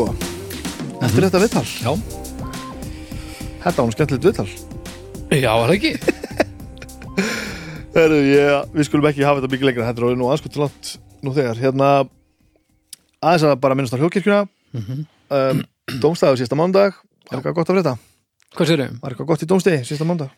Herðu, það er bara Já, síðasta mánudag. Já, Já, jú, jú, jú, byndu fyrir þér. Það er hérna, Birna er ennþá stödd fyrir norðan. Mhm. Þannig að við vildum nú innvinklina í þáttin uh, þrátt fyrir það, þannig að hún sendi okkur hljóðupptöku af öllum málefnunum í þáttinum, þættinum. Nema, Ha? já, hún sendir okkur sem sagt málefni 1, 2 og 3 hljóðupptöku að við hvað við þrýr, ég, Eddu og Haukur eigum að tala um og svo drófum við eitt úr, úr setnum og hún var náttúrulega uh, mesta með að því að gera hauk Já, vandræðilega, gott, það mjög. tókst djöfull vel hjá Það eru, það eru, það er, það er, það er gott. Já, Það gleður mig. Þetta, já, legganga umræða og, og, og, og annað. Gott, Mikið haukuðar uh, Kokkaflakkaði Sola. Já, á barbecue maðurinn. Hvað heitir heitir hann þurr? Uh, heitir hérna kongurinn, kallar það ekki? jú, barbecue kongurinn hvað hann heitir? Alvöru Ég verða aðtöða Hann er að hvað heitir hann aftur? það er maður sem að eldar mat eins og, eins og, eins og ég vil hafa hann. Ég þekki hann bara sem barbecue kongin sem því er að, að Það heitir að heita eitthvað. Já, já, en ég meina það því er að Það heitir að- Alfred auglýsing- Fannar. Já, já, já, Já, já, já, já. Þetta er almennlu maður, ég ánægði með þetta. Mm Það er gott. Já. Hvað er þetta þriðutar? þetta var þriðdag Svo eru er, er, dröðnir voru gæri á hvað er þetta þar? herðu, það, þetta var mikil sagfræði sem áttur sér stað hérna í gær. Þetta var eh, fasismi í Fraklandi í setni heimsturöldinni hvernig hann hafði áhrif og, og af hverju náðan fótfestu og hvernig og, og hversu flókið var það og þetta var alveg bara brútal sagfræði Já, já, ok. Mjög áhugavert, flósi á heimavelli og ég náttúrulega þurfti bara að bremsa hann þú veist, ég þurfti bara að stoppa hann. Þegar hann var hann á miklum heimavelli ég bara svona, hef, hann hefði geta hann væri enn að sko. Mjög gott Mjög gott. Mm -hmm. Herru, morgun, fyrstdag, nei, hættur alveg. Já, Það er ekki gestir. Nei, ekki en þá en það styttist í það. Já, nú, nú uh, hérna, plan. hvað séru? er plan Já, Já, það verður ekki næst en uh, vonandi verður það bara það næst sko. já ok. Og, og ég sé ekki að það ef, þú veist, ef það kemur ekki eitthvað hræðilegt upp á í mildtíðinni, þá ætti það að ganga. Besta platan á morgun. Já. Uh, Það er besta platan með Shellac 1000 Hertz Æ, ég segi það sé besta platan með Shellac Ég, ég, ég játa hér með að ég veit ekki hvort að Arnar er á sammála af því að það er ekki búið að taka upp næ, hennan þátt þegar að þessi þegar ég verðum að bladra þetta hérna núna. Síðasti þáttur í bestu blötunni var nú bara einn ein, ein, ein, sá allra öflugastur svo uppæði Back in Black með ACDC mikið umræða náttúrulega var rosaleg sko. Já, hafa, það- þeir sem hafa skoðun á tónlist Já. þeir hafa skoðun á þessari plötu og þessu bandi. já það magnaði að sjá vorum að að Arnar ekki tendið fram hvort er vinsalli hvort þú tækið fram yfir Bon Scott eða Brian Johnson sem, sem fórsöngura og síðast ég leita á það, þá var þetta bara 50-50 sko. það segir nú ímislegt um skiptist alveg um þetta sko. Vel Það- gert já, þetta er frábært allavega, sjálfaka morgun Já. ég held að það verið hljótt gaman mm Mhm. og ég hef eftir að taka þetta upp Já. annars bara, takk Sómi, takk Reykja Gróstes fyrir að, að vera með okkur farið endilega og, og, og skoðu það sem þessi, þessi, ágættu kompanið upp á að bjóða. Það er ástæða fyrir að þið er að hlusta á þetta er það að þau eru að steyða við, við okkur. Svo með farin á allar veitur og alla miðla og gefa okkur þumla og, og, og uh, umsagnir og takk okkur í bak og fyrir og gera allt sem maður gerir. Já, það er mikilvægt. Og hljóðkirkjan er líka á Instagram Já. þannig að ef þið eruð að hlusta einhver staðar og, og í vinnun ykkar eða bara hvað sem þið gerið þegar þið eru að hlusta þá með ég endilega taka hljóðkirkjuna. Það er gaman að sjá hvar fólk er af því að já, Já, það er mjög gaman. fólk er á öllum stöðum í heiminum að hlusta á þetta. Það er mjög funky að sjá það. Já, það er skemmtilegt. Já. eh, Mér langaði að nefna það líka ég maður bara núna, eh, ég var að tala við hérna, ég- og ég, einmitt, fokkaði upp. Ég, að, að því fokkaði upp nafnin hennar í síðasta þetta Nú, í hljófarásinu mannst ekkert eftir því voru þar? Jú Jú, jú, jú, jú, jú, jú, já, já, ég, ég var bara alveg tómur núna, ég vissi ekkert hvað það um. Jú, Ég kallaði hana Turtsi í, í hérna í, í, í þætturum hjá mér Já. í síðustu viku. Og kom svo að ég að hérna að það, maður segi Turki. Turki Já. já, og hérna og um, það er ljótt á mér. Já, já, já, þetta er öll undirbúinu sinna Já, en það var hins vegar frábært spjall og gaman þetta, þetta hérna, sá þáttur er almennt bara eh, er komin á okkur mjög skemmtilega staðar mjög, við erum bara að taka viðtal við ansi marga mjög skemmtilega Já, þeir sem eru að koma kaldir að þessu þá er það sem sagt hérna, heimsókn í hljóðfærum. hljóðfórósins, já, Já. nú talaði eins og allir vissum hvað er tala Já. og síðasti gestur minn var semst uh, Ingibjörg Elsa Turki Bassa, leikari. viðtöl tónskáld, útsettari og allra halda snillíkur Já, Bibbi að taka viðtöl við tónlistafólk niður í hljóðfórúsi og við, því er streymt live á Facebook og uh, ég er að sjá um þessa útsettingu og þið getur fundið öll þessi viðtöl inn á Facebook síðu hljóðfórúsins Akkurat, mm -hmm. það eru nóg að tala, djúvillur er mikið að tala. Já, já, Það eru skulum hægt að tala. Já, já. Þetta var gott í þessari viku, við, við gerum eitthvað meira næst. Takk fyrir að hlusta. Bye